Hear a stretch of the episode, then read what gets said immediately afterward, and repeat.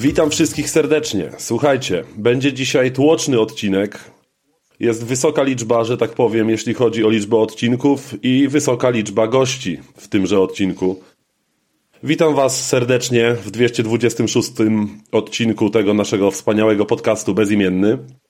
E, dzisiaj to będzie odcinek wyjątkowy w skali roku, bo po pierwsze, jak wspomniałem, będziemy mieli tutaj sporo, e, sporo twarzy, a raczej sporo głosów, które nam się dzisiaj udzielą w tym odcinku. Jak wiadomo, koniec roku to okres świąteczny, okres zadumy, okres podsumowań, więc my sobie popierdolimy o gierkach e, wraz z naszymi gośćmi. I dzisiaj tych gości będzie z nami, łącznie z nami oczywiście, aż ośmiu, więc to jest niespotykana wręcz liczba, jeśli chodzi o, o nasz podcast. Więc po kolei chciałbym Was tutaj serdecznie powitać wszystkich. Na początek może przywitam naszych gości. E, więc tak, e, nie, nie, pamiętam gdzie kto mieszka, więc nie będę tym razem używał naszego wspaniałego zwrotu ze studia, tylko po prostu powiem, kto z nami jest. Więc tak, witam Cię, Tomku Wasiewiczu, Arrow. Witam Cię ponownie w naszym podcaście. No cześć, cześć, cześć. Miło, miło Cię Dziękuję znowu słyszeć. za zaproszenie. Mm, tak, jedziemy dalej. Jest z nami też Wojtek Kocjan. Cześć Wojtek. Cześć, cześć, pozdrawiam ze Śnieżnego Knurowa. O, no ze studio w Knurowie, czyli tu już można, można używać tego zwrotu. Dalej jest z nami też Mateusz Mat Greloch. Siemanko. Dzień dobry wieczór, pozdrawiam ze zaśnieżonego Rybnika. No i pięknie. Jest z nami też zupełnie nowa twarz na łamach podcastu. Jest z nami nasz drogi Jacek Olbryś, którego znamy sobie z Facebooka wszyscy. Siema, witam z Warszawy. Pozdrawiam mocno. E, oczywiście e, są z nami też e, moje standardowe parchy, czyli Rafał Radomyski.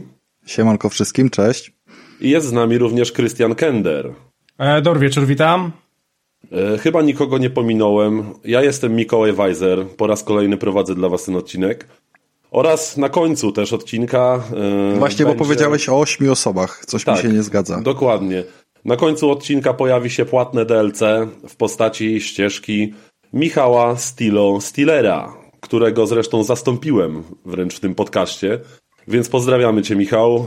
E, będziesz na końcu miał szansę się wypowiedzieć. Właściwie to już się wypowiedziałeś, ale dokleimy Cię na końcu, więc no. Tak to wygląda.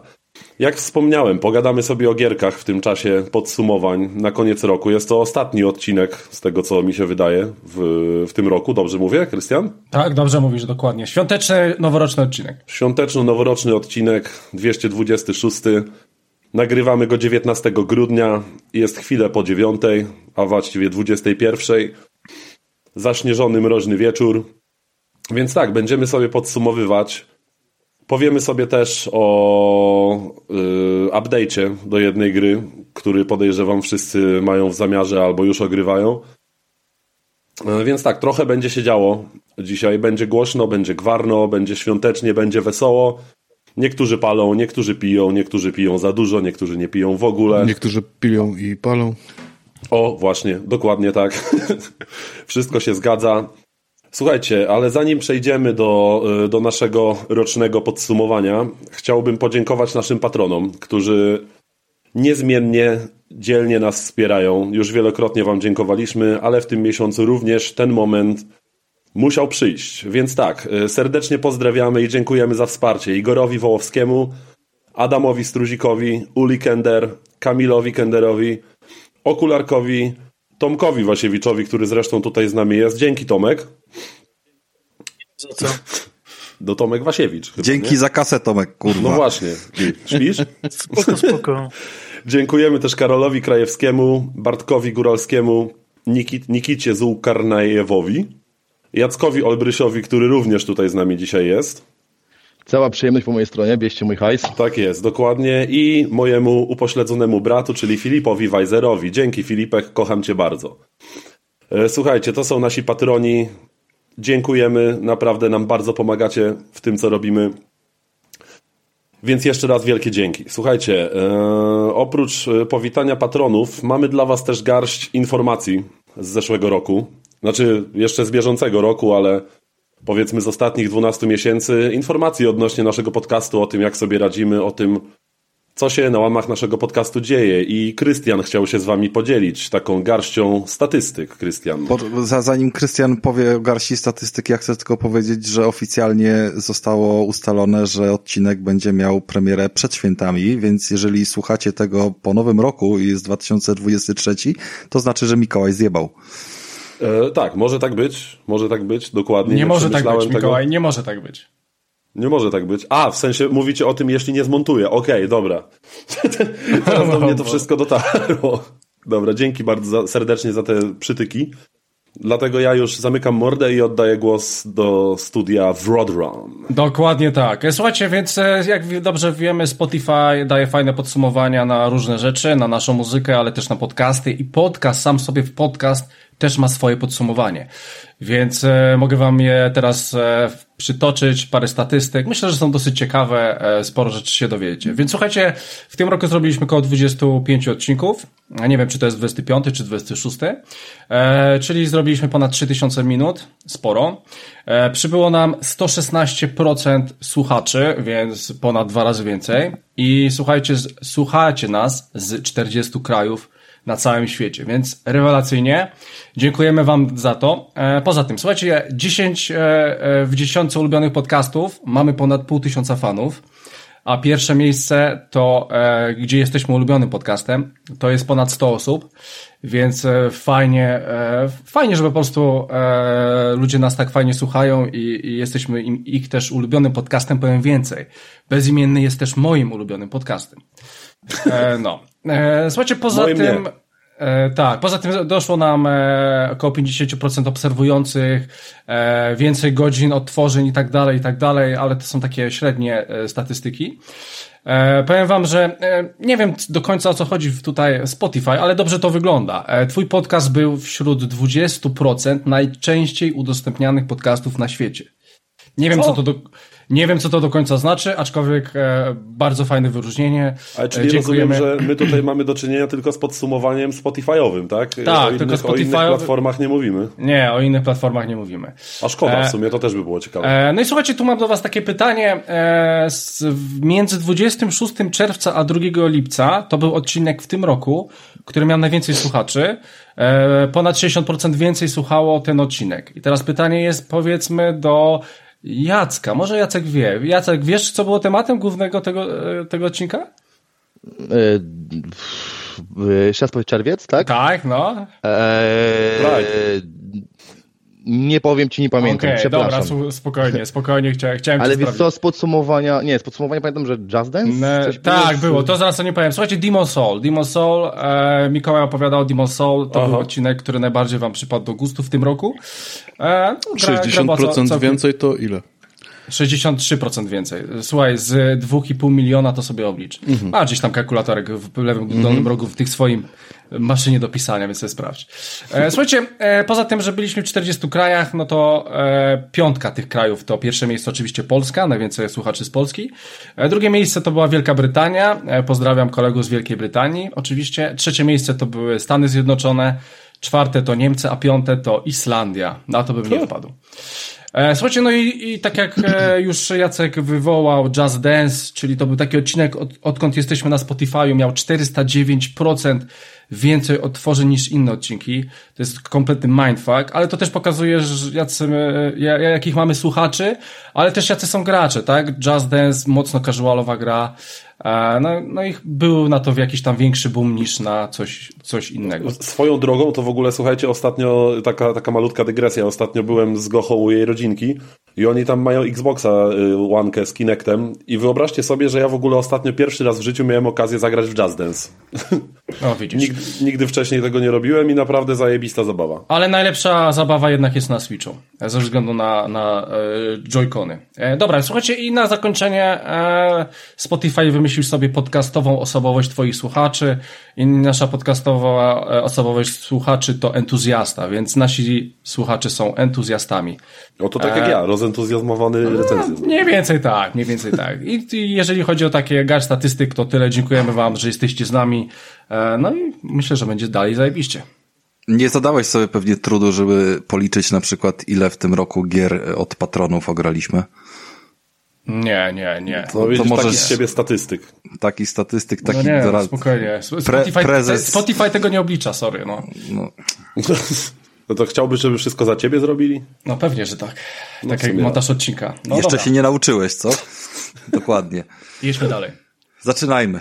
Dobra, słuchajcie, no to chyba przechodzimy do mięska, do naszego dania głównego e, w tym odcinku, czyli do podsumowania roku 2022, który był rokiem i dobrym, i niedobrym pod pewnymi względami. Każdy pewnie ma jakieś ale, ale chcielibyśmy jednak zacząć od tych pozytywów, czyli od tego, co w 2022 nas najbardziej podniecało. Jako graczy oczywiście, bo o innych tematach tutaj mówić nie zamierzam.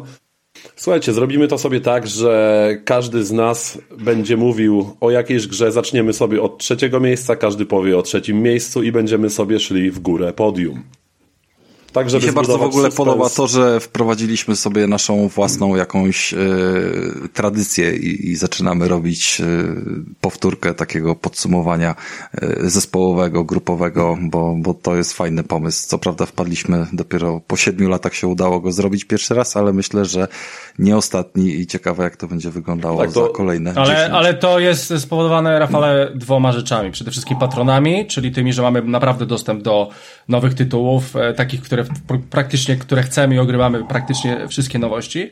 Ja myślę, że Game Pass też e, robi tutaj małe co nieco, nie? No. No, ja jestem ciekawy, jak ty wybrniesz, żeby zrobić goty, mając zero premier exów w tym roku na, na Xboxie, więc jakby... Zobaczysz, Nie, Rafale, no. spokojnie, zobaczysz. W poprzednim Ała. odcinku były same ekskluzywy. No właśnie wiem, dlatego wiesz, Dobra, dlatego Krystian już, spokojnie, już na, nagimnastykował się na pewno. Ała, To, to, to to, bolało. na pewno, to na pewno. To, to, to było po prostu savage, to co Rafał teraz zrobił.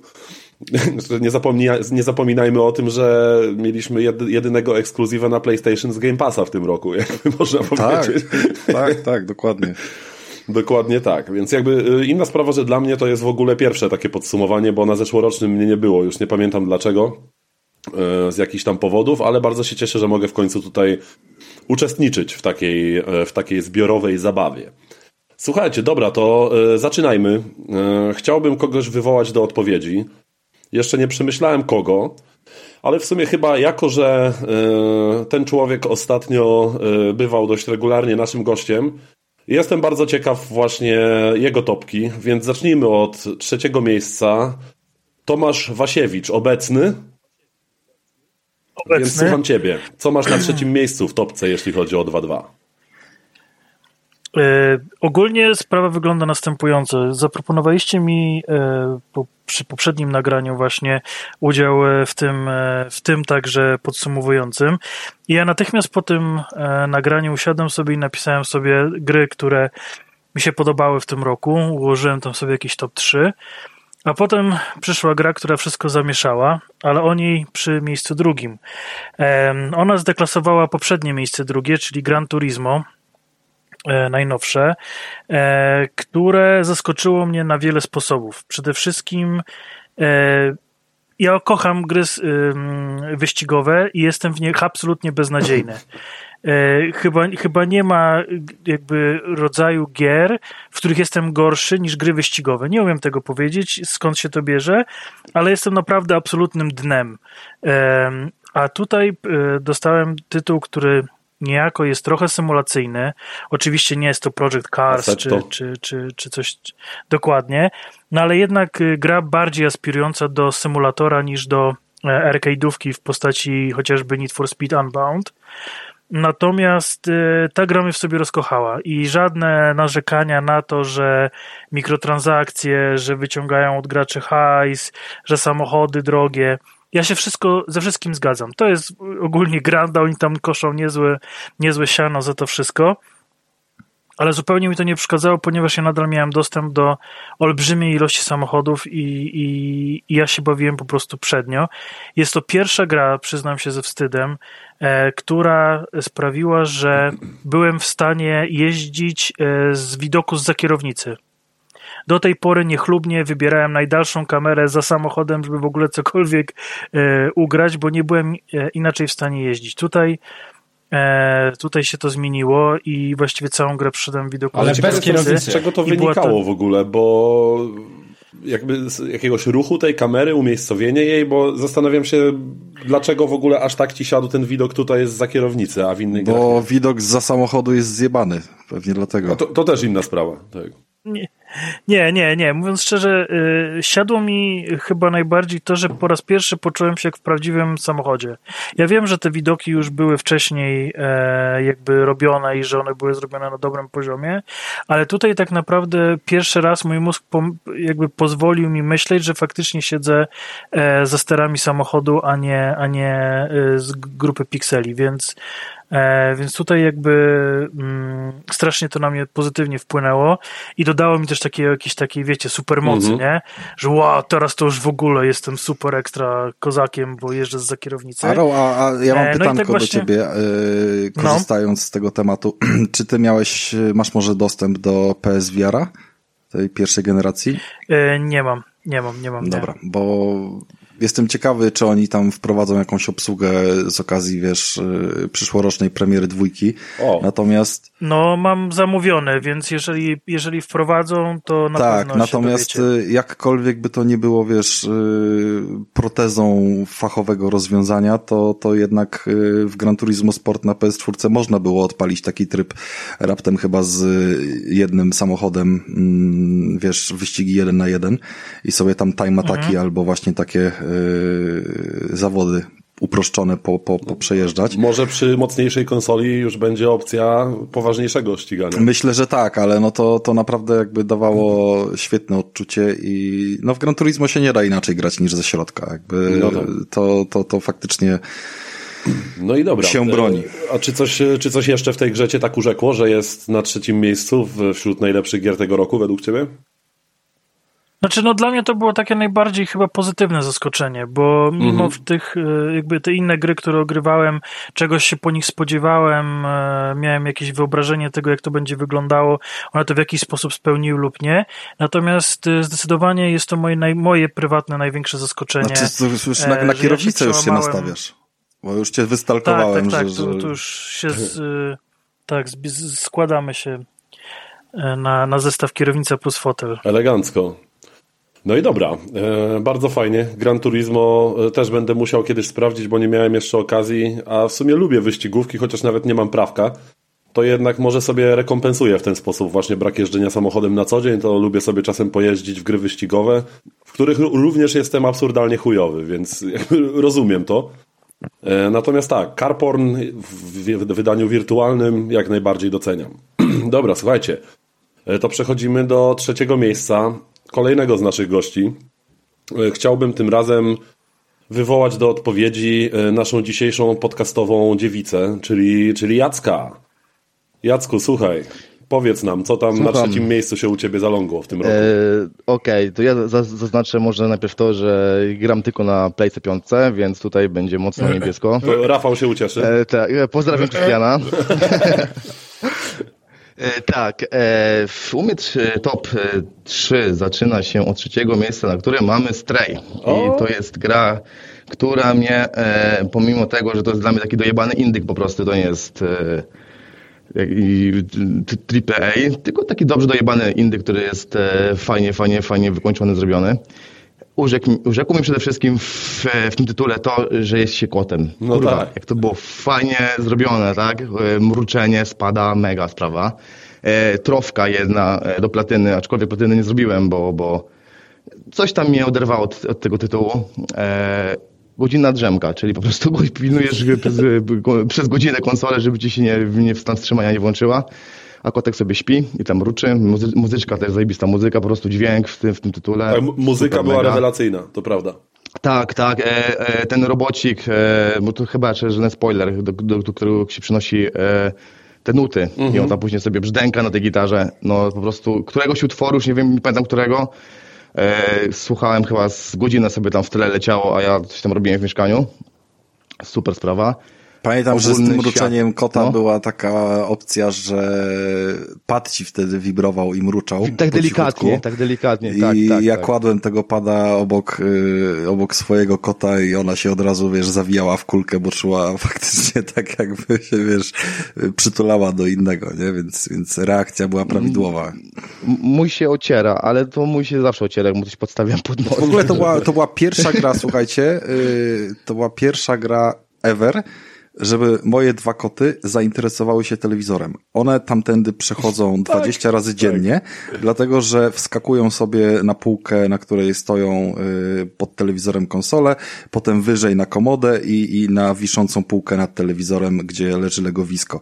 I nigdy nic ich nie zainteresowało. Żadne hałasy, żadne dźwięki z Residenta, takie, które wiecie, z The Last of Us, które mnie lecą jakby na, na no, gęsią skórkę od razu wywołują jakieś dziwne hałasy i tak dalej. Kompletnie na wszystko mają wyjebane. Odpalony stray i obydwa koty, ten nawet drugi, który ma bardziej wyjebane na wszystko, siadały przed telewizorem i się patrzyły na ekran i, i ogarniały temat, więc to było super wrażenie, że ta gra niejako wyszła do ciebie do pokoju i, i spowodowała zmianę, wiesz, którą można tam było odczuć fajnie i jest to je- jedna z tych gier, która pomimo, że trafiła do jakiegoś tam abonamentu, koniecznie muszę ją upolować na jakąś półeczkę i, i wiesz, Tak, tak, tak. To jest tytuł, który warto mieć na półce, bo on zwyczajnie po prostu trudno tej gry nie lubić. I u mnie, u mnie to będzie jedno z wyróżnień, więc spoiluję trochę, ale jak najbardziej rozumiem, że, że jest w topce. Czy ja jestem w stanie zrozumieć, że Krystian nie polubi się z tym tytułem, bo po pierwsze ma psa, po drugie koty mu strały na trawnik, więc on jest Tak, inaczej Tam w nastawiony. kamienie jakieś, tak? Za, za oknem balkonowym. Tak, No, dokładnie. dokładnie. Jeżeli te koty nie wybuchają albo nie są zjadane przez jakieś wilki, to rozumiem, nie jest interesujące. Czyli Krystian by polubił postala, krótko mówiąc. Tak, tak. Z nabijaniem na lufę. Otóż to. Kota. coś pięknego. Tak, tyłem. Dobra, słuchajcie, Dobra, jedziemy e- dalej. Fa fajny tytuł. Czy chyba, że chcesz coś jeszcze dodać, Jacek? Tak, tak, chciałem się tylko powiedzieć o świecie, który O, jest tak. e, zajebiście przedstawiony e, przy, poprzez artyzm i grafikę, która jest, e, no nie jest nowogeneracyjna, ale bardzo jest urocza. E, przez to, że mamy tutaj coś, co się wydarzyło, jest jakieś apogeum na świecie, nie ma ludzi, są roboty zamiast nich. E, to jest też, też, mnie, też mnie ujęło, gdzie ja tam e, cyberpunkowych klimatów, prócz cyberpunka, który mi siadł naprawdę po wielu przebojach, to już odbijając tematu na chwilę, e, tak, świat mnie ujął. Siedziałem blisko, blisko bardzo e, ekranu telewizora e, i po prostu przenikało to na mnie i, i, i kopara w dół, dlatego top 3, numer, numer, miejsce trzecie, e, Stray. Polecam, jeżeli ktoś nie grał, a lubi koty, albo je przynajmniej znosi, to, to warto, warto, bo to jest takie fajne doświadczenie, bycie kotem. Czy w ogóle warto wspomnieć jeszcze właśnie to, co powiedziałeś, że ten świat w Streju jest e, naprawdę ciekawie zbudowany, że my spotykamy się w sumie często z e, cyberpunkowymi klimatami albo, albo jakimś postapokaliptycznym światem, ale zwykle on wygląda no, jakby normalnie. No, No, zupełnie inaczej. Mieliśmy, mieliśmy na przykład tak, jakby ja nie chcę powiedzieć o co chodzi, bo to jest powiedzmy jakiś efekt e, odkrywania y, gry i, Tak, i tak, bo tam fabuła jest szczątkowa. dokładnie, fabuła Znaczy, jest ona jest, szczątkowa, ona jest nie dość interesująca, ale ją trzeba samemu sobie odkryć tak naprawdę. Więc, Tak, tak, ja coś, nie chcę- coś, coś jak, jak w Soulsach. Otóż Ja nie to. chcę powiedzieć o co chodzi, ale grą, która mi przypomina jakby konstrukcję świata, którą ktoś sobie wymyślił w głowie i stworzył inaczej niż e, szablony jakby gamingowe gdzieś tam istnieją, to jest Metro i, i tam też była po prostu jasna przyjęta koncepcja, że akcja się dzieje w metrze, więc żyjemy w metrze i, i tam się po prostu e, wiesz, wszystko No tak. kręci. Dwie, I dwie pierwsze części na pewno, bo trzecia też wychodzi. no trochę, dokładnie. I tutaj mamy również y, coś ciekawego, jeżeli chodzi o pomysł na to, jak ten świat jest skonstruowany, jeżeli chodzi o jego warstwy, poziomy i, i, i po prostu jak on wygląda. Y, można powiedzieć, że to było coś, co Jak cebula ze zaskoczyć. Shreka. No dokładnie, że, że można się było zaskoczyć y, samą konstrukcją świata, pomijając już jakby mruczenie kota, bo wiadomo, Tak że kot to jest od razu plus trzy do oceny. Plus, plus 10 Tak, do oceny. tak. No dobra, e, słuchajcie, jedziemy dalej. Mm, Rafał, ja cię tu będę musiał trochę hamować z tego co widzę. Chyba tu e, muszę cię wziąć, że tak powiem, na lejce, żebyś tutaj e, dał się naszym gościom wypowiedzieć, a nie zabierał cały czas antenowy dla siebie tylko. E, Jak zawsze. Jak zawsze, dokładnie tak. E, więc jedziemy, e, jedziemy dalej z tym podsumowaniem. Chciałbym też usłyszeć, co Wojtek ma nam do powiedzenia, jeśli chodzi o swoje top 3. Dawaj Wojtek, jedziesz z trzecim miejscem. E, może zacznę od tego, że właśnie Stray to jest jedno, tylko tak napomknę, że to jest jedna z tych gier, które muszę koniecznie ograć, bo, bo ten setting jest jakiś absolutnie fantastyczny, chociaż też z kotów bym strzelał i palił w piecu, to myślę, że gra wygląda fajnie. Natomiast jeżeli chodzi o taką moją grę, znaczy ja w ogóle miałem problem tak naprawdę z wyborem tego drugiego i trzeciego miejsca. E, więc to, co teraz powiem, równie dobrze mogło być drugim miejscem, bo to, to nie jest aż tak istotne. Natomiast mm, jest to może gra dla konsolowców yy, troszkę nietypowa, troszkę inna. Ja chyba wiem, ja chyba wiem. No to dawaj, no, jak myślisz co? Czy, czy to jest gra, o której mówiliśmy razem na odcinku i czy to jest Valheim? Nie. Nie? A, już myślałem. Nie, ale wiesz co, bo Valheim był, Valheim to jednak jest zeszły rok i jakby to mam, miałbym problem, żeby to wcisnąć jakoś w ten rok, chociaż ta gra, o której teraz powiem, to w zasadzie w tym roku wyszła z wczesnego dostępu. Mówię o Mountain Blade Bannerlord. O proszę. To jest taka gierka, która tak naprawdę w tym e, wczesnym dostępie była ponad dwa lata. No i... Wiedziałem, że Wojtek nas zaskoczy. no, Dokładnie, ja też, ja też. No, no tak, no bo trochę inna perspektywa jednak, nie? Pecetowca. E, to tak, jest tak, w ogóle, tak. jeżeli, jeżeli ktoś nie, nie wie, co to jest, to mm, przybliżam. Chociaż ciężko to trochę wytłumaczyć, bo to jest gra taka nietypowa. To nie jest RPG, to nie jest strategia. To jest coś pomiędzy. Jest Jesteś trochę symulator gdzieś, taki, nie? W stopniu. sandbox, tak. Taki wielki sandbox, y, symulator kogo? Nie wiadomo tak naprawdę, bo to jest taka gra, w której wcielasz się y, w, jakieś, w jakąś postać i możesz albo zostać jakimś, tak naprawdę, nie wiem, y, hersztem bandy, albo możesz zostać takim wataszką gdzieś tam, albo możesz sięgnąć po koronę, albo nawet zostać cesarzem, no to, to tam zależy, jak się losy potoczą. I generalnie jesteś rzucony do takiego fikcyjnego świata, więc to nie jest, y, że tak powiem, żadna Europa, ani, ani nic tam realnego. Natomiast y, wszystkie te realia są mocno średniowieczne, czyli równie dobrze to by mogło być średniowiecze takich naszych czasów, takie powiedzmy późne średniowiecze gdzieś tam.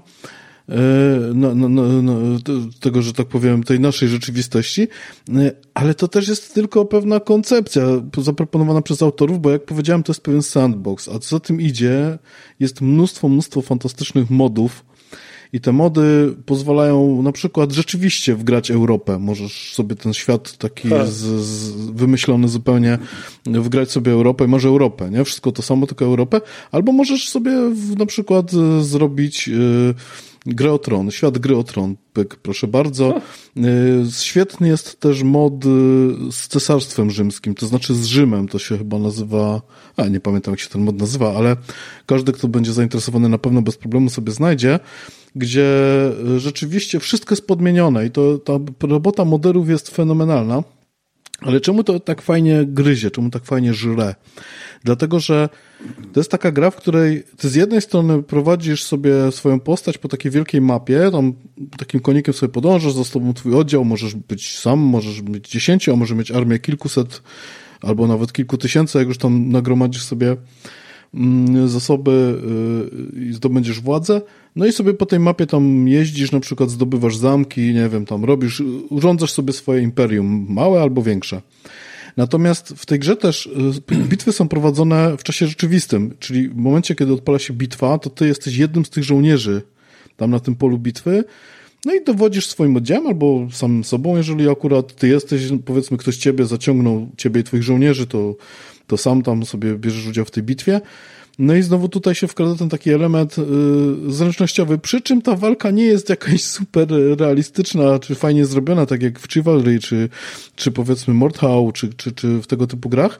Natomiast jest na tyle fajnie to zrobione, że to nabiera takiego sensu, kiedy ty czujesz się jako ta jednostka, szturmujesz, idziesz w, w jakiejś linii i tak dalej. To jest już fenomenalne. A teraz, co spowodowało, że ja tą grę w ogóle kupiłem i zacząłem grać? Otóż zobaczyłem, że jest gdzieś na YouTubie, zobaczyłem taki materiał, e, że jest, e, że jest jakiś klan, który organizuje bitwy po, bodajże po 500 osób, czyli tysiąc, tysiącosobowe bitwy, gdzie każdy jest y, graczem. Czyli wow. normalnie w grze, no to masz wszystko, to są NPC, ty i NPC, nie? A w tej mhm. tutaj jest, że jest do tysiąca graczy.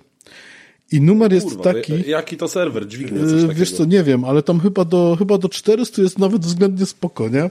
Ale potem już to się chyba jakieś problemy zaczynają rzeczywiste robić. Natomiast co jest tym, co mnie zaskoczyło? Oni organizują szkolenia, treningi, musztry. Oni tam się normalnie organizują. Każdy oddział ma swojego dowódcę. Mówi na przykład, wiecie, tak normalnie w bitwie, no to idą tam, nie, te pachołki strzelają z łuku, dobra, a tutaj nie, masz dowódcę. On ci mówi, hold it, hold it, nie, tam nie, i lose it, nie, i dopiero wszyscy strzelają. To Oni chodzą, nieźle. chodzą w tych y, kolumnach takich. Na przykład oddziały konne, no to otaczają tych przeciwników, nie? Tam robią taki, taki, taki, taki, taki okrąg i strzelają z łuku. No po prostu wygląda to fenomenalnie. To wygląda tak realistycznie. Y, Żółwia robią na przykład starcz. No mnóstwo, mnóstwo fantastycznych rzeczy. No i chyba to jest, to jest fajne, że, że, że, że to jest taki naprawdę symulator kmicice, to tak mówię. Jak ktoś lubi po ogniem mieczem, To jest to potop, wy- wyjątkowo ciekawy tytuł się wydaje. Tak. Jakby nietypowy dosyć. Ale w sumie teraz konsolowcy też myślę będą mieli dobrą okazję do zapoznania się z nim, bo on wyszedł na PS5. O, to pięknie. To naprawdę zachęcam, żeby się zainteresować, bo, bo, to, bo, bo to rzeczywiście nie jest taka gra, wiecie, typu tam, nie wiem, y, StarCraft, żeby tam sobie nie ogarnąć tego na padzie. W- Gra się wygodnie, myślę, że też bym mógł sobie spokojnie na padzie to odpalić i byłoby dość wygodnie.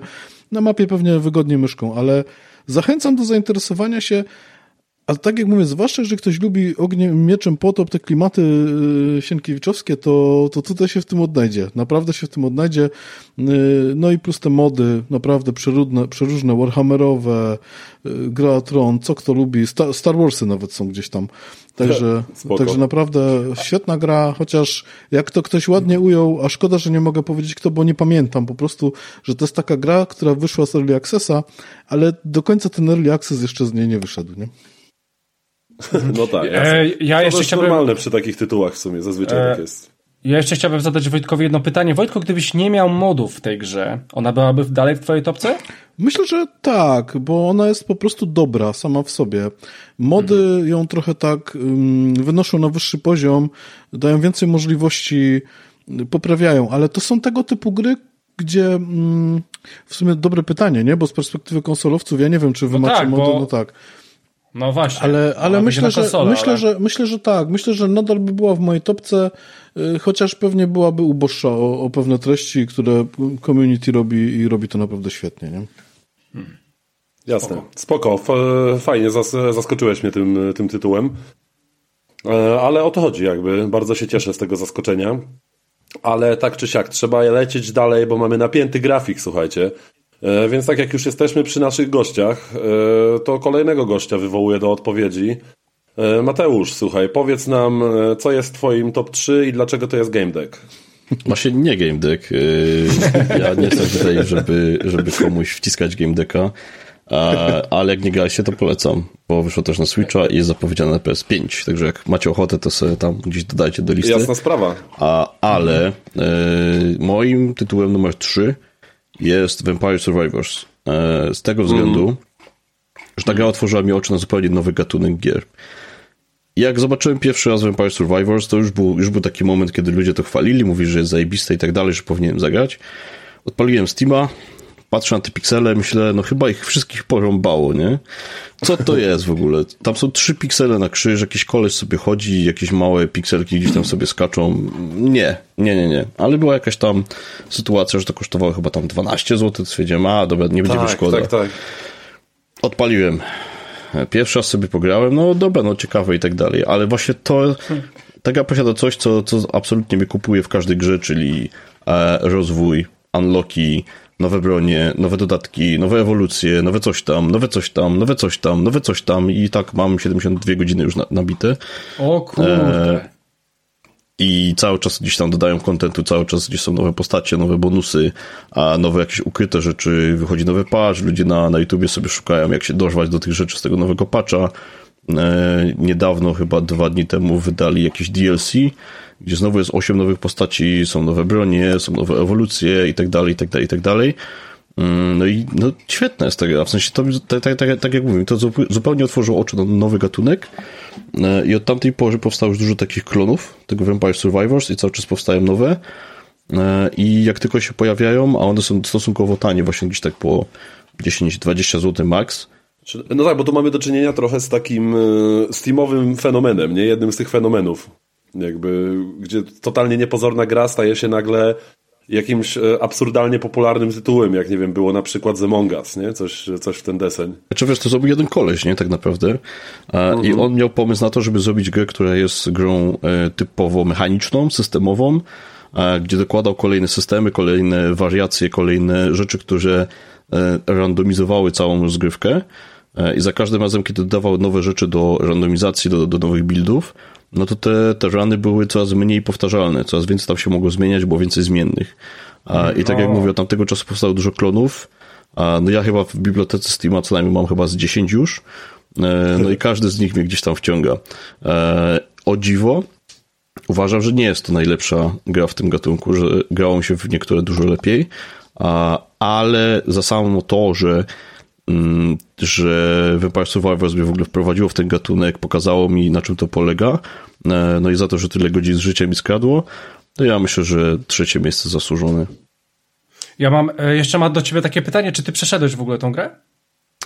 E, jeżeli chodzi ci o scalakowanie, to nie.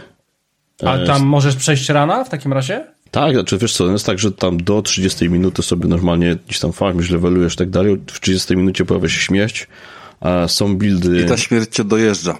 Tak, znaczy tam wiesz, teoretycznie ona cię ma na hita, ale są takie buildy, gdzie można ją, e, można ją rozwalić. Tam się blokujesz na jakimś tam pikselu, a robisz sobie specjalnego builda. E, Im więcej sobie levelujesz, tym ciężsi są twoi przeciwnicy, więc taki build, który polega na tym, że do 30 minuty tak naprawdę gdzieś tam stoisz gdzieś z boku E, a dopiero przed samym bossem, kiedy on się pojawi, bierzesz jeden taki e, kryształek, który ci leveluje na maksa postać, wtedy jesteś dużo mocniejszy niż ta śmierć. No, dużo takiej analizy gdzieś tam z YouTube'a e, znalazłem. Ale, ale zabiłeś tą śmierć? E, tak, ale to nie jest jeszcze koniec, bo tam, tak jak mówię, tam cały czas coś, coś dodają, cały czas coś Aha, zmieniają. Okay, okay, dobra, a dobra. ja nie mam już tyle czasu co kiedyś, żeby, żeby to y, gdzieś tam maksymalizować. E, może kiedyś, e, jak mi dzieci dadzą, to, to sobie wrócę do tego. Tym bardziej, że Vampire Survivors jest w Game Passie. Także jeżeli jest. ktoś z Was e, nie Super. bawił się, to, to w Game Passie można spróbować za darmo. To ja jeszcze powiem tutaj przy okazji, po pierwsze, tak się trochę odniosę, to mnie zaskoczyło, bo Vampire Survivors to jest dla mnie taka gra typu do kibelka na telefonie, nie? No ja też czos postanowiłem. Bo jest na telefonie. I ona, ona właśnie tak, ona jest na telefonie, Dobra, jest za darmo. Tylko, że jak masz 30 minut na siedzenie na kiblu, to potem nie wstaniesz, bo ci nogi No, to całe. prawda. Dlatego, ale wiadomo, to można iść do wanny. Dlatego tej gry totalnie nie kupuję. To znaczy w tym sensie, że ona nie jest dla mnie zupełnie, ale jakby rozumiem fenomen, ale fenomen rozumiem nie dlatego, że Vampire Survivors mi się podoba, tylko jest taka gra bardzo podobna, Survivor.io. E, na telefon właśnie ją tam gdzieś złapałem parę miesięcy temu, no i to jest moja kibelkowa gra, dlatego, że tam te, te rundy są krótsze i to rzeczywiście się sprawdza, ale nie wyobrażam sobie takiej sytuacji, że siedzę przed kompem, gram w taką grę, wybacz, po prostu szkoda mi było czasu, no ale, ale jakby rozumiem fenomen, bo to naprawdę wciąga, to jest masakra. Albo siedzę, oglądam jakiś tam serial, który mnie tam powiedzmy nie interesuje, albo coś tam na YouTube leci na telewizorze, a ja tam, nie, Survival i i tam jadę, nie, tym palcem po tym, po tym ekranie. Znam i, i gram, jeszcze polecam ci sobie spróbować Lonely Survivor, e, też na telefony i jest jeszcze Heroes vs. Heroes, mhm. E, Heroes vs. Hordes, przepraszam, też na, też na telefony, a z takich pecetowych, takie, które e, mi się chyba najbardziej podobają, to proszę pana, proszę przygotować kartkę i długopis. Jest 20 Minutes Till Dawn, I to jest troszkę podobny do Vampire Survivors, z tym, że tam myszką sobie klikasz w miejsce, gdzie chcesz strzelić, w sensie e, tam celujesz sobie za pomocą myszki. A jedna taka z wariacji lepszych to jest Nomad Survival. E, trzecia to jest Rogue Genizia. Rogue Genezja, to jest, to jest, to jest, to jest, to jest też dosyć fajna, fajna wariacja. No to nie jest taka, no i... takie, taka zasada, że jak zagrałeś w jedną, to zagrałeś we wszystkie tak naprawdę? Właśnie nie, nie, nie. One mają jakieś unikalne mechaniki, dlatego, dlatego też mi się podobają, że są właśnie troszkę inne. E, teraz jeszcze wyszło coś takiego, co się nazywa Soul Stone Survivors, e, tylko, że tutaj ten tytuł jest droższy i troszkę się wahałem, czy go kupować, czy nie, bo on chyba kosztował chyba z 50 zł na premierze. I dużo ludzi właśnie narzekało, że e, gry z tego gatunku nie powinny tyle kosztować, ale tam jest tona kontentu. To jest super mega rozbudowana gra, która powstała większym zespołem, więc ja się nie dziwię, że oni to lepiej wycenili. E, no i też wygląda ładniej. Spoko. E, też kolejna dość zaskakująca gra, jeśli chodzi o topki. Więc tak, zapytaliśmy wszystkich naszych gości o ich trzecie miejsca, więc mamy ich z głowy, można powiedzieć. Więc teraz, e, teraz przejdziemy do naszego tutaj stałego składu. E, Krystian, e, okay. powiedz, jaki ekskluzyw Microsoftu Ci się najbardziej podobał w 2022 roku? słuchajcie, zanim za zacznę moją topkę, powiem Wam, że w zeszłym roku miałem łatwiej. Nie wiem, czy te gry były lepsze, czy może ja mniej ograłem i bardziej wiedziałem o, o, o co mi chodzi. w tym roku niestety miałem problem. powiem tak, że do tego trzeciego miejsca myślałem o Dying Light dwójce, E, który parkour po prostu, to jest, to jest tytuł, w którym zapamiętam e, za parkour jego i dlatego tak myślałem, że może trzecie miejsce, ale myślę, że nie zapamiętam to tak jak trzeci mój tytuł. Myślałem jeszcze o właśnie e, Kalisto Protocol, o którym mówił Jacek, bo przeszedłem go wczoraj, ale niestety też nie wpadnie na tą listę, bo zabrakło mi tam czegoś. Po prostu mi czegoś zabrakło w tym tytule. Słuchajcie, trzecie miejsce to będzie oczywiście ekskluzyw na Microsoft e, Xbox e, Series X. E, słuchajcie, e, bo to standardowo 2-3 punkty do góry e, bo nie wyjdzie na PlayStation, e, czyli będzie to, będzie to Scorn. Słuchajcie, okay. długo myślałem o tym Skornie i jednak stwierdzam, że to będzie Skorn. Skorn będzie ze względu na to, jak to wygląda, ponieważ jeżeli myśl, mówisz Skorn, myślisz Skorn, i wiesz, wiesz o co ci chodzi. Oczy, chodzi ci e, oczywiście o grę e, troszeczkę wzorowaną na dziełach Zdzisława Beksińskiego, więc po prostu to urzeka, ta grafika urzeka. Jeżeli chodzi się po tym świecie, ogląda się ten świat, to po prostu wsiąka, wsiąka się w to. Pomimo tego, że może ten gameplay nie jest jakiś rewelacyjny, to puzzle, e, rozwiązywanie zagadek dało mi trochę w kość i, było, było dobrze to przemyślane, ciekawe. E, a poza tym ta walka, której się trochę e, obawiałem ze względu na Rafała, bo Rafał mi ją trochę popsuł, że tak, to, że tak powiem, to w gruncie rzeczy po ukończeniu tego tytułu stwierdzam, że była naprawdę w porządku i naprawdę mi się podobała i nawet, i nawet mi tam pasowała. E, szczególnie wszystkie, wszystkie, wszystkie rozpier... cały ten, ten rozpierdol, który mogłeś zrobić z kornie, cała ta krew, wszystko e, rozjebywanie. Słuchajcie, moment, w którym ja biorę niemowlaka, wyciągam niemowlaka, wkładam go do prasy i po prostu go miażdżę, żeby sobie wziąć krew z niego i to po prostu wszystko na naszych oczach. To, jest, to są takie tematy tabu, które na pewno w filmach nie występują, ale gry mogą sobie pozwolić na coś innego i nie widziałem jeszcze niemowlaka e, zniszczonego przez prasę. No sorry, w Skornie są takie rzeczy i dlatego Skorny troszeczkę mi tak zry, zrył beret w takim pozytywnym znaczeniu. E, I dlatego to jest gra, o której nie zapomnę zbyt szybko, a na pewno będę pamiętał i będę wiedział po prostu, co w niej przeżyłem. To jest jeszcze była, to jeszcze była taka gra, w której troszeczkę poczułem się jak właśnie w Resident Evil 8, że e, bardzo nieprzyjemnie mi się tam e, wracało do tej gry, ale lubiłem tą grozę, lubiłem się bać, lubiłem tą taką troszeczkę niepewność. Nie był to taki mocny survival jak e, Kalisto, ale jednak, jednak dawał mi tą niepewność i po prostu każdy krok za każdym krokiem bałem się, że coś może e, jednak wyjebać. Więc e, cały feeling całe to, jak to wszystko wyglądało, no po prostu dla mnie rewelacja. Czasami zatrzymywałem się, robiłem zdjęcia. W ogóle to jest też tytuł, w którym zrobiłem, i ja nie jestem tak jak Rafał, że o Boże, granie ma e, trybu fotograficznego, jest chujowa.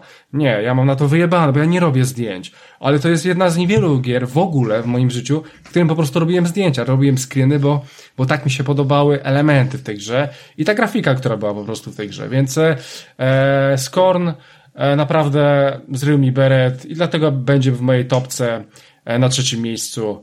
E, no i tyle. No i ogólnie polecam wam, szczególnie, że jest na Game Passie. Więc można, każdy praktycznie może sobie w to zagrać za darmo.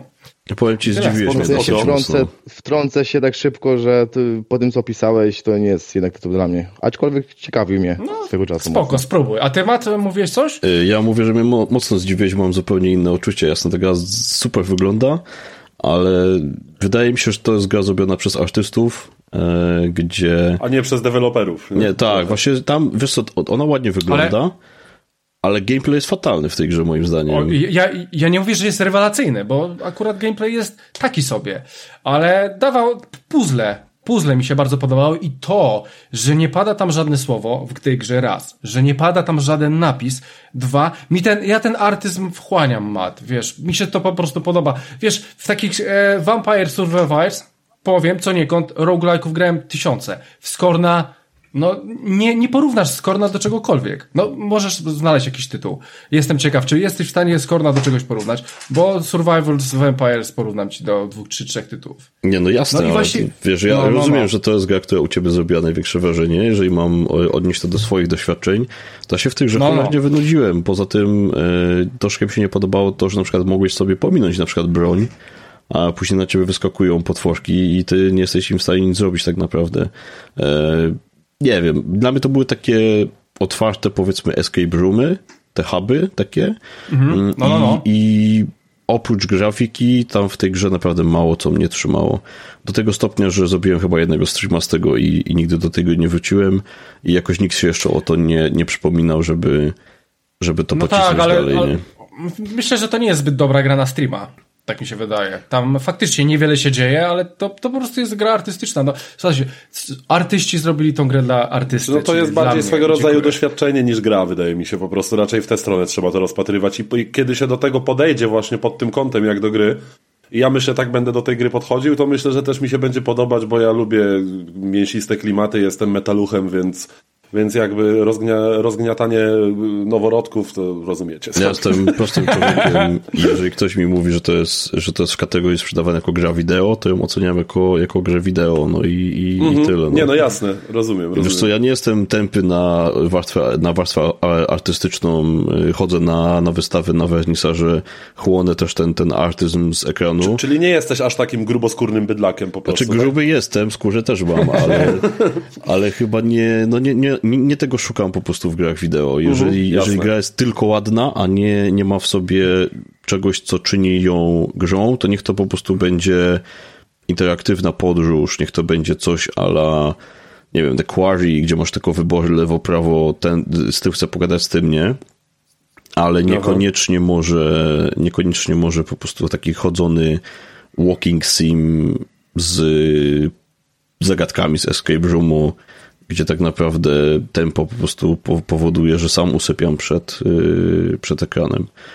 No tak, ale no cóż, to jest e, top 3 Krystiana i nawet Tak, Krystian tak, ma tak, do tego tak. prawo. Dobra, no grałem na kwasie, no co wam będę mówił, no. Ale ja, ja wam mówiłem od początku, że on się będzie musiał mocno gimnastykować, więc pozwólcie mu na to. On już Tak tam jest. jak, jak w Twisterze, słuchajcie, jak w tej grze, y, gdzie masz y, 12 niebieskich pól i tylko dwa zielone i on tam próbuje cztery kończyny wygiąć się i na nim ustawić. To co do Skorna, to ja powiem no tylko, że to była jedna z takich gier, na które ja bardzo czekałem, ale jak wyszła, to stwierdziłem, no nie, dzięki, to jakby... Mech, no tak. Znaczy wiecie, ja nikomu z was y, nie bronię, żeby wymieniać jakieś tytuły, które no niekoniecznie się z nimi zgadzam, ale no miejsce do dyskusji moim zdaniem no powinno Oczywiście. być. Nie? Nawet, Tym bardziej, nawet że wiesz, być może na przykład ktoś z was powie coś, co mnie przekona do powrotu do czegoś, co no zlałem troszeczkę. Oczywiście. O to chodzi właśnie. Po to jest ten odcinek. Też, żebyśmy my coś może wynieśli z tego i nasi widzowie przede wszystkim jak najbardziej. Więc tak, przechodzimy dalej. E, Było trochę kontrowersji. Jest po prostu, są emocje, jest suspens, więc teraz będzie Radomyski Rafał. Radomyski, co tam masz dla nas na trzecim miejscu? No i to jest, y, słuchajcie, totalny, mm, totalnie jestem nieprzygotowany, dlatego że tych gier wbrew pozorom było bardzo dużo, które mi się podobały w tym roku. Y, Moje podsumowanie jakby gracza mogę określić jako, że utrzymałem poziom zwyżkowy, który osiągnąłem w zeszłym roku i jakoś ta nowa generacja i nowa jakość życia mi pozwala mm, kosztować wszelkich dobroci, które, które deweloperzy nam przygotowują w miarę y, aktywnie i aktualnie. I mocny mam problem z tym trzecim miejscem, bo co do pierwszego i drugiego jestem w miarę mocno, mm, jakby jest, jest, są, są one pewniakami. E, Dosyć krótko gram w Need for Speeda Unbounda, ale niesamowicie mi się ta gra podoba. A jednocześnie bardzo dużo grałem w Gran Turismo 7 i ja ogólnie lubię wyścigi. Nie wiem, czy jestem w nich dobry, czy nie. E, I postawię na Gran Turismo, z taką uwagą, że jeżeli po prostu klimat trochę inny jest y, przez was oczekiwany, to nie zlewajcie tego Need for Speeda, bo od 2015 roku i, i mojej pierwszej platyny tak naprawdę na zeszłej generacji konsol, mm, którą tamten Need for Speed wbił, to wreszcie mamy fajną, godną jakby część, która, której recenzja się gdzieś tam za, za jakiś czas pojawi. E, natomiast Gran Turismo, no nie, nie będę powtarzał jakby całej swojej recenzji, ani tego, co powiedział e, wcześniej Tomek. To jest po prostu gra, przy której przeniosłem konsolę do drugiego pokoju. E, na szczęście miałem przygotowaną i kurzącą się od dłuższego czasu kierownicę mm, Logitecha, żeby odpalić to tak jak należy. I ten kokpit, który po prostu sobie zbudowałem przy, przy, przy moim biurku no niesamowicie mnie wciągnął. Miesiąc czasu nie było nic innego grane i kompletnie jakieś tam kwestie, że coś jest za drogie, że za mało pieniędzy nie, nie ruszały mnie, dlatego że yy, ja tam nie potrzebowałem lepszej fury, bo doskonale się bawiłem tymi chujowymi, którymi tam się jeździ, bo, bo to w nich jest gdzieś tam frajda ukryta, że, że, że czujesz się tak jakbyś jechał autem mm, powiedzmy, że takim jakie znasz, czy zbliżonym do takiego jakiego znasz, no, że wiadomo, że każdy ma jakieś inne doświadczenia, ale Yy, ale tam jest feeling taki, który można przełożyć sobie powiedzmy na rzeczywistość i niesamowicie mnie to kupiło.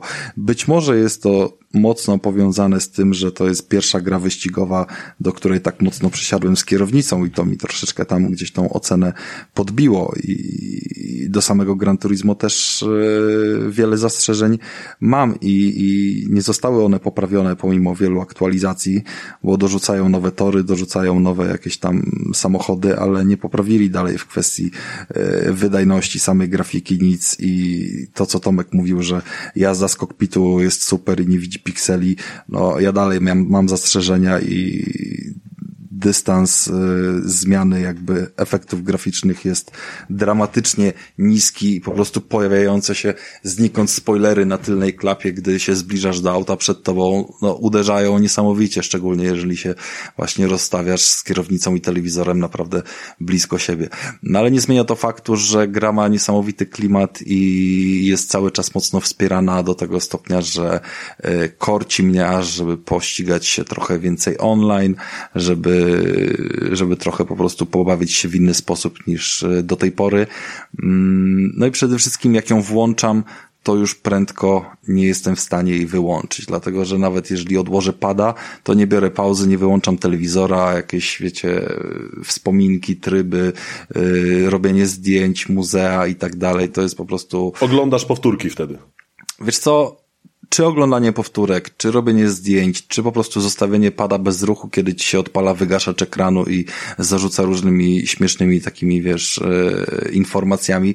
Ja zawsze byłem petrolheadem i jakby samo nawet czytanie informacji o motoryzacji, które tam są e, zawarte, no daje mi jakiś, wiesz, dobry, yy, dobre odczucie z tej gry, tak? To, to nie jest ten poziom, że yy, pytasz się kolegi, czy masz hamulce tarczowe, czy bębnowe, wiesz, yy, z tyłu, nie? Yy, w swoim samochodzie, więc yy, jakby ja to szanuję, nie, nie wymagam od tego, żeby wiesz, każdy miał prawo jazdy albo każdy się znał na tej mechanice, nie mam z tym żadnego problemu, ale bardzo doceniam tą y, ilość takiej pieczołowitej pracy, którą tam włożyli, e, w to, żeby tam się pasjonat motoryzacji mógł czuć jak u siebie w domu, nawet jeżeli mnóstwo rzeczy jest w tej grze zrobione e, archaicznie i, i, i trochę e, trendowato, jeżeli chodzi o chodzenie po menu, ilość kliknięć, którą trzeba zrobić od jednego, nie wiem, ruchu do drugiego i no wiadomo, że inne gry się lepiej bronią, jeżeli chodzi o takie rozwiązania. Ale top 3 to będzie właśnie trzecie miejsce moje w tym roku. Elegancko, spoko, czyli już dwa punkty dla Gran Turismo, bo już raz się pojawiło, więc, więc e, mocna, mocna pozycja. E, Ale w przyszłym więc... roku czekam na Forzę Motorsport nową. Oj tak. Żeby, oj tak, żeby to... nie było w ogóle wątpliwości i specjalnie pod tą Forzę też y, ogarnę sobie jakąś przejściówkę do kierownicy tam od kolegów y, z Kośnookich, bo, bo na pewno coś takiego istnieje. Na pewno. Y, no na Forzę to i ja czekam. Może nawet odzyskam Xboxa do tego czasu. Hehe. więc, więc zobaczymy. W każdym razie słuchajcie, wszyscy oprócz mnie już, już powiedzieli o swoim trzecim miejscu, więc, więc teraz będzie yy, moje trzecie miejsce z mojego top 3 2022. I tutaj już myślałem, że Krystian mnie ubiegnie, ale jednak tego nie zrobił. Ja to zrobię. Mianowicie na trzecim miejscu obsadzam, słuchajcie, Dying Light 2. Wiem, że Tomek mnie tutaj teraz za chwilę zwyzywa pewnie za to. Za to właśnie powiem, że... Ja myślę, że nie tylko Tomek. Wyzywać, nie, nie tylko Tomek. Dokładnie tak. Słuchajcie, no yy, za co na tym trzecim miejscu? No, yy, właśnie za tę cudowną, nieskrępowaną ograniczeniami innych gier, eksplorację, mięsistość i intensywność tego świata. Powiedz, tak to, powiedz to, wertykalność. Tak, tak, tak, tak. Zmierzam do tego, do tej wertykalności. Jakby żadna inna gra nie dała mi tak niesamowitej frajdy ze zwykłego przemieszczania się po mapie. Bo tak jak grałem w dużo, dużo innych gier w, ty, w tym roku i one były pod wieloma względami lepsze od, od Dying Lighta, czy to pod kątem fabularnym, czy pod kątem konstrukcji zadań, ale żadna inna gra nie angażowała mnie oprócz zadań samym przemieszczaniem się po tym świecie i ona była angażująca tym w każdym momencie i za to tę grę uwielbiam. Spędziłem w niej nie bez powodu 140 godzin i nadal nie miałem dość. Jak ta gra się skończyła, y, dalej jeszcze trochę tam sobie po tym świecie pobiegałem. Do tego stopnia mi się podobała, że rozważam teraz jej zakup na PS5 i, i przejście jej po prostu kolejny raz. E, lubię ją też za fantastyczną, choć kurewsko nierówną oprawę. Bo jednak projekt tego miasta i mimo, że ta gra miała swoje problemy, jeśli chodzi o, o technikalia, to to miasto było świetnie, świetnie przemyślane, świetnie zaprojektowane.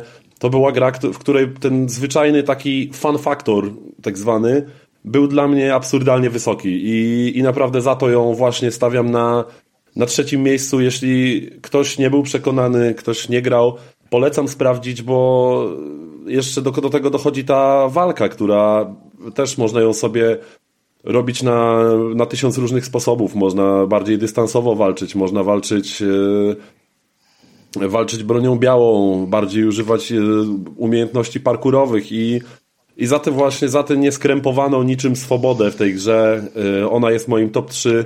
Ja zawsze lubiłem Dying Lighta, dwójkę lubię jeszcze bardziej i zwyczajnie polecam. Polecam, bo to była jedna z moich ulubionych gier w tym roku.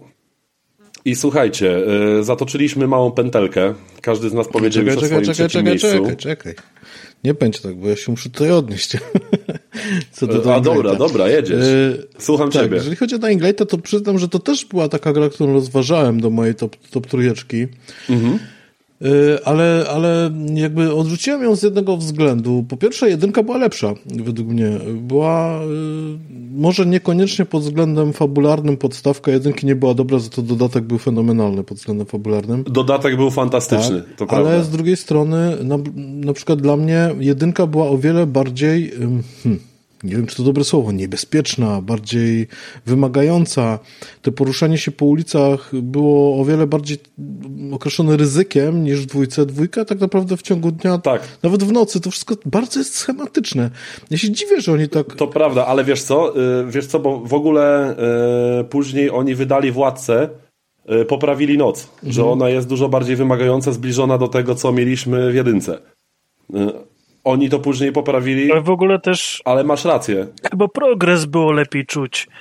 W jedynce, w jedynce faktycznie jak się zaczynało, to, to było się totalnym leszczem tak. i potem im dłużej grałeś, im, im faktycznie rozwijałeś te, te parkurowe rzeczy, to, czy, czy, czy jakieś takie akcje środowiskowe, to to miało więcej, więcej sensu. Natomiast w tej dwójce to no, no, no, ciężko, ciężko, ciężko mi się zgodzić, że to jest top 3 i ciężko mi się zgodzić, że to jeszcze prawie się otarło w dwóch przypadkach e, jeszcze o tą, tą, tą, tą Misiaczki, ale ja, ja bym Jestem chciał... absolutnie zawiedziony Ja bym chciał grą. tylko wam powiedzieć, że jeżeli starczy nam czasu, to po wszystkich naszych goty zrobimy jeszcze sobie zawód roku 2022 i... Tak, to będziecie wtedy, mogli się wtedy powyżywać. Wtedy, wtedy, wtedy, wtedy można wtedy ja sobie... na biało. Dokładnie, wtedy, wtedy będzie moment na wyzwiska i bardzo bym liczył na to. Tak jest. Ja też na to liczę. Będą, będą. Jakby wiadomo, że w bezimiennym, jak już Rafał kiedyś wspomniał, że tutaj te rozmowy muszą być odpowiednio pozbawione szacunku e, do siebie nawzajem, więc mam nadzieję, że, e, że tym razem nie zawiedziemy. Jakby, więc, ale tak czy siak, no ja rozumiem jak najbardziej i to, to nie jest tak, że ja tych wad, o których wy widzicie, e, o których wy mówicie, że ja ich nie widzę. Ja je jak najbardziej widzę, ja je dostrzegam, ta gra ma swoje problemy i owszem, jedynka była pod pewnymi względami lepiej, ale zwyczajnie, no po prostu to, co w tej grze dostałem, sprawiło, że bawiłem się w tej grze jak w mało której w tym roku. I, i naprawdę po prostu, tak jak trochę ze Strejem, trudno jest mi jej nie lubić, bo żadna inna gra nie dawała mi takiej swobody. I szczególnie jeszcze po tym patchu, w którym poprawiono właśnie, uniebezpieczniono, że tak powiem, bardziej nocne eskapady. Ta gra nabrała jeszcze większych rumieńców i, i zwyczajnie po prostu ją uwielbiam i dlatego wrzucam ją na top 3. Ale jak najbardziej rozumiem wasze zastrzeżenia. Tak czy siak. Nie, ale słuchajcie, to, to, to jest w 100% jakby prawidłowe zachowanie, jakby kiedy robiliście recenzję i, i to była recenzja na dwa głosy, bo to było razem z Krystianem ogrywane, to on zakończył fabułę i, i miał, nie wiem, nastukane 25-30 godzin Tak. w Dying Light'cie, a ty, nie wiem, ze 150. Ja, I- ja miałem i- 140 godzin w momencie No dokładnie, i to fabuły, był no. ten poziom, więc po tym, po tym od razu widać, jak, jaką przyjemność wiesz, dawało samo y, obcowanie z tym tytułem, nie? Tak, obcowanie z tym światem, przebywanie w tym świecie, zwyczajnie mi się to podobało i nawet pomimo, pomimo momentami durnowatej fabuły, to ja zwyczajnie byłem zaciekawiony tym, co tam się dalej wydarzy i mimo, że te, te wybory fabularne były po, w dużym stopniu iluzoryczne, to jednak y, one robiły właśnie dobrą robotę, trochę jak w grach Tell- Telltale, że ty mia miałeś wrażenie, że coś od ciebie zależy i że nie do końca, albo że wręcz przeciwnie, że nie do końca masz kontrolę nad tym, co się wydarzy. Mimo jeśli ją miałeś albo nie miałeś, tak jakby to było mocno iluzoryczne, ale, ale ta iluzja była według mnie bardzo dobrze, bardzo dobrze przedstawiona. Ja, ja, sobie, ja sobie tak nawet pomyślałem, że e, możemy użyć ta, nawet nowej takiej metafory, że Dying Light 2 jest twoim skornem. Jest moim skornem, dokładnie. Dying Light Spoko, ja jest też mam moim takiego skornem. skorna na drugim miejscu. Aczkolwiek, aczkolwiek jednak w Dying Light'cie było, wydaje mi się, dużo więcej gry w grze niż w Skornie. No, jednak, słuchaj, mimo no, wszystko. No. 4,5 godziny, a 140, no to chyba jest różnica, tak? Jest różnica, No, hello. tak. To jeszcze zapytam, Otóż to, okazji, dobra, to czy słuchajcie. dodatek miałeś okazję sobie No, no. ograć? Czy Jeszcze raz? dodatek miałeś okazję ograć? Do, do dodatków ja sobie wrócę na Playce, wiesz, jak teraz kupię e, na PS5 i na pewno będę, będę do tej gry wracał, bo ją po prostu kosmicznie lubię. Zero komentarza z mojej strony, Halo? ja nie grałem w dodatek, po prostu pytam, bo A. się... Myślałem, że cię Nie, urwało. tak z ciekawości pytam, chwilę. czy miałeś okazję zagrać, bo, bo słyszałem negatywne opinie, a fajnie byłoby z kimś skonfrontować. Ja na pewno to sprawdzę, bo też słyszałem, że jest trochę taką wydmuszką ten dodatek szumnie zapowiadany, a wiele tam się nie dzieje. Ale na pewno będę jeszcze raz przechodził, więc sprawdzę. Słuchajcie, robimy kolejne okrążenie niczym w Gran Turismo, które E? już się dwa razy tutaj pojawiło. I przechodzimy do miejsca drugiego.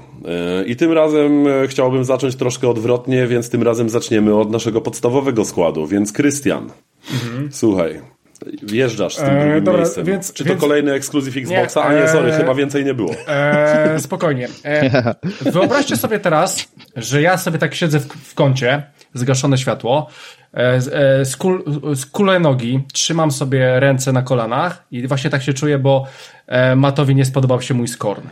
A słuchajcie, ja jestem takim, e, ja jestem troszeczkę taką osobą, która lubi odbijać piłeczki. Dlatego słuchajcie, na drugim miejscu e, będzie gra, oczywiście ekskluzyw na Xboxa, jak żeby inaczej, e, Pentinent, czyli taki lepszy game deck. E, słuchajcie, Pentinent, e, o Pentinencie mówiłem chyba odcinek albo dwa odcinki temu. W zeszłym E, odcinku, bo mnie nie było. Ostatnim, tak. ostatnim, tak. E, więc słuchajcie, no Pentinent, no to jest gra, która mnie po prostu rzekła. Historia Andreasa Malera, e, naszego artysty, który e, trafia do Tassing i tam w sumie rozwiązuje pew- pewnego rodzaju śledztwo. Jest po prostu czymś przepięknym. Jest to przepiękna historia, e, zajebisty świat. E, można, mo, można naprawdę się e, wkręcić e, w to, co tam się dzieje, szczególnie, że tam się po jakimś czasie też wraca. E, bardzo fajnie opowiedziana historia, bardzo mądra historia, e, bardzo świetnie jest poprowadzona postać i ogólnie wszystkie te postacie, które mają miejsce w grze. E, Obsidian zrobił też bardzo dobrą robotę, jeżeli chodzi o pomysł na przedstawienie tego tej książki, czyli tak jak rozmawialiśmy ostatnio o czcionce. E, no i oczywiście grafika, ani, animacja, ale bardzo dobrze zrobiona, tak? Więc e, naprawdę Pentinent e, to była gra, której na pewno szybko nie zapomnę, do której fajnie było wracać i powiem wam, że to jest ze względu też na tą grafikę, ta gra może być ponadczasowa, ponieważ ona nie ma prawa się zestarzeć. I to też jest ciekawe, bo tak sobie później pomyślałem, że w sumie kurczę, jak za 10 lat ją odpalę, to ona będzie wyglądała bardzo dobrze. I wydaje mi się, że tematy, które będą tam poruszane, one, one, one się nie skończą, one będą ponadczasowe, więc więc e, szczególnie, że, że gramy w XVI wieku, więc e, to też e, jest historia, więc my się do tego cofamy i fajnie będzie to za jakiś czas sobie znowu odpalić i być może sobie znowu przejść, więc no i oczywiście bierzcie pod uwagę, nie wiadomo, że gra jest Microsoftu, więc plus 3 do oceny, więc musiało to być. Tak, a jak jedyne, jedyne zastrzeżenie mam tak sobie tak po dłuższej analizie to zastrzeżenie mam jednak do końcówki. E, mogłoby być tam troszeczkę lepiej to zrobione i być może dlatego nie jest e, na pierwszym miejscu u mnie, bo może tą końcówką troszeczkę jednak byłem rozczarowany. Nie jest zła, ale, ale myślałem, że może będzie jakieś większe pierdolnięcie. Wydaje mi się, że dobrze e... było podkreślić trochę ten charakterystyczny wizualny styl, bo on jest rzeczywiście unikatowy. E, no to podkreśliłem 45-minutową e, recenzją dwa tygodnie temu. Ale tak, e, jeżeli chodzi. No to Wojtek, jak chcesz coś dodać od siebie, swoją uwagę na ten temat, to jedziesz. Niewiele więcej tak naprawdę, w tym sensie, że to jeżeli coś... Ale przeszedłeś? Nie, Grałeś? Nie, nie, Grałeś, tak? Nie przeszedłem. To jest taka gra, na którą Aha. jeszcze nie miałem czasu, ale właśnie ten styl mnie zachwycił. I to jest ta rzecz Świetne. pierwsza, która mnie przyciągnęła w ogóle do tego tytułu. Bo on się idealnie wpasowuje w to, co, co się tam odbywa. On jest gdzieś tam stylizowany właśnie na jakiś tam XV-XVI wiek, na jakieś tam ryciny. No po prostu wygląda to mhm. zupełnie fenomenalnie i to jest to, co powiedziałeś, że to jest gra, która się nie, starze, nie zestarzeje nie tylko za 10 lat, ale i za 150, bo po prostu ona jest zgodna z tym stylem graficznym y, gdzieś tam, gdzieś tam z przed pięciu, sześciu wieków. Tak, bo powiedzmy, że ten, ten styl graficzny y, już się zestarzał o jakieś no, 400 lat, tak ale tak. tego nie widać, tak? Dokładnie. Tylko, że nie sama grafika się nie zestarzeje, nie zestarzeje się też to, co jest tam poruszane, bo tam są poruszane, tak jak mówiłem wcześniej, e, jest tam, e, e, są tam poruszane tematy religijne, są tam poruszane tematy, jak, jak ludzie mieli beznadziejnie, będąc tym chłopem, tym mieszczanem, jak kobiety były źle traktowane. To po prostu jest jest historia, to jest po prostu historia, która, która miała miejsce, więc to nie ma prawa się zestarzyć w sensie, uh mhm. -huh. to nie będzie nieaktualne, bo po prostu tak było. I to jest też fajne i to jest też jedna z niewielu A to jest bardzo, do, bardzo dobry argument, tak? Bardzo tak. dobry argument przemawiający za tym, żeby to było jednak w topce, więc rozumiem. No oczywiście, że tak, więc yy, myślałem, czy to nie będzie pierwsze miejsce, ale myślę, że o pierwszym miejscu też to już jeszcze sobie powiem, ale, ale naprawdę historia Andresa e, Malera naprawdę polecam każdej osobie, która lubi, która lubi książki, po prostu która lubi książki, bo, bo to w tą grę po prostu się czyta. E, no, no i tyle, no. E, drugie miejsce Spoko. dla mnie super. Obsydian, Fajny tytuł, więc, e, więc jedziemy dalej. E, tym razem Rafał. Rafał, jedziesz z drugim miejscem. Co tam masz dla nas ciekawego? Myślę, że jak powiem o swoim drugim miejscu, to od razu będzie wiadomo też, co jest na pierwszym. Na ja chyba i tak wiem. Ale... Jesteś zero-jedynkowy, Rafał, jesteś zero-jedynkowy. Nie jestem zero-jedynkowy, ale umówmy się, myślę, że to są naprawdę dobre gry, które w tym roku się pojawiły i Cieszy mnie bardzo to, że, że, że, że jeszcze wciąż one gdzieś tam sobie żyją, istnieją, że kolejne osoby po nie sięgają. E, na drugim miejscu jest e, Horizon e, Forbidden West, część mhm. druga tak myślałem, tak historii tak o Eloy, która od momentu odpalenia tak naprawdę wciągnęła mnie pierwszy raz od blisko siedmiu lat w zasadzie no może sześciu, y, do świata z taką siłą, jak zrobił to Wiedźmin trzeci. Y, od samego jakby, ja, nie, ja całkiem niedawno dokończyłem Horizona y, Zero Dawn, dlatego że tam była przerwa mniej więcej w połowie całej gry i jakoś tak zostawiłem to na później, jak zresztą kilka innych gier. Wróciłem do tego dopiero po zakupie PS5, więc mm, to nie chodziło o jakieś, wiecie, znudzenie rozgrywką, czy, czy coś w tym stylu, że się bardzo stęskniłem za tym i tak dalej, bo, bo raptem, nie wiem, 3-4 miesiące przed premierą Horizona yy, kończyłem tą jedynkę i po prostu progres, jaki oni zrobili, był na wielu, wielu poziomach naprawdę niesamowity. Jakby e, to, w jaki sposób zostały opracowane dialogi i ich animacje, że tam powstał cały system, który powoduje, że naprawdę chyba w żadnym RPG-u może gdzieś tam blisko można było się poczuć e, fajnie w Cyberpunku, który też dawał to uczucie, pomimo pozostawania cały czas jakby w trybie pierwszej osoby, że mm, rozmawiają z tobą twoi e, no, NPC, tak, z którymi gdzieś tam gadasz, gdzieś tam yy, komentują, odwracają za tobą głowę, no to tutaj też cała ta animacja była zrobiona w taki sposób, że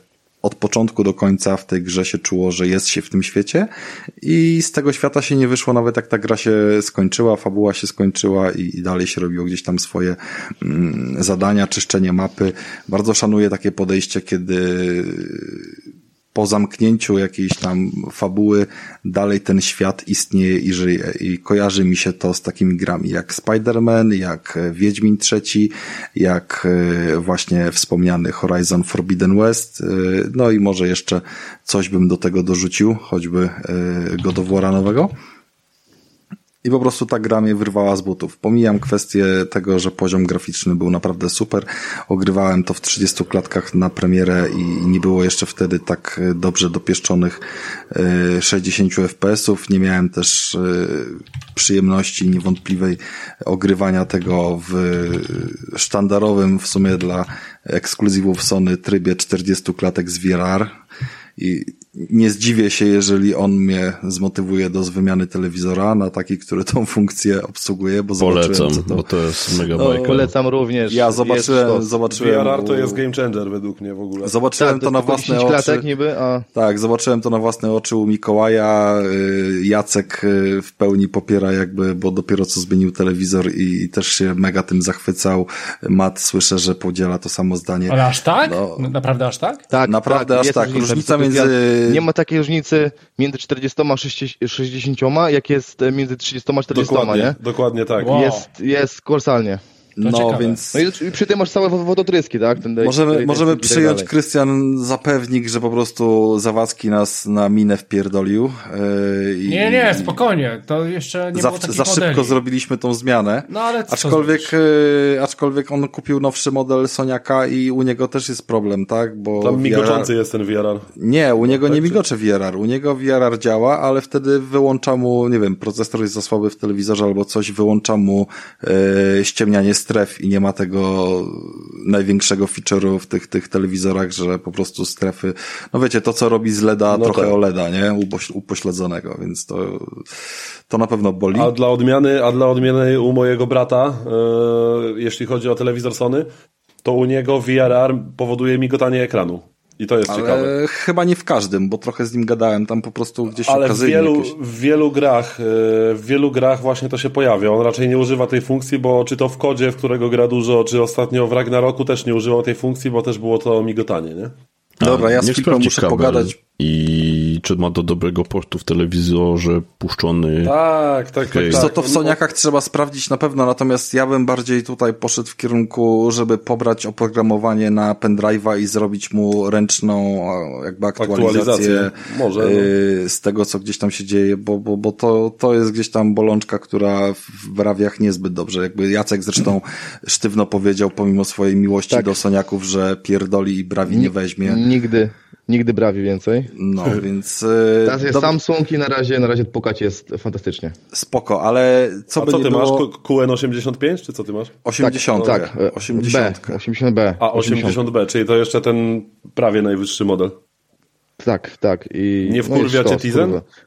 nie, ale czy trochę za, za, zamula czasami, ale powiem wam szczerze, że e, przepaść jest w, w, w jakości obrazu, e, jeśli chodzi o telewizor pięcioletni, który, którą miałem brawie, to najniższą i nagle powiesiłem sobie tutaj to i to jest tylko 6 cali więcej, e, bo tamto miał 49, to ma 55, ale jeśli chodzi o jakość obrazu, to jest po prostu kopara. My, e, jak po- powiesiliśmy telewizor, to z młodym, z naszym synem obejrzeliśmy Wajanę animacji Disneya i po prostu te kolory, to one mi się wylewały. Tam są takie sceny pod oceanem, nie wiem czy kojarzycie, czy oglądaliście? Tak, tak. Jak Chyba tam są te no. stwory te, no, no i, i po prostu jak, jak jest ta scena, co tu się ściemnia ten obraz i tam wszystko jest takie świecące w ciemności. Kurwa, jak to wyglądało? Ja siedziałem i normalnie mówię, ja pierdolę, jak, jak to poszło do przodu wszystko. Słuchajcie, Ja dopiero- zawsze, zawsze to mówimy i niezależnie od tego, ile tam pytań by nie padło, to powtórzymy. Zawsze lepiej jest wziąć model z wyższej półki w mniejszym rozmiarze niż na odwrót.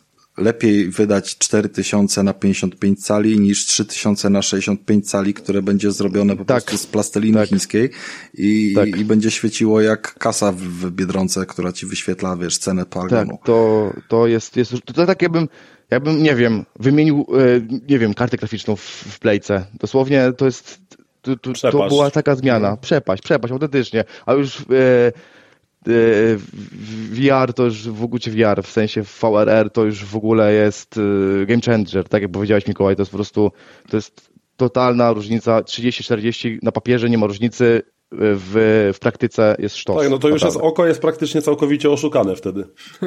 Tak, tak. Tak, Dobra, Wojtek, słuchajcie, Wojtek, na pewno, Wojtek była. na pewno wie, o czym mówimy, bo, bo Nvidia jakieś tam synki, klatek, to na PC-tach to jest jakby od, od Nie no, on jest dawna. więc oni to już latają w kosmos, a my jesteśmy w No tak, łupanego. ale oni nie wiedzą, co to jest 4K, a HDR to on sobie może zobaczyć, wiesz, u, u mnie na, na telewizorze, więc... No to też prawda, to jest, to jest albo na tarasie, jak wyjdzie rano. to jest dokładnie taka zależność, że 4K i HDR nie istnieje na monitorach praktycznie. To prawda, dlatego telewizor, Dobra, dlatego Pierdol- komputer podłączamy też pod telewizor, bo nic nie stoi na przeszkodzie, żeby sobie go podłączyć. Ej, nie oszukuj, kurwa, dobra? Nie oszukuj. E, ty, pod, ale ty, da? telewizor, tak komputer składa- podłączysz pod telewizor nie kablem, tylko GeForce'em, więc to nie A działa tak, tak się składa, że akurat y, zafundowałem sobie taką przyjemność w zeszłym roku, jak LG OLEDkę 65-calową. No, więc Mhm. jeżeli chodzi tam o takie wszystkie wodotryski y, C1, Jezus Maria, nie pamiętam. C1, no Y, tak. W każdym razie w każdym razie wybierałem go specjalnie pod gaming, no bo on tam już ma te, te Telewizor pod gaming. 144 Hz Na kompie. odświeżania, jakieś tam cuda, OLEDy, HDR i tak dalej. No, ale to jest jakby jedna rzecz, nie? A druga rzecz ma być jeszcze, trzeba być jeszcze sprzęt, który to udźwignie, także to też nie jest takie proste, ale, e, ale powiem wam, że jak się... Widzisz, a my mamy, No tak, spoko. a my mamy. Spoko, to, to, to, to fajnie. E, Znaczy, to jest no, na pewno olbrzymia zaleta konsol, że kupujesz sobie konsolę, która kosztuje tyle, co pół karty graficznej, Karta ach, żeby, graficzna, pół karty średnia. graficznej teraz już. No. Także, także to na pewno jest super w konsolach, to prawda. I miałem taki moment, kiedy się zastanawiałem, czy już po prostu nie olać tam, nie, nie, nie polować na jakieś tam karty graficzne za milion złotych monet, ale, ale po, przyznam szczerze, że podłączenie, podłączenie komputera pod e, taki telewizor, no kurde, nawet, nawet jeżeli sobie w upscalingu grasz Kurde, to wygląda zajebiście po prostu, nie? To, to naprawdę tutaj jakby słuchałem was tak z uwagą, bo też się zastanawiałem, jak na tych konsolach y, to jest fajne, no jednak duży ekran, fajny, fajny monitor, y, bo monitory też są 4K, nie? Jakby ktoś tak y, przegapił temat, to, O, to też robi robotę, nie? To Wow. też robi robotę, to, to prawda. Dobra, słuchajcie, była dygresja jak zwykle. No, była nas. dygresja i teraz właśnie chciałem powiedzieć no, skończyłeś Krystianowi, jeszcze, jeszcze kurwa raz mi wypomni, że ja się wtrącam i zmieniam wątki i tak dalej. ale ja nic nie mówię, dobry. dzieciaku. Ty, ale to nie jest tramwaj, nie? Że jedziemy z Tu, tutaj, może, tutaj może nie. Nie, słuchajcie, to są, to są ważne rzeczy. Pamiętajcie, jak po telewizor to do Mikołaja, bo siedzi i sprzedaje. Dajcie mu zarobić na prezenty. I, Ale się mnie nie słuchacie, bo ja proponuję Philipsy, więc wiesz. Tak, ja się nie posłuchałem. Ja bym się w życiu nie posłuchał chyba. Nie, Ambilight, Ambilight to dla mnie nie jest Ale- ale... jakiś tam changer wielki. Ja, ja już mówiłem, że Philipsy dobrze świecą z tyłu, ale chujowo z przodu. O, to jest, To się z I to jest najlepszy tekst. Krystiana w tym roku. To, to należy Tak. zapisać do dzienniczka. Znaczy, Ja sobie LEDy przykleiłem z tyłu. nie zgodzę się, ale mniejsza o to. W każdym razie, słuchajcie, bo ja mam też moje, e, moje top 2. Znaczy Słuchaj, top 3 ja chcę zakończyć jednym zdaniem, bo recenzja, ty już masz skończyć, Rece- ty już się nagadałeś, kurwa, recenzja, recenzja sobie wisi, ale ja chcę tylko powiedzieć i przypomnieć o tym, skoro wspominamy takie dobre tytuły i gdzieś tam już top 2 trochę ma inną wagę niż top 3. Yy, jeżeli ktokolwiek skreślał Horizona, bo jedynka nie wciągała go fabularnie, bo była zbyt yy, sztywna i tak dalej, to ma rację, że to robił z jedynką, niech to oleje, niech pójdzie do dwójki i po prostu będzie się bawił zajebiście. To jest naprawdę przezajebista gra i zrobiła taki sztos, że nie byłem w stanie się oderwać od konsoli. To jest, to jest powód, dla którego ona jest w top 2. Tyle w temacie. No tak, spoko, dobry argument. Dobra, słuchajcie, e, pośmieliśmy się trochę, a teraz się pośmiejemy jeszcze więcej. Gwarantuję wam, że teraz śmiechów nie będzie, śmiechom nie będzie końca mm, przy moim drugim miejscu, jeśli chodzi o ten rok. Bo słuchajcie, e, jako jakby e, naczelny, bezimienny fan rękodzieła drewnianego, to nie mógłbym sporządzić podsumowania tego roku bez Alexa 2 od Słuchajcie, i mówiłem, że wiedziałem, że śmiechom nie będzie końca. To Ja tylko głową kręcę.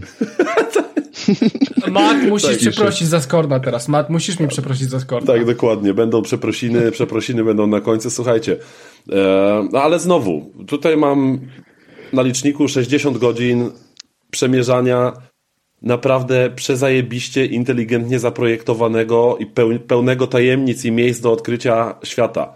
E, Kolejna sprawa, to było w tej grze questowanie, czyli cały jakby system questów. E, Ja nie mówię o tym, jakie w nich były konkretnie historie opowiedziane w tych questach pobocznych czy głównych, tylko cała ta siatka, ta pajęczyna questów i właśnie całe to questowanie, które mnie wessało jak w żadnej innej grze na przestrzeni ostatnich paru lat, y, chyba od czasów Wiedźmina i Kingdom Come, tak naprawdę.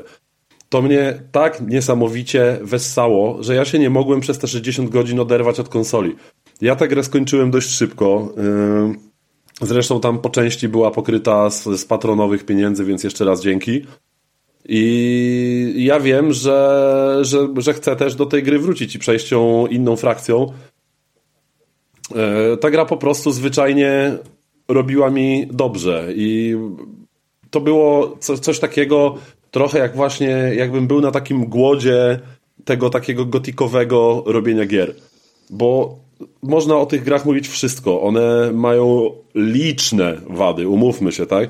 Jakby wykonanie, warstwa techniczna często w tych grach leży i kwiczy, ale, ale ich gry po prostu coś w sobie mają i, i ja te gry za to lubię. Lubię je właśnie za, za to, jak ten świat jest przedstawiony, za to, jak są skonstruowane questy, jak y, płynnie przechodzą z jednego do drugiego. E, To jest coś, czego w wielu, wielu, wielu RPGach po prostu nie uświadczyłem przez ostatnie parę lat, a tutaj to dostałem. Do tego wręcz niespotykanie czerstwy, wulgarny w chuj i jeszcze bardziej niespotykanie zajebisty dubbing w tej grze. Gdzie ja, wiecie wszyscy, że ja nie jestem specjalnie, yy, że tak powiem, zwolennikiem dubbingów. Nie przepadam raczej za, za polskim dubbingiem w grach, natomiast tutaj on po prostu tak rewelacyjnie budował klimat. yy, Był tak obleśny momentami i tak czerstwy, że zwyczajnie jak pograłem chwilę po angielsku, a potem przełączyłem się na język polski, to nagle po prostu ta gra zyskała do mnie, dla mnie zupełnie, zupełnie nowy level. I tak, no tak jak powiedziałem, ona ma liczne wady, ale dziś mówimy o zaletach. I ja jedynkę Alexa też lubiłem. Nie do tego stopnia ją ograłem z dużym opóźnieniem. Alexa dwójkę ograłem na premierę. Mm, No i ta gra była pod każdym względem lepsza od jedynki. E, I mimo, że to nadal była gra Pirania Bytes, więc e, wyglądała jak wyglądała, działała jak działała, e, ale zwyczajnie to po prostu był kawał zajebistego RPGa. Ja lubię rozwój postaci w tej grze, lubię to przemykanie przez pierwsze kilka, kilkanaście, wręcz czasem pierwsze 20 godzin gry, przemykanie po prostu tymi ścieżkami, unikanie walki z wieloma przeciwnikami, bo to jest to, co w tej grze lubię, że ona rzucając nam jakiegoś questa praktycznie po dwóch godzinach gry, my sobie nie zdajemy sprawy z tego, że droga do miejsca, w którym możemy wykonać tego questa, wiedzie przez miejsca zamieszkane przez stwory, których my nie pokonamy jeszcze przez dobrych kilkanaście godzin. I, I uwielbiałem ten moment, kiedy przez jakiś las po prostu przemykałem się pomiędzy drzewami, próbując zgubić jakieś stwory, które mają mnie dosłownie na hita. I ta gra momentami się właśnie zamienia w taki survival trochę, po prostu na jakichś oparach mikstur leczniczych, kiedy próbujemy przyciągnąć jakiegoś stwora do jakichś strażników, żeby pomogli nam go ubić. I właśnie to przemykanie przez ten las i, i właśnie co z tego wynika? A wynika z tego, według mnie w żadnej innej grze nie mam takiego poczucia progresu, e, progresu właśnie jak, e, jak w Eleksie dwójce i w, i w jedynce. Właśnie przez to, że na początku jesteśmy takim totalnym leszczem, który, który ginie od spotkania z byle leśnym ptaszorem. Mamy właśnie to uczucie progresu i rosnącej potęgi naszego bohatera. I to w niej jest zajebiste, kiedy nagle obszar, który był dla nas absurdalnie niebezpieczny, kiedy po prostu z duszą na ramieniu właśnie biegliśmy przez ten przysłowiowy las, nagle później wracamy tam i jesteśmy w stanie przedrzeć się już normalnie, regularnie walcząc. I kolejna sprawa, że te stwory się nie odradzają, więc robimy sobie takimi właśnie pętelkami, takimi coraz dalej, coraz dalszymi zamachami, robimy sobie coraz bezpieczniejsze strefy i ścieżki, którymi możemy się przemieszczać. I to w tej grze jest po prostu zajebiste. I tak jak powiedziałem, może, możecie się śmiać, ale zwyczajnie LX2 jest dla mnie na drugim miejscu, jeśli chodzi o top 3 w tym roku. I tyle. Yy, chyba nikt nie ma wręcz komentarza żadnego co do tego, co właśnie Znaczy, ja mam taki drobny. Ja mam Więc taki wszyscy- komentarz, że Alexa miałem w łapie już, żeby kupić sobie też ostatnio, ale stwierdziłem, że Że się szanuje. jeszcze tego nie zrobię. Nie, nie, że się szanuję. Ja, ja to zrobię, tylko to jest kwestia kiedy. Dlatego, że tych gier do grania po prostu leży za Oczywiście. kupisz grę i będzie na półce, więc... No właśnie do tego zmierzam, więc nie kupuję jej, bo jeszcze jest kilka takich, których nie włożyłem do napędu i najpierw ogram trochę tych zaległości, ale na pewno do tego Alexa wrócę i sobie Warto, To ja taki warto, jeden drobny no. komentarz. Przyznam, że nie, nie grałem w Alexa i nie planuję. Ale nie dlatego, żebym uważał, że to jest zła gra, absolutnie nie. Akurat kolega też kiedyś opowiadał mi o tej grze i był bardzo zadowolony. To, to po prostu No nie mój właśnie. klimat. Natomiast jako taką zachętę chyba y, dla tych, którzy jednak trochę w tą stronę tych drewnianych y, gier y, idą, y, to na, można zerknąć sobie na recenzje na Steamie, które są w zasadzie albo y, bardzo pozytywne, albo w większości pozytywne. W każdym razie tutaj społeczność, która lubuje się w tego typu grach, no to, no to raczej jest zadowolona. No, no Pirania Bytes ma te swoje takie y, charakterystyczne gry, no i kt- ktoś, kto to lubi, to na pewno będzie się czuł, czuł dobrze. I ja, chociaż gdzieś tam recenzenci, z tego co kojarzę, nie zostawili suche nitki, no ale to nie recenzenci, recenzenci co tam grają w te Nie, gry. nie powiedziałbym, że nie zostawili suchej nitki, tam raczej były takie siódemki generalnie. No dobrze, może, może ten deseń. powiedziałem na wyrost, ale generalnie nie była to taka gra y, chyba, która by w tych redakcjach powiedzmy Wstrząsnęła tak, rynkiem. albo, albo nie, nie, żeby nie. tam w jakichś topkach była, no to, to tutaj y, trzeba pamiętać, że to gracze, ci my tutaj na tym szarym końcu bierzemy te gry i w nie tłuczemy, albo je kochamy, albo, albo nie i to, to jest nasza topka, nie? Tak, bo to są takie gry, że albo się od niej po prostu totalnie odbijesz, albo, albo wsiąkniesz, nie? Bo, bo one mają coś w sobie i, i dla mnie to jest taki jakiś nieuchwytny po prostu czynnik, który, który mnie do tych gier przyciąga i, i zwyczajnie Alexa 2 polecam, jeśli ktoś po prostu lubi wymagające gry, które, które nie prowadzą za rączkę, które nie robią z ciebie idioty właśnie, to naprawdę warto, warto w te gry zagrać bo tam jest naprawdę kawał fajnej treści. Nawet Tomek, który d, mam na myśli e, naszego Tomka z naszej, e, z naszej facebookowej grupy, e, który jest dla gier generalnie często bezlitosny i zwyczajnie on, mimo że nie skończył tej gry, to przyznał, że w tej grze wiele rzeczy leży, ale ona ma content. Ona ma po prostu fajny content w sobie, w który się można wkręcić. I, i za to ta gra ląduje po prostu u mnie na, w tej Czy topce. trzeba zagrać w jedynkę, żeby dobrze wczuć się w dwójkę, czy można spokojnie od dwójki zacząć? Niekoniecznie, znaczy jest sporo znajomych postaci. Yy, powiedzmy, że to jest taka, taka zależność, że będziesz się bawił lepiej, ale, ale nie aż tak dużo lepiej, żeby Coś koniecznie. jak z to Wiedźminem, było, tak? Można sobie Jak spokojnie Wiedźminie. zagrać w trójkę, Coś- ale, coś jak z Wiedźminem, fajnie no. nie zapominajmy Dokładnie. wspominać Tak, o tak, to Wiedźminie. bardzo ważne. Nie, absolutnie. Nie zamierzam. Dobra, słuchajcie, to pośmialiśmy się trochę, więc przechodzimy dalej do naszych gości. Jacek wjeżdża, jest drugim miejscem. Wjeżdżam, wjeżdżam i to tak troszeczkę będzie... Po same kule, e, czy, czy trochę mniej? e, e, Wiesz co, tak, po same kule. E, I zacznę, ale zacznę od A na narzekania. który poziom? od Narzekania. E, słucham? Na Jaki który poziom? poziom garażu? O jest. E, minus dwa. to jest najlepiej. Dobra, e, dobrze, żony nie ma w domu. E, tak, gra. Już, mówię. E, zacznę w ten sposób, że zacznę od narzekania. E, Sony pod koniec e, sierpnia, począ- początek września e, wypuściło grę dziewięcioletnią e, na trzecią generację w pełnej cenie. Mówię, kurwa, co oni w ogóle sobie myślą? To, to już w ogóle włączyło mi się e, takie coś, że... że Włączył że ci się Krystian nie? po prostu. Włączył mi się Krystian w głowie, e, ale tylko trochę. No pełna cena, gra ma 9 lat, no okej, trochę tam pracy poszło, bo to remake. Ty jej nie przeszedłeś, tak? Czyli przeszedłeś. Słuchaj, starą, ja mam platynę, starą, wbiłem ją. Dziewięcioletnią grę przeszedłeś, czy nie? Wcześniej tą starą w sensie. Ja? Tak. tak. nie ja. Tak, tak. Ja nie przeszedłem tak, jakby na co. PS3 ją kupiłem, słuchaj, ja ją kupiłem na PS3, ja ją kupiłem e, w remasterze na PS4 No to, i Ra- teraz no to ja, Rafał, to, to typowy Rafał. ja, ale poczekaj, No nie, poczekaj, bo ja nie poczekaj, kupiłem. Teraz jej- Ja miałem nie wyjaśnienie i to jest ważne, żeby wtrącić. Ja broniłem The Last of Us dlatego, że na PS3 O. w ogóle nie poznałem tego tytułu, na PS4 miałem używkę za 5 dych, której nawet nie ograłem do czasu, aż nie miałem PS5. I zawsze jakby byłem daleki od tego, żeby No wspierać dobra. w ogóle ten tytuł. Więc dlatego teraz chciałem go wesprzeć. I Okej, gdybyśmy dobra. nie mieli recenzji z Danielem, który jakby przypominamy, że y, The Last of Us ogrywał tylko jako jedyną grę niewidomy, który był w stanie od początku do końca przejść ją samodzielnie, to bym w ogóle na to The Last of Us jeszcze nie spojrzał, tylko kiedyś gdzieś tam ogarnął na jakiejś promocji. E, No Więc- okej, Jacku, więc po dziewięciu latach przeszedłeś już ją raz, dwa, trzy, cztery, pięć. Na chuj ci Tak, to. wielokrotnie. Na chuj Na mi chuj to, ci wiesz co? Już, ale już tłumaczę, ja ci już tłumaczę. Słuchaj, e, miałem inny odbiór tego tytułu w, w 2013 roku na premierę na PS3, bo byłem... E, w sensie nie miałem dzieci. O, byłem szczęśliwym człowiekiem i nie miałem dzieci. Albo inaczej, wy, wypoczętym, wypoczętym człowiekiem. No i tam wiadomo, że fabuła to jest sztos. Ale Jacku, sztosy, Jacku, słuchaj, nigdy nie Tak? jest za późno na okno życia. To jest jakby, wiesz... E, wiesz co, mierzyłem, niestety starszy się nie zmieści. A, za późno a już. młodsza, młodsza jest zbyt A ile słodka, mają? A. o tym myślał. Ile mają? E, Centymetrów e, czy lat? Wa- wagi.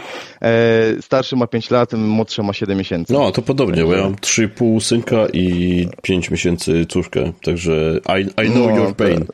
O, to na, na Tak, świeżo, tak, na mało świeżo, mało gratulujemy. A dzięki, dobra. No i wracając do, do e, wątku.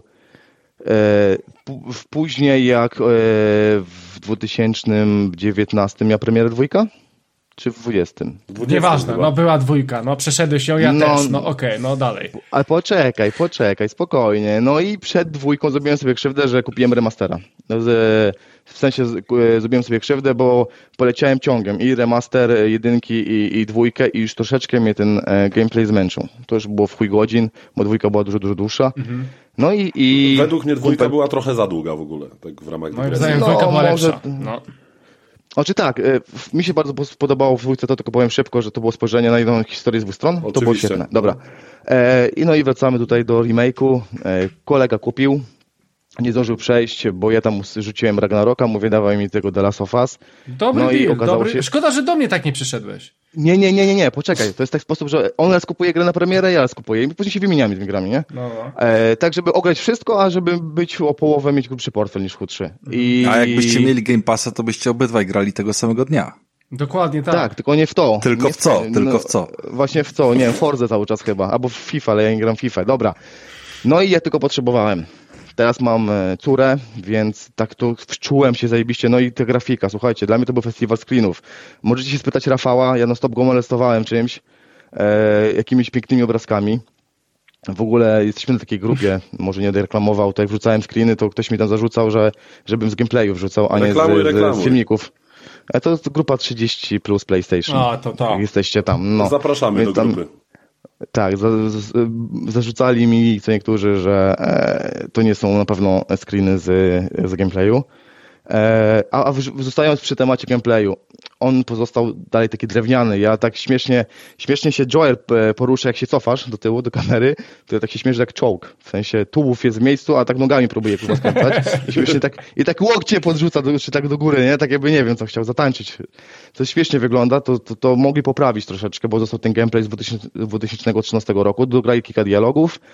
No i grafika. Grafika naprawdę widać, że, że tam poszło dużo, dużo pracy, no ale to jak niegrzeczne psiaki, oni graficznie zawsze szlif e, No to jest top, ostateczny, no nie tak? ma co tu gadać, To jest jakby. top. To, to, co by nie wychodziło na którą generację, to oni wyciskają z tych plejek po prostu soki ostatnie. No i jeszcze raz się zapętlę. Fabuła. Mnie to strasznie wciągnęło, bo mam teraz małą córę i, i po prostu przesiąkłem tym. No i nie ukrywam, ta scena pierwsza, już, ja już nie wiem, który, który raz tą grę kończyłem, nie wiem, dziewiąty, dziesiąty, być może e, oczy szklane, nie? Ginie Znaczy, co? Joela. Żaden spoiler, bo to już ma tyle lat. Ale wiesz co, jakby No, ta, pierwsza, ta pierwsza scena, to w ogóle ja, nie mając dzieci, ale ogrywałem jeszcze z Agatą tę pierwszą część i, i ja pamiętam, że ja się tego w ogóle nie spodziewałem, bo mimo, że ogrywałem tę grę wiele lat po premierze, to jakoś ominęły mnie tak naprawdę spoilery z tej gry i... No to dużego farta I miałeś. szczerze, to mnie to rozpoczęcie tej gry tak pierdolnęło w łeb obuchem, No, no, że- no, to wali z liścia. I to nie pyta, nie Tak. pyta się czujesz, nie? Po Tak. prostu wchodzi z butami w twoje życie i, i, i, i później już zostaje taki szok. No i mamy, mamy to, co mam, to, to się dzieje dalej. Końcówka tego i po prostu ja tak m- mam, że ukończyłem ten tytuł i się mamy e, poniedziałek być, to jak, chyba jakoś w czwartek, czy, czy, czy w środę, nie pamiętam, ale ważne. E, I po prostu siedzisz i rozkminiasz, kurwa, przecież ja bym zrobił tak samo, nie? To w ogóle Ale przecież... nie byłoby innej opcji. Ja, ja mam pytanie, ale to nie będzie pytanie do Jacka. Mm, Mam pytanie do naszego przedstawiciela PC Master Race, Wojtku. Bo to jest tytuł, który faktycznie jest dla, dla jakby tutaj konsolowej braci mega znanym i, i czymś takim, można by rzec, ewangelicznym, kultowym, jeżeli chodzi o, wiesz, o poziom y, fabuły. Rozgrywki też Ale oczywiście, no ale jakby Kombat prowadzenia narracji, fabuły, tego, co po prostu potrafi przedstawić. Wiemy, że yy, The Last of Us w tym remake'u podkręconym, przeniesionym na PC trafi w przyszłym roku yy, do odbiorców takich jak ty, czy, czy, czy gdzieś to jakąkolwiek ekscytację w tobie wzbudziło, czy kompletna olewka i, i, i zignorowałeś takie Wiesz co, informacje? y, może nie kom kom kompletna olewka, bo przyznam, że z tych tytułów, które są ekskluzywne na konsolę, no to parę jest takich, które chętnie bym sobie ograł. Myślę, że The Last of Us jest jednym z, tak, jest jedną z takich gier, natomiast no to nie jest tak, że ja jakoś się mega ucieszyłem, bo mówiąc wprost, tych gier do grania mam tyle, że, że po prostu nie jest mi potrzebna no. tam kolejna, żeby nie się tam czuć happy. Natomiast y, na pewno, na pewno chętnie bym sobie ograł, gdybym miał jakieś wolne zasoby. No bo wiele du- dobrego słyszałem o tej grze i nawet kiedyś jeszcze, bo to tam lata temu było, to ja czasem jeszcze wtedy miałem czas, żeby sobie jakiś tam gameplay zobaczyć, no to sobie tam powiedzmy ten początek gry gdzieś tam na YouTubie obejrzałem i rzeczywiście wyglądało to interesująco. Y, Chyba podbije ten hype jeszcze, tak myślę, serial, nie? Który się tam ma, ma pojawić. Tak, Także- tak, także- tak, także jest to na pewno coś, co warto mieć na, na uwadze. No tak, no tak, byłoby fajnie sobie w to zagrać. No to ja ci polecam bardzo mocno. No tak, nie bez Czy, powodu. czy, ma, czy ma miejsce, dzieciaki, czy nie, to jest mega. No, no, no. Tak, tak, nie bez powodu, mimo to, że to już jest jednak e, odgrzewany kotlet i po, raz trzeci.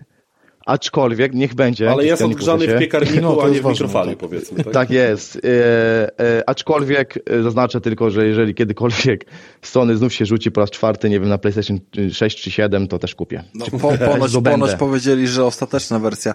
Ja chcę tylko powiedzieć, Tak, e, tak. Kiedy była premiera pierwszej części? Czy to ktoś... 13 rok. 2013 chyba? 13, tak. E, No to ja chcę tylko powiedzieć tutaj pierdolenie, że to jest tam trzeci raz odgrzany kotlet i gra sprzed dziewięciu lat, a Krystian dopiero GTA. teraz, a Krystian dopiero teraz na Wiedźmina chce się usadzić, który jest z 2015 i wyszedł właśnie w ulepszonej No dwa wersji. lata później. No dokładnie, więc to nie jest było takie- czasu, no. nie było czasu, Rafał. Byłem bardzo zajętym Ale- graczem. Ja wiem, jak bardzo ty byłeś zajętym graczem. Mam wgląd w twoje cały jakby ranking. E, jest, ja już martwię się o swoje savey, co ja zrobię z PS4, żeby mieć na PS5. Ja już strasznie się o to martwię, Rafał. A to Bo swoją jednak te drogą. 5-6 godzin mam, mam. No to to jest kropla w morzu. No, dobra, jedźmy Dobra, dalej. słuchajcie, jedziemy dalej. Fajnie, Jacek, że ci się podobał ten remake. No, nawet ja już, gdzie tak po prostu kurwiłem na to Sony yy, za tę grę, to jednak mm, no, tam widać napracowanie jednak mimo wszystko. A Może taki- nie wyceniałbym tego na 330 zł, ale myślę, że No w, tej, w tej standardowej pełnej cenie, którą mieliśmy do niedawna, to już jak najbardziej.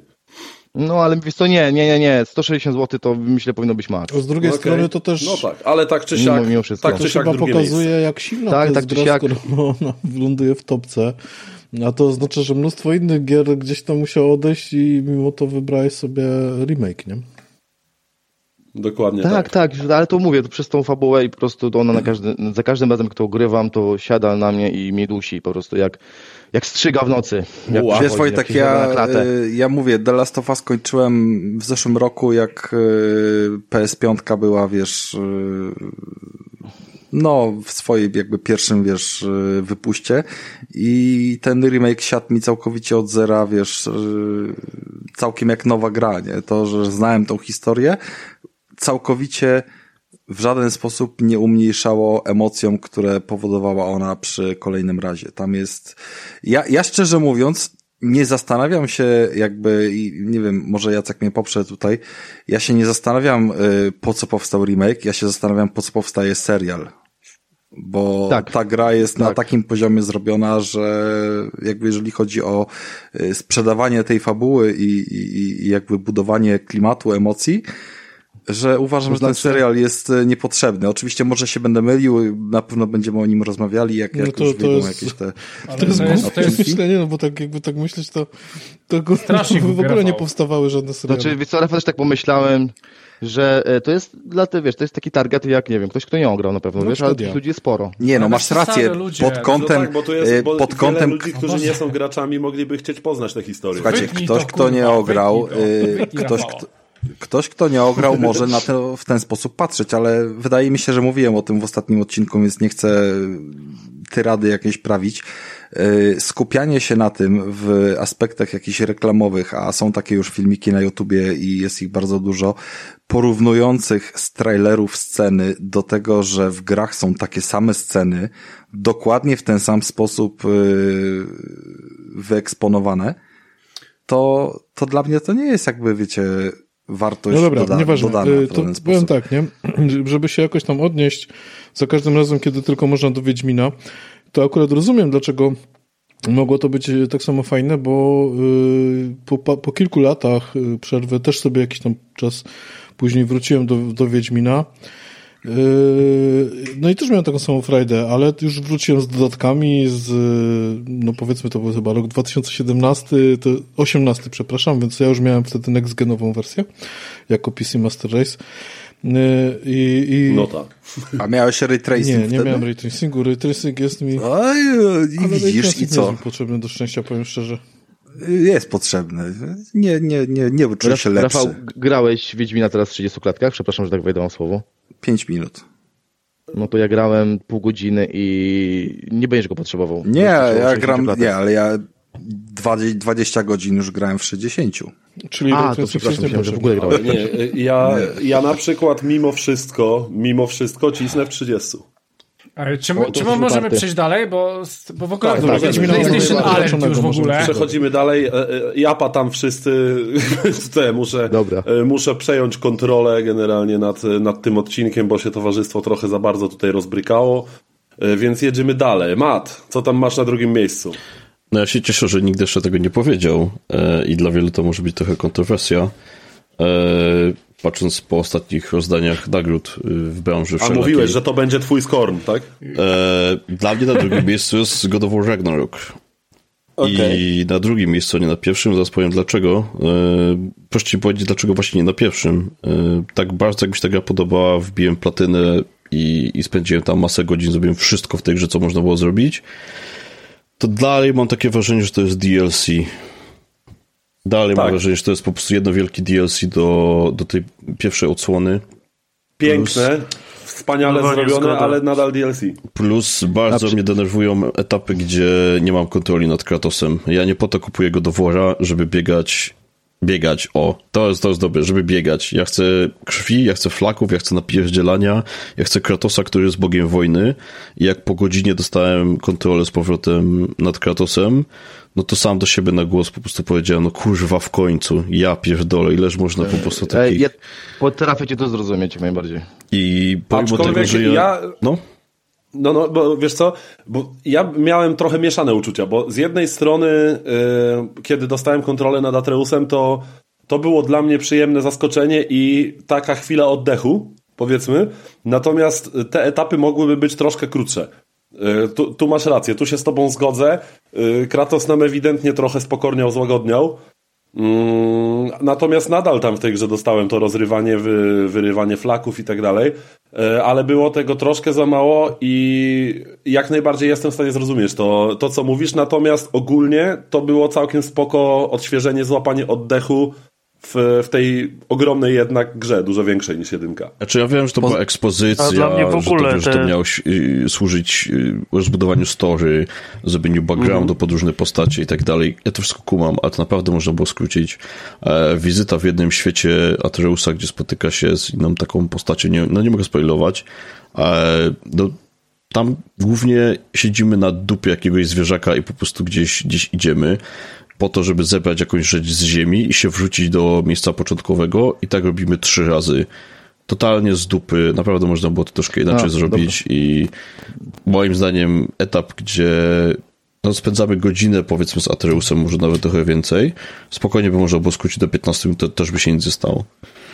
Mm, Tam wiesz co, chyba No to chodziło dla o to, mnie z kolei najlepsze były te, te etapy no, właśnie, bud- budowanie relacji, tak? To między postaciami było, Tak. było bardzo mo- mocno pokazane. Znaczy, może Słuchajcie, się- ja, ja tylko pozwolę sobie, Że ja- o, o, o, już, już wszyscy, morda tam w kubeł. Ja szanuję drugie miejsce, drugie miejsce to też są punkty, może wyjdziemy z grupy z Kratosem. Yy, może Tylko nawet stylu? Świata zdobędziemy. Myślę, że w ogóle będzie oddzielny tutaj. Yy, nie, nie róbmy 50 razy tego samego, bo myślę, że Kratos się tu pojawi jeszcze i taką Tak, dyskusję tak. O wszelkich za i przeciw przejdziemy sobie jeszcze, ale jestem bardzo ciekawy, dlaczego jednak trafił na to drugie miejsce. No to właśnie powiedziałem, dlatego że ten moim zdaniem jest bardzo zbudowany DLC, zabrakło mi tam troszkę więcej świeżości. Zabrakło mi Ale nie, tego- nie, nie pytam, dlaczego nie trafił na pierwsze, tylko dlaczego w ogóle się pojawił tutaj na rankingu. No mimo kontekście. wszystko, tak jak mówię, no ja jestem człowiekiem, który lubi gry mechaniczne, system, systemowe i, i jestem, to się ładnie po angielsku na- nazywa completionist, tylko nie wiem jak to po polsku. Completion jest, no, Taki- że ca- Calakowicz. O. Może, może, może nie platyniarz, bo ja bardzo mało platyn wbijam, ale mimo wszystko wbijam platyny w grach, w których naprawdę czuję, że, że chcę mieć te platyny i właśnie z tym, z tą odsłoną właśnie tak miałem, że gdzieś tam lizałem te ściany, chodziłem, szukałem kruków, szukałem jakichś tam znajdziek, szukałem jakichś tam elementów, y, które rozwijają lore, e, bawiłem się różnymi buildami, e, robiłem wszystkie wyzwania dodatkowe, poboczne misje, wyzwania, wszystko zrobiłem w tej grze. E, I oprócz tego, że sam wątek główny w story mi się mocno dłużył, to samo to, że świat zmusił mnie do eksplorowania, może nawet nie tyle zmusił, co zachęcał do samego eksplorowania, to jak ta gra wygląda, jak jest dopracowana, jak są wszystkie szczegóły gdzieś tam, gdzieś tam powbijane, to jak materiały się inaczej zachowują, na przykład zależy się od tego, czy to jest skóra, czy to jest metal, czy to jest jakiś tam jedwab i tak dalej. Tak. No Ja bardzo, bardzo lubię takie szczegóły. Dlatego na przykład też w The Last of Us Part 2 e, bardzo mi się podobała ta techniczna strona, wszystkie te animacje, system w ogóle oddechu jest w The Last of Us 2, jak ktoś z was nie wie, e, to tam też nagrano chyba z 40 sampli różnych e, odgłosów oddechu, które gdzieś tam później miksowano, w zależności od tego, jak bardzo zmęczona wasza postać była, albo czy się skrada, czy się, czy się nie skrada. To tutaj w tym godoworze właśnie też było dużo takich systemowych rzeczy, Smaczków takich. tak, na przykład można lewetanem sobie rzucić w gałąź y, drzewa i odrąbać gdzieś tam na trzecim, czwartym, piątym planie, e, czyli nawet takie, takie małe fizyczne rzeczy gdzieś tam były dostępne. E, nie powiem, że to jest gra, która moim zdaniem jest groundbreaking, że to jest, to jest objawienie i że tego nie było, bo moim zdaniem cały czas będę powtarzał, że to jest DLC do pierwszej części, ale oprócz mojego top 1 chyba żadna inna gra nie dała mi tyle fanu i nie miałem takiej radochy z y, wbijania map na 100%. Tak, tak. Poza tym trzeba to powiedzieć, że mimo tego takiego widocznego crossgenu w tej, w tej grze, to ona po prostu tym, tym projektem, tym dopieszczeniem w najmniejszych szczegółach. Słuchajcie, rzadko mi się zdarza, żebym ja robił screeny skał na przykład, które, są, które mam przed nosem, nie? A tutaj, e, a tutaj to miałem, bo one były tak niesamowicie, tak niesamowitą głębię miały zachowane te różne Właśnie takie detale, głupie jakieś światło rozbijające się na, na jakichś kamieniach przy wlocie do jaskini. Tego typu rzeczy. To, to robiło niesamowitą robotę. Technologicznie ta gra, mimo tego właśnie widocznego crossgenu, naprawdę robiła robotę. No i też warto dodać, że ona na premierze była bardzo fajnie dopracowana, było bardzo mało bugów, było bardzo mało tak, zgłoszeń od graczy, że coś, mi się nie podoba. Nie wiem, czy mówisz o angielskim czy polskim dubbingu, bo ja gram tylko po angielsku zawsze, z polskimi no, napisami. Ja wiem, ale angielski to nie dubbing, wersja oryginalna, dubbing to, to już polski, nie? Znaczy angielski no. to też dubbing, nagrany jednak. Tak? Dla nas, dla nas Polaków to wiesz, w dwie strony to może działać, nie? No dobra, Matt, a powiedz mi, jak podchodzisz graficznie do God of War? No bo moim zdaniem w sumie było spoko, ale Horizon chyba był lepszy. Czy wiesz co, najbardziej chyba to właśnie, co, co mój przedmówca tutaj powiedział, że bardzo bolało mnie też po oczach, y, jak było widoczne, że to właśnie bardzo dużo rzeczy z PS4 jeszcze zostało, żeby, żeby poprzednia generacja nie, nie krztusiła się, mm -hmm. że wspomnę tylko na przykład o systemie fast travel pomiędzy tymi światami, gdzie wchodzimy do e, tego międzywymiarowego gdzieś tam wokół drzewa pomieszczenia. I mamy interaktywny ekran ładowania tak naprawdę. Przebiegamy, przebiegamy dwa metry, nikt nie ma na przykład dialogu, przebiegamy dwa metry, od razu się pojawiają drugie drzwi do wyjścia. Tak naprawdę można byłoby to rozwiązać, gdyby to był tylko tytuł na PS5. Tak samo jak zrobili na przykład w Ratchet Clank na, na PS5, gdzie w tej szczelinie już ci się pokazuje kolejna lokacja i tylko po prostu przechodzisz przez szczelinę, jesteś w drugiej lokacji.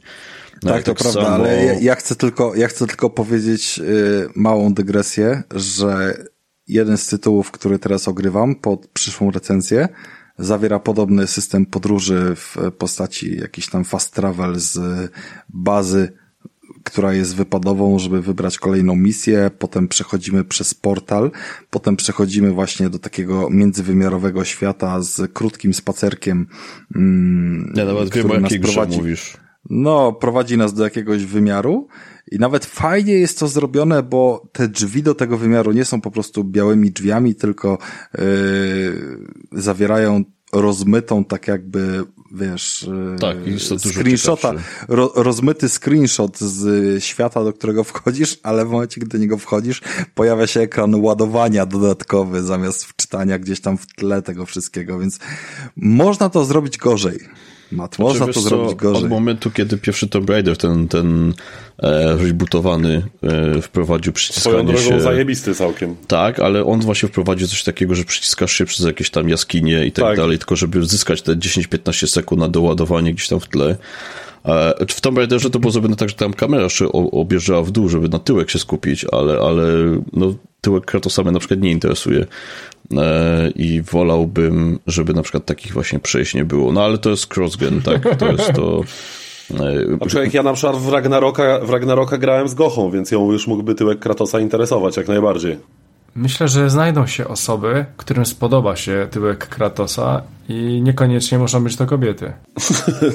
Żadna zbroja Kratosa nie podkreśla jego walorów, jeżeli chodzi o tą kwestię. To chciałbym podkreślić. Za to zwróciła uwagę na dupę Geralta ostatnio. O, widzisz. W tych pierwszych spodniach, że ma bardzo Z ładny... tracingiem.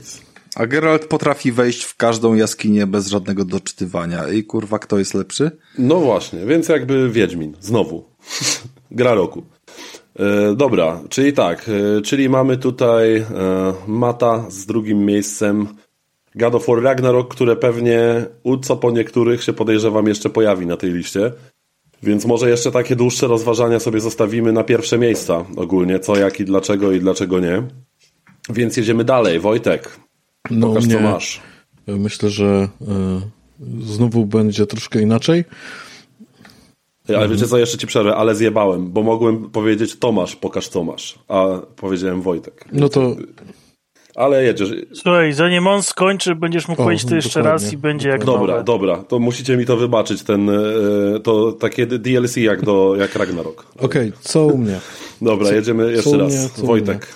Gra, y, którą niełatwo mi jest umieścić na drugim miejscu mm, i być może nawet na nie nie zasługuje, to jest taki mój skorn, jak, jak wcześniej powiedziałem. Otóż y, mam na myśli Dark Tide.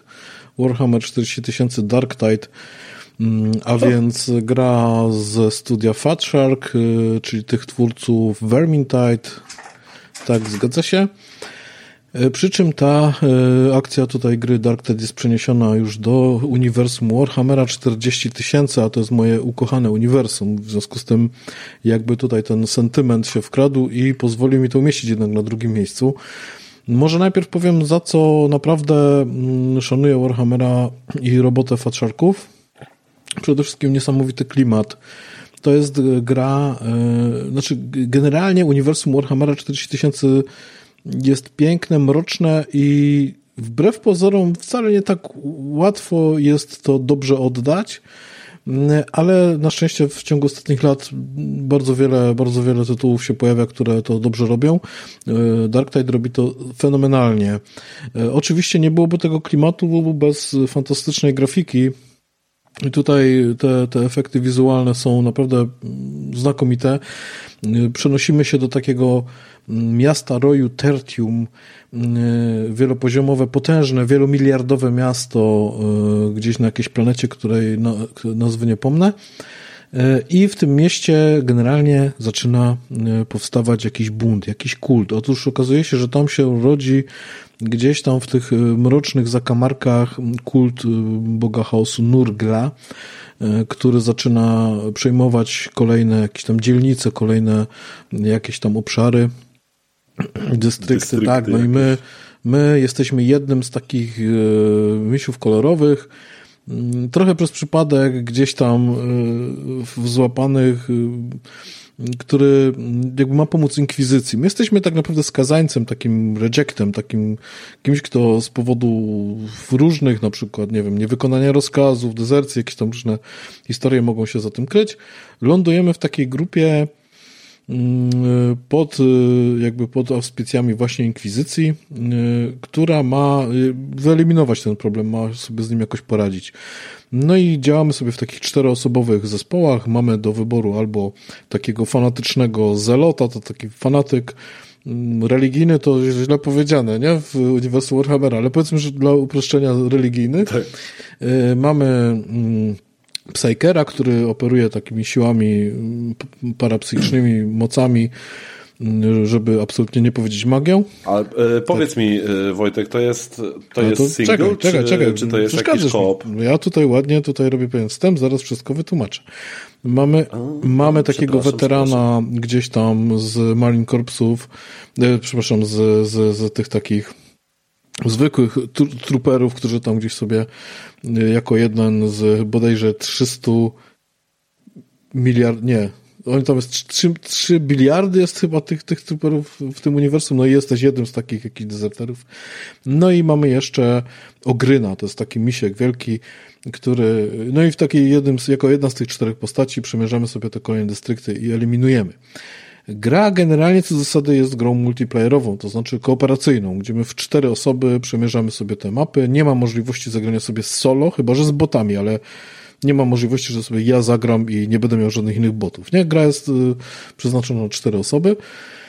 Y, No i y, ten, akompaniament grafiki, w, ten akompaniament grafiki wchodzi jeszcze piękna muzyka Jaspera Kajda, która po prostu, no, to jest A, to chyba, to chyba gość, który do Assassin's też Możliwe, robił nie muzykę, wiem, nie? nie? jestem pewny, ale, ale co do tego, czy muzyka jest w Dark Tide znakomita, to jest znakomita i naprawdę świetnie się komponuje z tym, co się dzieje na ekranie, ale esencją tej gry, oprócz tej dobrej warstwy wizualnej jest walka, bo my tam właśnie przemierzamy te kolejne zakamarki i pokonujemy, no, powiedzieć setki to za mało, no, w, jednej mi- misji jesteśmy w stanie tysiące wrogów gdzieś tam posiekać na bigos albo na tatar z cebulką, no i sobie tak y, przechodzimy.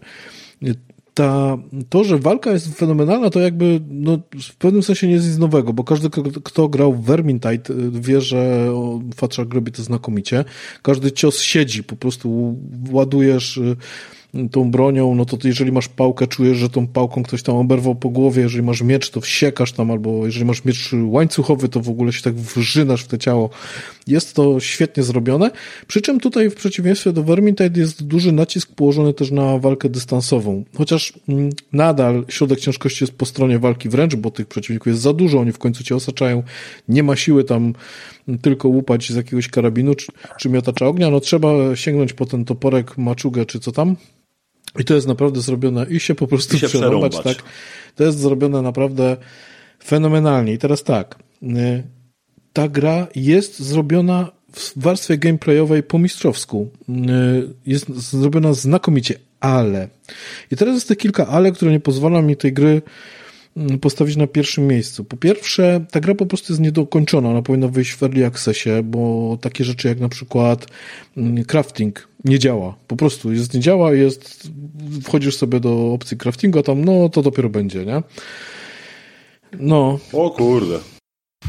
Wojtusiu, dlatego nie wiem, czy wiesz, ale ogólnie ta gra nie wyszła na konsolę, a miała wyjść na konsolę razem z PC-tami w dniu premiery. Bodajże chyba tylko na Xboxa, tutaj nie jestem pewny. Ale e, ze względu na to, że po, podobno po, po prostu coś im się pewnie pierdoliło, wyszła tylko i wyłącznie na PC, e, żebyście wy mogli nam przetestować tą grę, żeby wyszła później na Xboxa w Game Passie i żebyśmy mogli bez problemów sobie właśnie z nią zagrać. Dziękujemy Wojtku. No spokojnie, właśnie potem te ochłapy tam jak już do, do, dostaniecie, jak już my sobie pogramy i przejdziemy do, no, do, przejdziemy do nowych tytułów, to wy sobie wtedy odpalicie Dark Side'a. Yy, no, także to jest pierwsza rzecz. No, ta gra jest w wielu warstwach niedokończona. Trochę interfejs kuleje jak dla mnie. Misje, które tam są, są nieczytelne, one są trochę bez sensu zrobione, bo o ile w Vermintide jest jakiś porządek w tym interfejsie, wchodzisz do misji, wybierasz sobie, którą misję chcesz zrobić, który akt, no to tutaj po prostu wchodzisz trochę jak, pamiętacie taką grę Payday? To jest troszkę na, to jest troszkę na takiej no zasadzie. Tak, wchodzisz tak, tak, taką tak. mapę i tam, nie, te misje są takie rozsiane, bez składu i ładu. No to, to, jest, to jest troszkę głupie. Kolejna rzecz, no widać, że jakby, wiecie, to nie jest, to, to wbrew pozorom nie jest gra AAA to nie jest duże studio, nie? A ta gra ma takie, ma taki jakby wizerunek, ale ona nie jest AAA do końca, co widać na przykład w cutscenkach, gdzie co jest fajne, bo wcześniej może w tych tytułach Fatrzarka tego nie było, że masz e, co kilka misji masz taki przerywnik filmowy, tam nie, gadasz z jakimś tam jedną, drugą, trzecią postacią.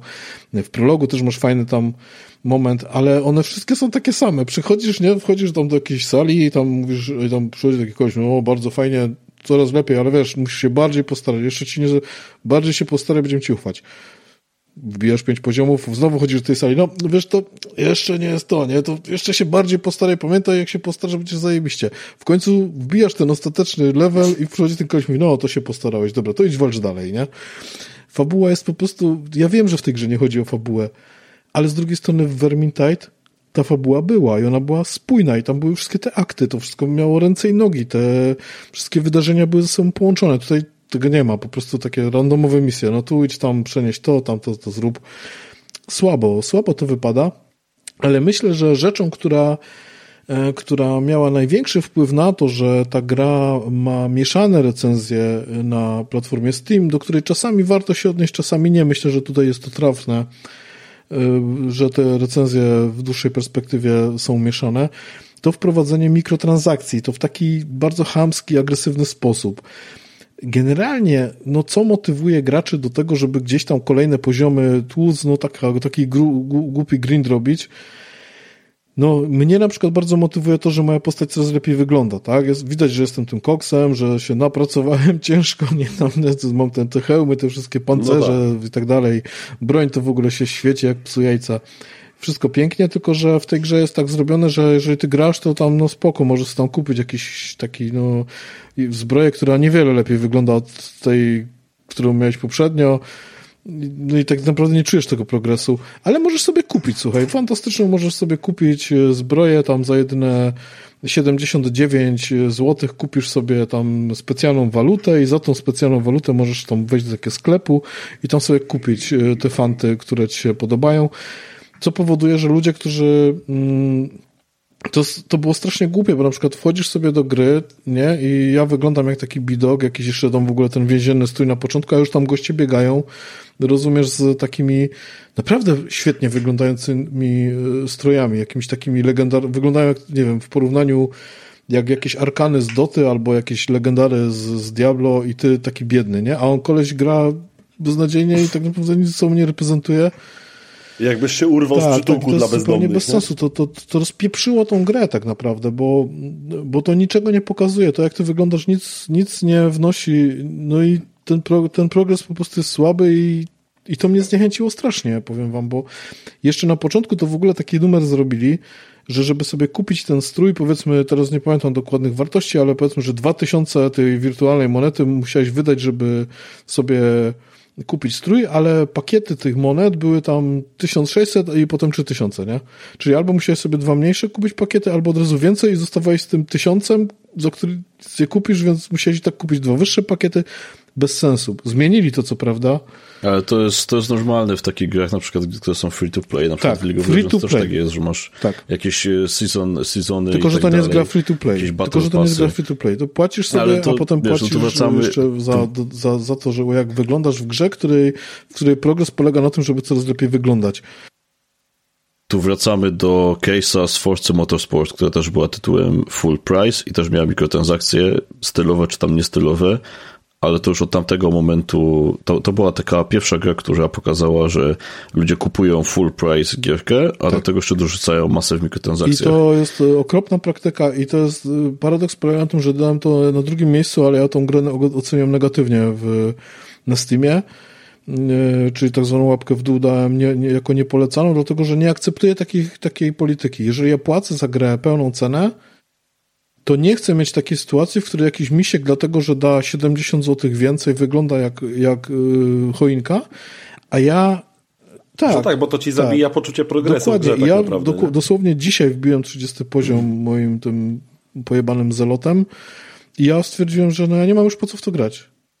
No bo cokolwiek nie ugram, to i Mhm. tak nie będę miał lepszego stroju, nic, bo te stroje, które są tam do kupienia za zwykłą walutę są po prostu słabe. Y, Nie, nie, nie, nic ci nie dają fajnego. No i tak po co mam w to grać dalej, nie? Kolejną postać robić. Ale tak czy Tak siak czy siak drugie miejsce. tak? dlatego że ona pod względem gameplayowym jest naprawdę fenomenalna i dla każdego fana Warhammera 4000 ja myślę, że to jest pozycja obowiązkowa.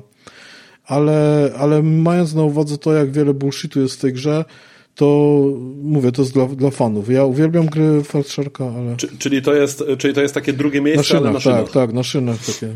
Ja mam takie wrażenie, że to goty w ogóle to jest tak. Ja wam powiem, jakie, jaką mam grę na drugie, trzecie, pierwsze miejsce i powiem wam, co jest chujowego w tej grze. No niestety, no niestety. mniej no, ale więcej to tak co, brzmi. co, co, co mamy robić? No jeżeli... No nie wiem, kurwa, pochwal, No to- za co to- to gra jest Ale już Słuchałem, co- tylko nie słuchałeś. Na początku powiedziałem, co jest dobre.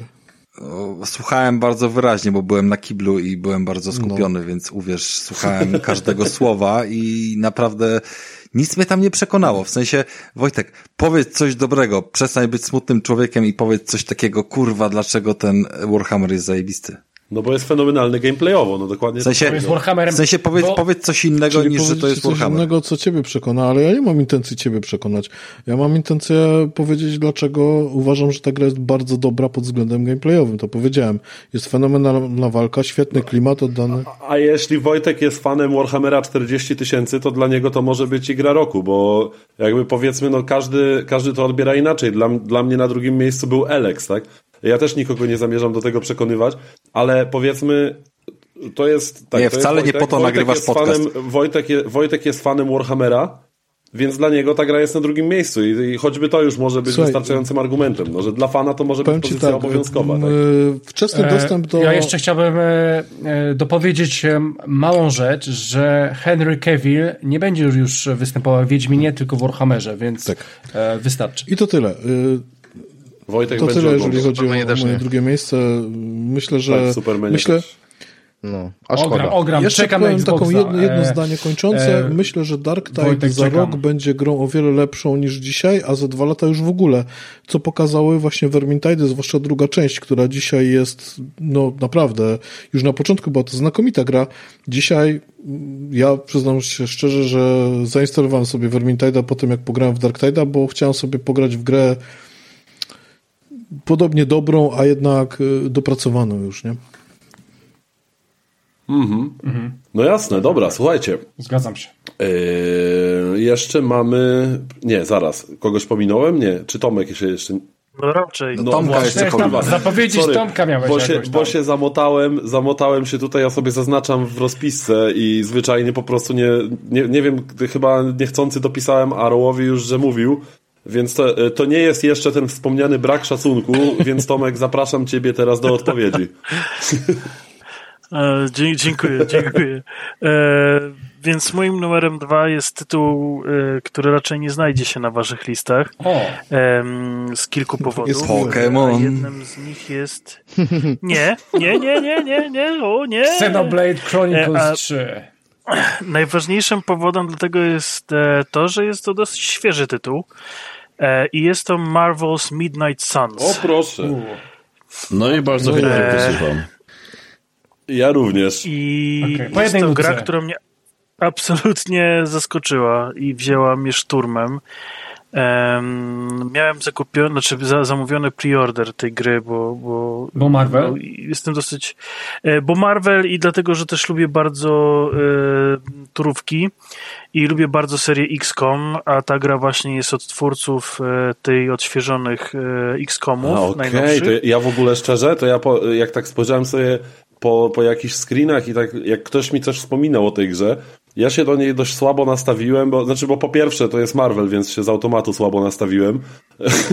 Jakby, więc zupełnie odwrotna w ogóle tutaj y, wyszła, że tak powiem, jakaś parabola, ale e, ja sobie to wyobrażałem jako jakiś to coś a la Gotham Knights, coś takiego, a to jest w takim razie zupełnie coś Nie. innego. Nie, to Okej. jest w Turówka 100% chyba, tak nie? XCOM i Tak, tak, turówka. No, no to słucham, słucham. E, więc, e, więc ja byłem strasznie najarany w ogóle na ten tytuł i jeszcze e, twórcy wypuścili serię takich e, animowanych e, krótkich filmów do obejrzenia na YouTubie wprowadzających w fabułę. No to fajnie. Całkiem, całkiem, całkiem, e, całkiem niezłe są te filmiki, jest ich tam chyba sześć, więc no taki, no tak mówię, kurde, no przygotowali się. I dosłownie trzy dni przed premierą przeczytałem, nie mogę teraz kurde znaleźć tej recenzji, ale jakiś duży serwis e, opublikował e, recenzję, w której dał tej grze 4 na 10, bo powiedział, że w ogóle dno i wodorosty. I ja, jako że troszkę, że tak powiem, gorzej stoję z, z, z kasą, mówię, dobra, to ja se, sobie odpuszczę ten tytuł, e, poczekam. E, ale mówię, dobra, właściwie coraz lepiej nam e, idzie w, w tym portalu, gdzie piszę e, teksty, a nuż e, odezwę się do wydawcy polskiego, może dadzą nam kodzik. No i tak się złożyło. E, dostaliśmy kod, e, kod od Senegi na, na, na, na tą czyli grę. goty, bo za darmo. I ja. Nie, ja, ja, ja, ja szczerze, ja żałuję, że jej nie kupiłem, bo należy się tym ludziom e, te, te, ten hajs. No, gra mnie wzięła absolutnym szturmem. E, uważam, że bije totalnie na głowę i Strażników Galaktyki, e, i, a już w ogóle tysiąc razy Avengers. I jest to naprawdę przemyślana gra z dużą miłością do komiksów. E, opowiada o wyimaginowanej sytuacji. Nie było tego nigdy wcześniej w komiksie. Więc to też jest taka dosyć ciekawa sytuacja. I opowiada losy wymyślonej grupy bohaterów. Co prawda jest to, jest to inspirowane grupą Midnight Suns, synowie, a nie, a nie Słońca, która, która faktycznie powstała i zebrała jakby grupę takich osób parających się magią w świecie Marvela. I oni tam faktycznie zwalczali demony i różne inne rzeczy w latach 90. Natomiast sama ta grupa właśnie Midnight Suns od, od Słońc jest, jest, to, jest to grupa e, jakby stworzona na podstawę, na, na, na potrzeby tej gry. E, I dołączają do nas również e, niektórzy z Avengers, e, dając jakby, dając taką całkiem niepokaźną ekipę ludzi, z których wybieramy sobie Czyli trójkę. troszkę jakiś taki fanserwis lekki poszedł. Tak, ale też y, właśnie fajnie, że, że, ta, y, że ta grupa, tytułowa grupa jakby, e, e, która nie należy do Avengers, to są postacie z jednej strony lekko znane, a z drugiej takie, że powiedzmy mainstream chodzące tylko na, do kina na, na, na te główne, że tak powiem, filmy, czy, czy oglądające nawet serial Disneya, nie bardzo je zna. E, bo jest tam Magik, e, czyli e, siostra e, Kolosusa em, i, ona pojawiła się w New Mutants, w takim filmie, który dos- dosyć został e, zjechany. E, Jest Nico, która pojawiła się w serialu Runaways, e, dostępnym na platformie Disney+. E, Jest Ghost Rider, grany przez... Nicolasa Cage'a. E, dokładnie tak. Jest Blade, e, wieczny łowca. Em, I jest, e, należy też do tej grupy e, Wanda, e, Ma- Maximow Scarlet Witch. E, więc, więc jest to taka, taka grupa, no Wanda jest e, najbardziej znana, na- znana z nich. E, I co ciekawe, tytuł też kupił mnie tym, że e, głos postaci Niko podkłada ta sama postać, która grają e, właśnie w tym serialu Runaways. E, Więc, więc to było takie dosyć miłe zaskoczenie. No i wybieramy właśnie jakby trójkę z tych bohaterów. E, Z Avengersów mamy Kapitana Amerykę, Doktora Strange'a, e, Ironmana, Kapitan Marvel, e, Spidermana i Wolverina. I tą trójką idziemy w bój. Warto się troszkę zastanowić, jakby kogo zabieramy na, na starcie, dlatego że e, te postacie bardzo się od siebie różnią. Jedne zadają bardzo duży damage, ale pojedynczym postaciom, e, inne zadają mały damage, ale wielu e, naraz jakby można tam ciachnąć. Jedne mają leczenie, inne mają krwawienie, inne coś tam i coś tam. Ale coś czyli tam. powiedz mi, czyli tak naprawdę, biorąc pod uwagę, no, że to jest drugie miejsce w twoim top 3 rocznym, e, Tak. To tak naprawdę coś cię musiało naprawdę solidnie w tej grze trafić. I jeśli miałbyś, jeśli miałbyś powiedzieć, czy jest jakiś aspekt tej gry, który jakby ostatecznie zdecydował o tym, że ona wylądowała na tym drugim miejscu i mówię to pod kątem, że to bardzo dobre miejsce, a nie, że nie pierwsze, tak? Raczej chodzi mi, E, tak. raczej chodzi mi o to, co E, cię po prostu pchnęło w ogóle do wrzucenia tej gry do topki. Czy to jest jej struktura Chodzi- gameplayowa, czy właśnie, czy to Marvel, czy, czy jak? E, Głównie gameplay. Chodzi o to, że wydawało mi się, że jak każda postać ma 10 kart e, do wyboru i jakby z tych 10 kart zagrywa e, swoje tam ataki czy akcje specjalne, no to, że to może się znudzić. No jednak jest to, jest, to, jest to jakaś ograniczona liczba bohaterów, chyba 13 maksymalnie tam możemy sterować, zanim wyjdą DLC. E, więc jest to jakaś ograniczona pu- pula, oni mają te 10 kart, no i tak trochę mało.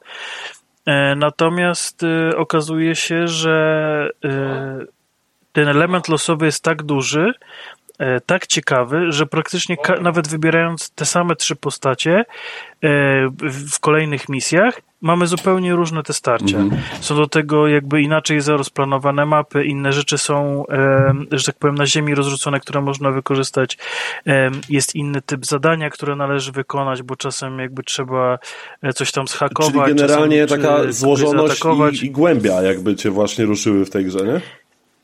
Że, ta, że to jest taka naprawdę przemyślana losowość. Mhm. A tak, a, a z I tym często bywa problem właśnie. Że, że, tak, i ona powoduje, że, że mimo tam chyba prawie 40 godzin miałem nabitych, e, ja cię do każdego starcia podchodziłem i coś mnie zaskakiwało. Mhm. Mówię, o kurde, ale to nie wiedziałem, że jak zagram tą kartę, tą kartę i jeszcze tą kartę i użyję ten przedmiot, a potem zrzucę temu na, na lampę na głowę, to, to, to, to wyjdzie coś takiego. Tam więc, jest ta fajna e, mechanika więc to rzucania było- przeciwnikami, w sensie to, to nie jest tylko tak, że macie te karty, ale tam też jest możliwość używania całego otoczenia, które jest obok was. Możecie, nie wiem, jakimś kontenerem na śmieci kogoś, yy, kogoś popchnąć, możecie kogoś wyrzucić poza budynek, możecie kogoś, nie wiem, e, ogłuszyć, rzucając go na, gener- na generator, możecie walnąć beczkę, która wybucha.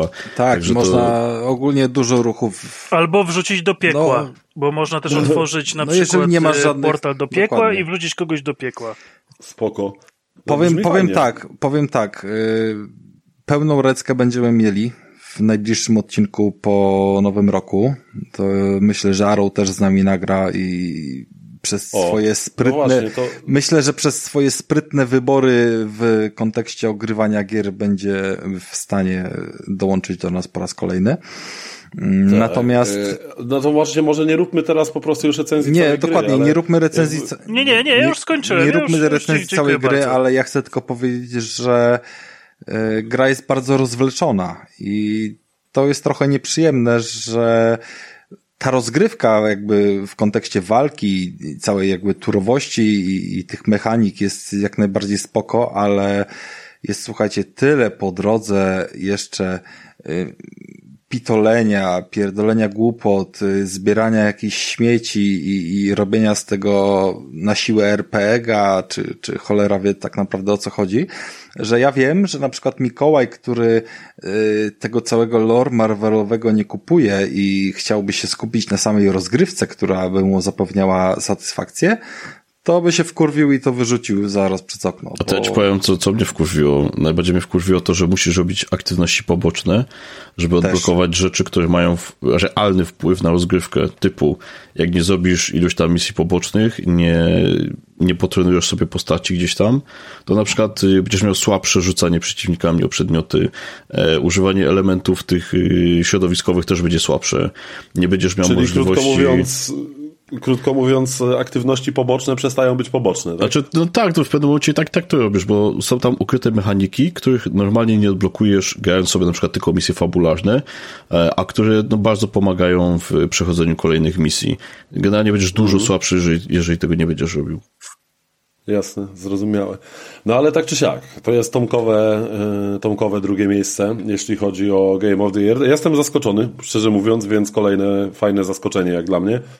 E, Ale Mikołaj, słuchajcie, czy to jest już koniec y, miejsc drugich? Tak, tak, dlatego słuchajcie, chciałem... e, Nie zrobiliśmy Zanim- żadnego dubla praktycznie poza God of Zanim, zanim przejdziemy, że tak powiem, do ostatniego finałowego okrążenia i, i w ogóle zwycięstwa pokazywania cycków i tak dalej, to chciałbym zrobić teraz mały Alkoholowy. przystanek.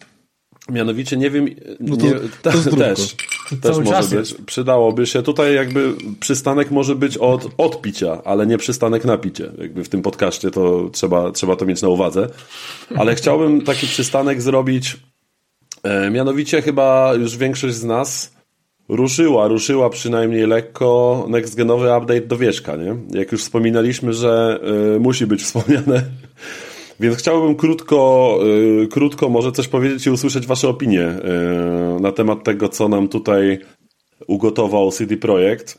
I o ile gra sama w sobie według mnie wygląda bardzo fajnie i szczególnie właśnie w tym trybie ray tracingu obraz naprawdę nabiera zajebistej głębi i, i takiego mięska, takiej ziarnistości fajnej, to jednak te spadki płynności, dropy do momentami 20 FPS-ów, to jest według mnie skandal.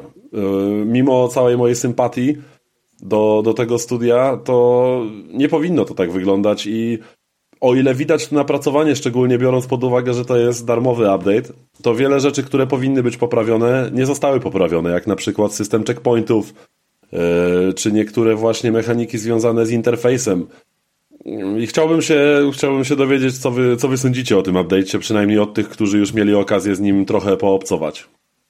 Kto by chciał się wtrącić? To ja powiem na początek, e, nie będę gdzieś tam został Ale to, żeby to tak było oczywiście zwięźle, nie? Ja chcę po prostu usłyszeć takie jakieś Tak, krótkie, Mikołaj krótkie zwięźle. opinie na ten Pięć minut temat. max. Znaczy, moje zwięźle zamyka się w tym, co już padło wcześniej w dzisiejszym odcinku, czyli w tym, że w 30 klatkach grać nie zdołałem. Gram w 60. Wiem, że w poszczególnych lokacjach yy, można jakby żałować braku ray tracingu i to oświetlenie mogłoby wyglądać lepiej. Yy, głównie się dotyczy zamkniętych lokacji z dużą ilością świeczek i jakichś takich yy, oddzielnych punktów oświetlenia, no bo ciężko stwierdzić, żeby gdzieś tam na wsi, gdzie świeci słońce, ten, ten ray tracing mocno jakoś miał wpłynąć na to. Nawet szczerze mówiąc, tak będąc wyczulony na efekty gdzieś tam w Dying pamiętam te cienie na trawie, która od razu jakby inny wyraz dawała, gdy się odpalało ten tryb 30-klatkowy. tutaj niestety nie było żadnej różnicy, jakby gdy odpalałem, odpalałem po prostu ten tryb, wiesz, na polu. Tak naprawdę miałem wrażenie tylko, że y, po prostu te cienie są wyraźniejsze, ewentualnie czasami postać jest inaczej doświetlona i gram w 60 i bardzo się cieszę z tego powodu, ale brakuje mi tutaj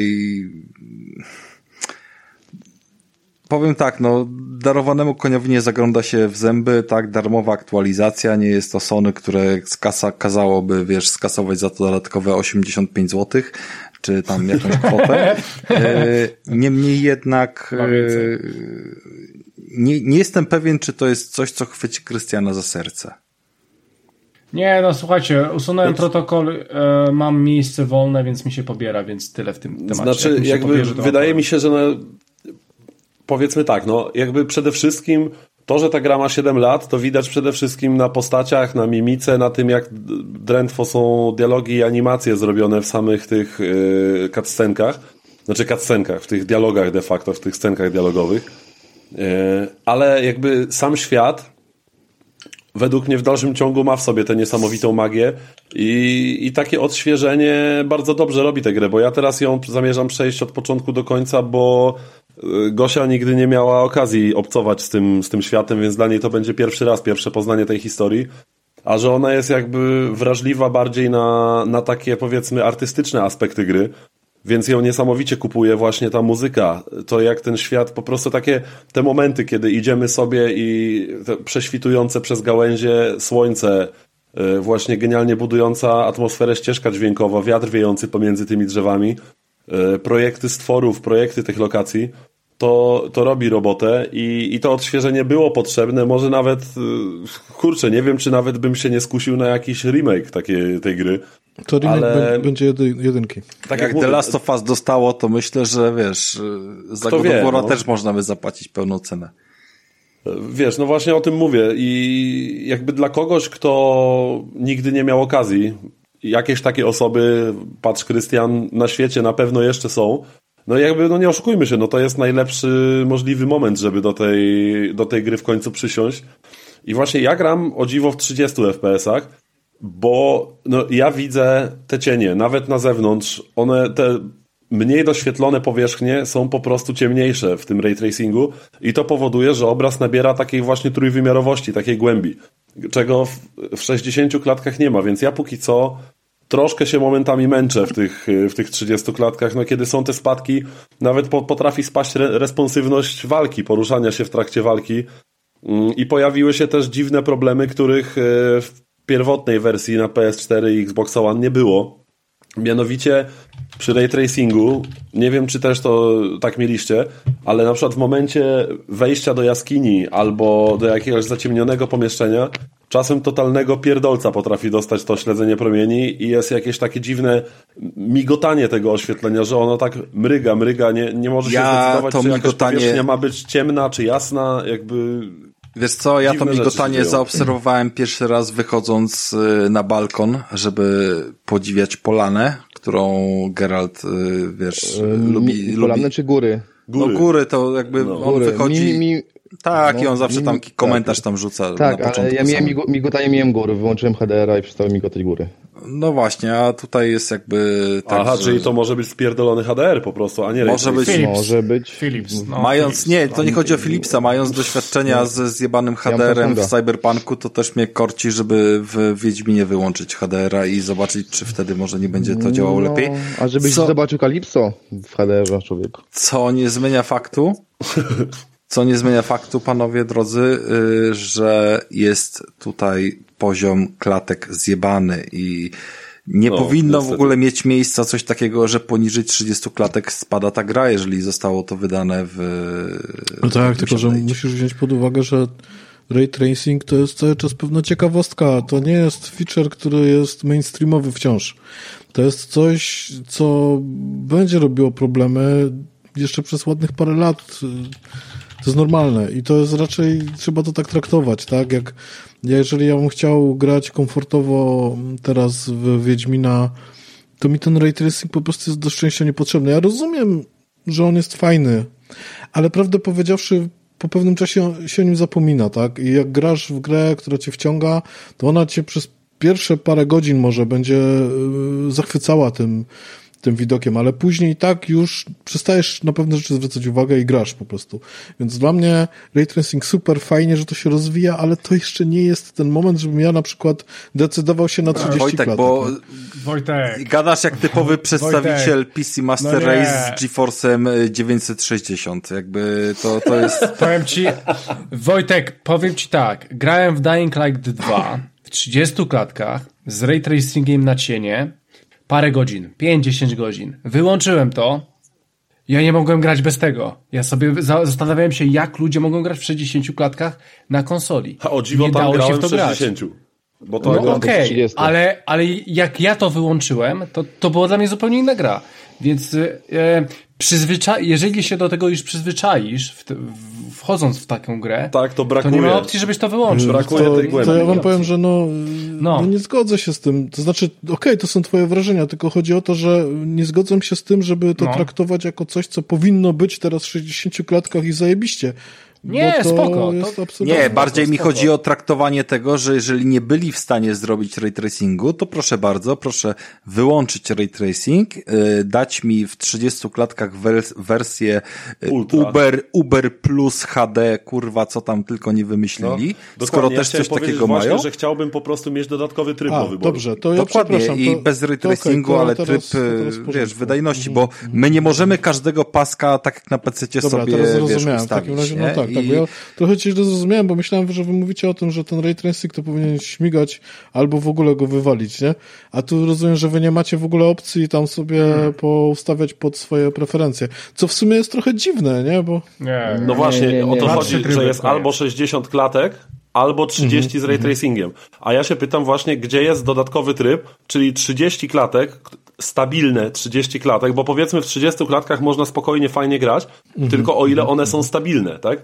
Jeśli to jest żelazne 30 klatek, ale na przykład na ustawieniach ultra, uber, ale bez ray tracingu, jak najbardziej, ja to poproszę. Bo chodzi o to, że wtedy cały obraz też by nabrał właśnie tej no głębi, tak, mimo że nie miałby tych cieni. No tak, tak? To, to ja się zgadzam, że to jest bez sensu. Więc nie? po prostu według mnie trochę pokpili sprawę, dając tylko dwa tryby.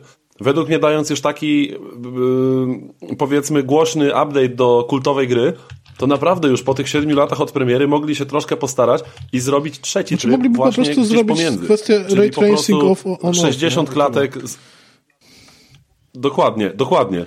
Czy, czy nawet właśnie, skoro da, mogliby dać opcję wyłączenia ray tracingu i grania w 60 klatkach, ale na bardzo wysokich ustawieniach graficznych. nie? Rozumiem. I właśnie, i tego mi brakuje po prostu w tej grze teraz. Ale słuchajcie, yy, to taka dygresja była. Ktoś coś jeszcze chce dodać odnośnie Wierzcha? No ja tylko powiem, że CD Projekt nic nie powinno wydawać w grudniu. Naprawdę. Oni, kurwa, jakiegoś pecha mają, słuchajcie. Cyberpunk, Sony wjebało tak. do kosza, no teraz tutaj. Ale aczkolwiek sami sobie narzucili też e, jakieś ciśnienie, nie? Po prostu mogli powiedzieć, słuchajcie, robimy, będzie to będzie. Musimy być pewni teraz po tamtej całej sytuacji. Nie, no dobra, to miało być że- wcześniej, że- bo Ukraina i tak dalej. Nie? Tak, tak, ale wiesz o co chodzi? Chodzi też o to, że nikt na nich nie naciskał. Fajnie robicie, kurwa, luz, nie? Nie, no były tej naciski, akcji były, były? naciski od akcjonariuszy, którzy w tym roku No chcieli właśnie. Tak, jeszcze, tak, wiesz, tak, ale ja mówię o graczach. roki, dywidendę ale, mieć ale oni nie No, słuchają tak, graczy tak, tak, naprawdę. ale ja mówię- ja mówię o graczach, nie? uwagę? Nie, nie biorą. Ja. Oczywiście. Oczywiście. Tak, siedzą codziennie tak. rano, Jezus Maria, gracze Poza no, tym- te kompresje wytwarzają. Zróbmy to. No nie, no. No to ja Nie, mówię o gracze graczach. nie. No gracze Nie mówię, przecież nie gracze. mają na to wpływu. To właśnie tak jak ktoś powiedział, akcjonariusze. Nie, no, ale chodzi o to, patrzy że się na takie rzeczy. Sami no. sobie narzucili. Ale patrzy się jako, jako firma Myślisz, też że patrzy się po na tych to, czy są wszystkich naciski, czy fakapach, nie ma które nacisków. mieli... To może Tak, być Myślisz, że po tych wszystkich fakapach, tak? które oni tak, mieli, to może być taka y, pierdoła na przejmują? zasadzie, nie wiem, lokalizacji, tak, że nie wiem, jakieś 10 tysięcy No. fanów z jakiegoś kraju ci się odezwie, że oni chcą grę w tym i tym języku i studio siada i się zastanawia, czy kurde No warto, czy nie tak, warto. okej, Czy to wiadomo, tak. że taki Xbox nie siada i nie myśli. Nie. Założę się, że, że, Siada, że siada. tam naprawdę zdanie graczy było na spokojnie. ostatnim miejscu. Po tylu fakapach, co mieli i problemach, teraz dla nich jest ważne, żeby wydać przede wszystkim dobry produkt, czy żeby wydać produkt, bo akcjonariusze. Zobacz, zro, zrobili coś, coś fajnego, ale już są rzeczy, które na przykład mówicie, mo- mogliby poprawić. No pewnie mogliby, gdyby dali jeszcze dwa miesiące, załóżmy. No ale z Cyberpunkiem też No tak było, ja no, że wydali to nie patrząc na to, w jakim to jest stanie, byle Dokładnie, akcjonariusze. dokładnie tak. Więc y, No. to mamy dwie, dwie takie same sytuacje, tak. O, to, dla nich to, to nie No jest to, tak, odhaczyli sobie, że w Q4 wydali dodatek, akcje poszły do góry. Ci, którzy nie grali, bo na przykład nie mieli sprzętu albo nie mieli wtedy konsoli, kupili sobie chociażby podstawkę, żeby sobie zagrać w tym next genowy, powiedzmy, experience. Także i tak będą mieli z No tego właśnie, dochody. i tak akcjonariusze są, dochody. akcjonariusze są rosną, zadowoleni.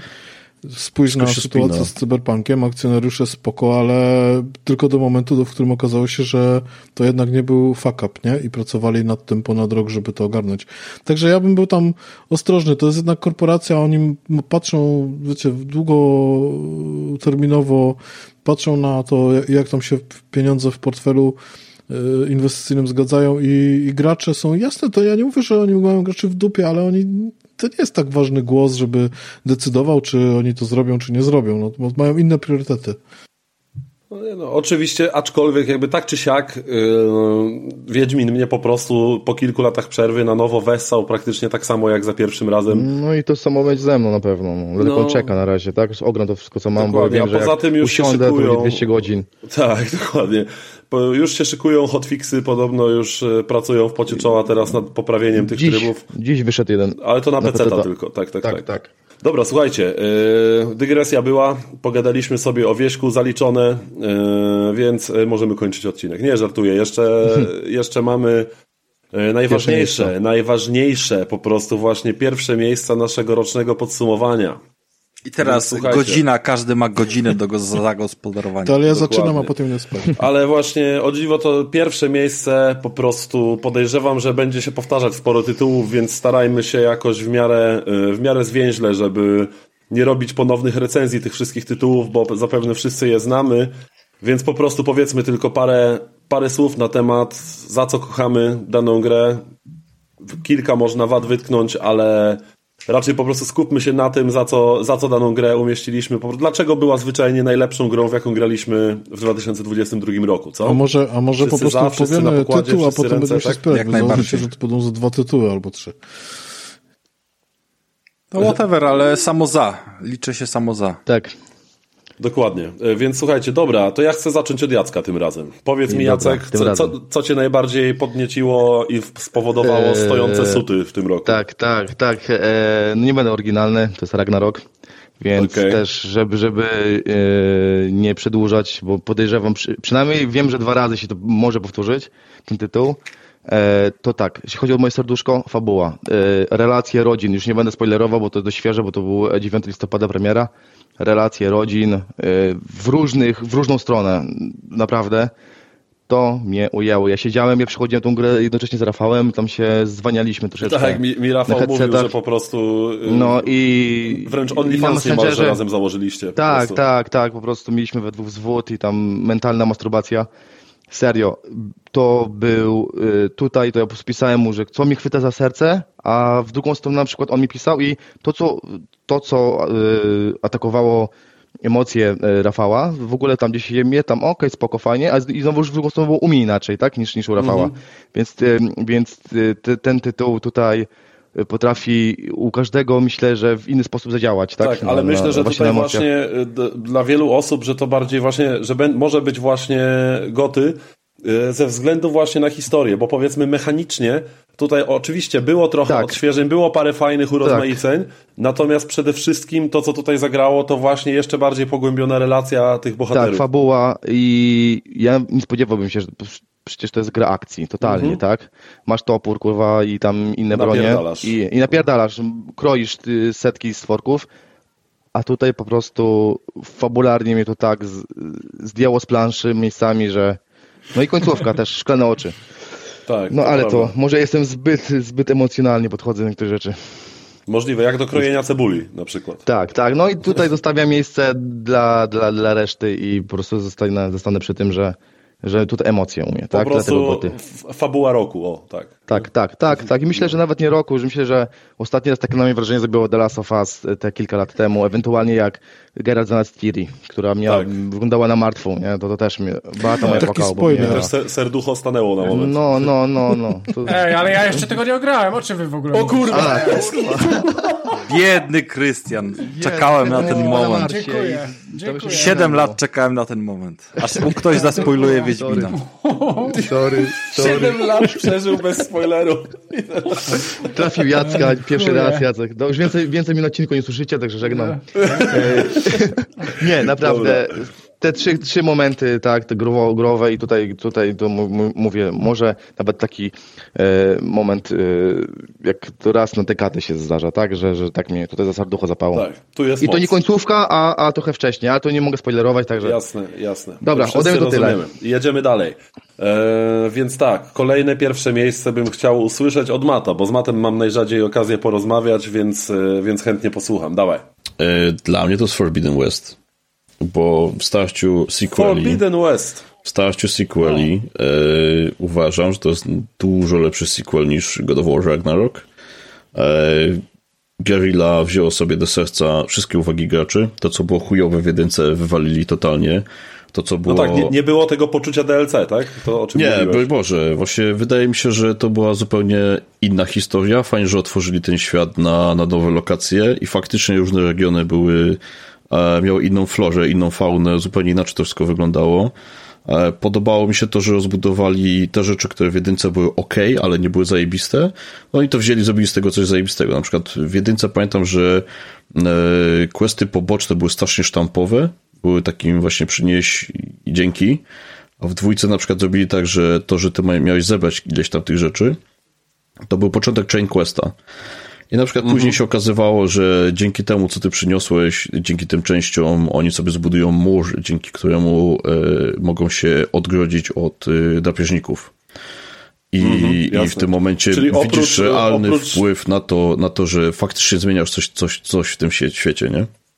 Jasne, czyli po prostu była też ta nowa jakość, jak powinno być w sequelu. Znaczy, no tak jak mówię, no to co było słabe zostawili y, w pizdu, do, do tego nie wrócili. To co było ok, poprawili, żeby było fajne. To co było zajebiste, jeszcze bardziej rozbudowali. Pamiętam, że e, ja jestem typem, który jak widzi drzewko umiejętności, to spędza 15-20 minut na tym, żeby zobaczyć sobie każdego skilla, a później sobie zrobić tak ścieżkę, ścieżkę, co ja bym chciał mieć. I na przykład w jedynce było tak, że tam były, z tego co pamiętam, trzy y, drzewka, chyba w dodatku dodali też chyba czwarte, z tego co pamiętam. E, to miałem tak, że no, tego nie chcę, tego nie potrzebuję, to nie i w sumie miałem tak 5-6, które chciałbym mieć faktycznie, a później już rozdawałem te, te e, punkty na lewo, na prawo, bo i tak to nie miało znaczenia dla sposobu, którym ja chciałem grać. A tutaj chyba tych drzewek było 6 czy 7. Przeglądałem te, te drzewka, no co najmniej z pół godziny i miałem takie ja pierdolę, to wszystko chcę. E, I, I miałem problem autentycznie, w którą, w którą stronę i z moim gameplayem, czy chcę bardziej e, skradankowe podejście, czy chciałbym coś bardziej do zbierania, czy chciałbym coś do e, otwartej walki, do DPS-a. Podobało mi się to, że przedmioty legendarne miały dużo większe znaczenie na, na przebieg walki niż, niż te zwykłe. No, dla mnie to był sequel idealny. Poza tym, no, setting, setting mi bardzo mocno siedzi, bo uwielbiam i powiedzmy pseudodinozaury e, i, i takie sci-fi. Jak Rafał. A i sci-fi i mm, elementy takie plemienne bym powiedział w grach, na przykład do tego Far Cry Primal też, też mi się podobał. O, tak, na, na zawsze w moim serduszku po prostu. Primal to jest y, chyba moja ulubiona część Far Cry'a w ogóle. No i z jedynką miałem tak, że jak poznałem ten główny twist, to mocno się zakochałem. Także ten świat mi mocno siedzi i z wielką przyjemnością e, ogrywałem Forbidden West. Poza tym to też była jedna z nielicznych gier, pierwszych takich gier, które ogrywałem na moim nowym telewizorze. Też sobie kupiłem 65-calowego OLEDa e, i właśnie grałem na tym, e, jak już było dostępne ten VRR i bajka. Robi Pięknie to robotę. wygląda, tak, No. świetnie to wygląda. Ja generalnie miałem przez wiele lat podłączoną konsolę, czy to PS4, czy teraz PS5 pod y, komputer, bo streamowałem non-stop. A teraz sobie zrobiłem małą przerwę, podłączyłem sobie właśnie pod, pod telewizor i to jako koleś, który wiele lat był naprawdę takim mocnym PC Master Race, no to muszę powiedzieć, że to robi wielkie wrażenie, jak się ogrywa takie tytuły na, na dużym, dobrym ekranie. Także dla mnie I do to tego jest na, top na jeden. konsoli za niecałe 3000, nie? Powiedzmy. No, ja pamiętam, że chyba dawałem 2700 już z jakąś grą chyba i drugim padem w zestawie. Więc to były te początki, No, no początki, właśnie. kiedy jeszcze nie było, nie było podwyższonych cen.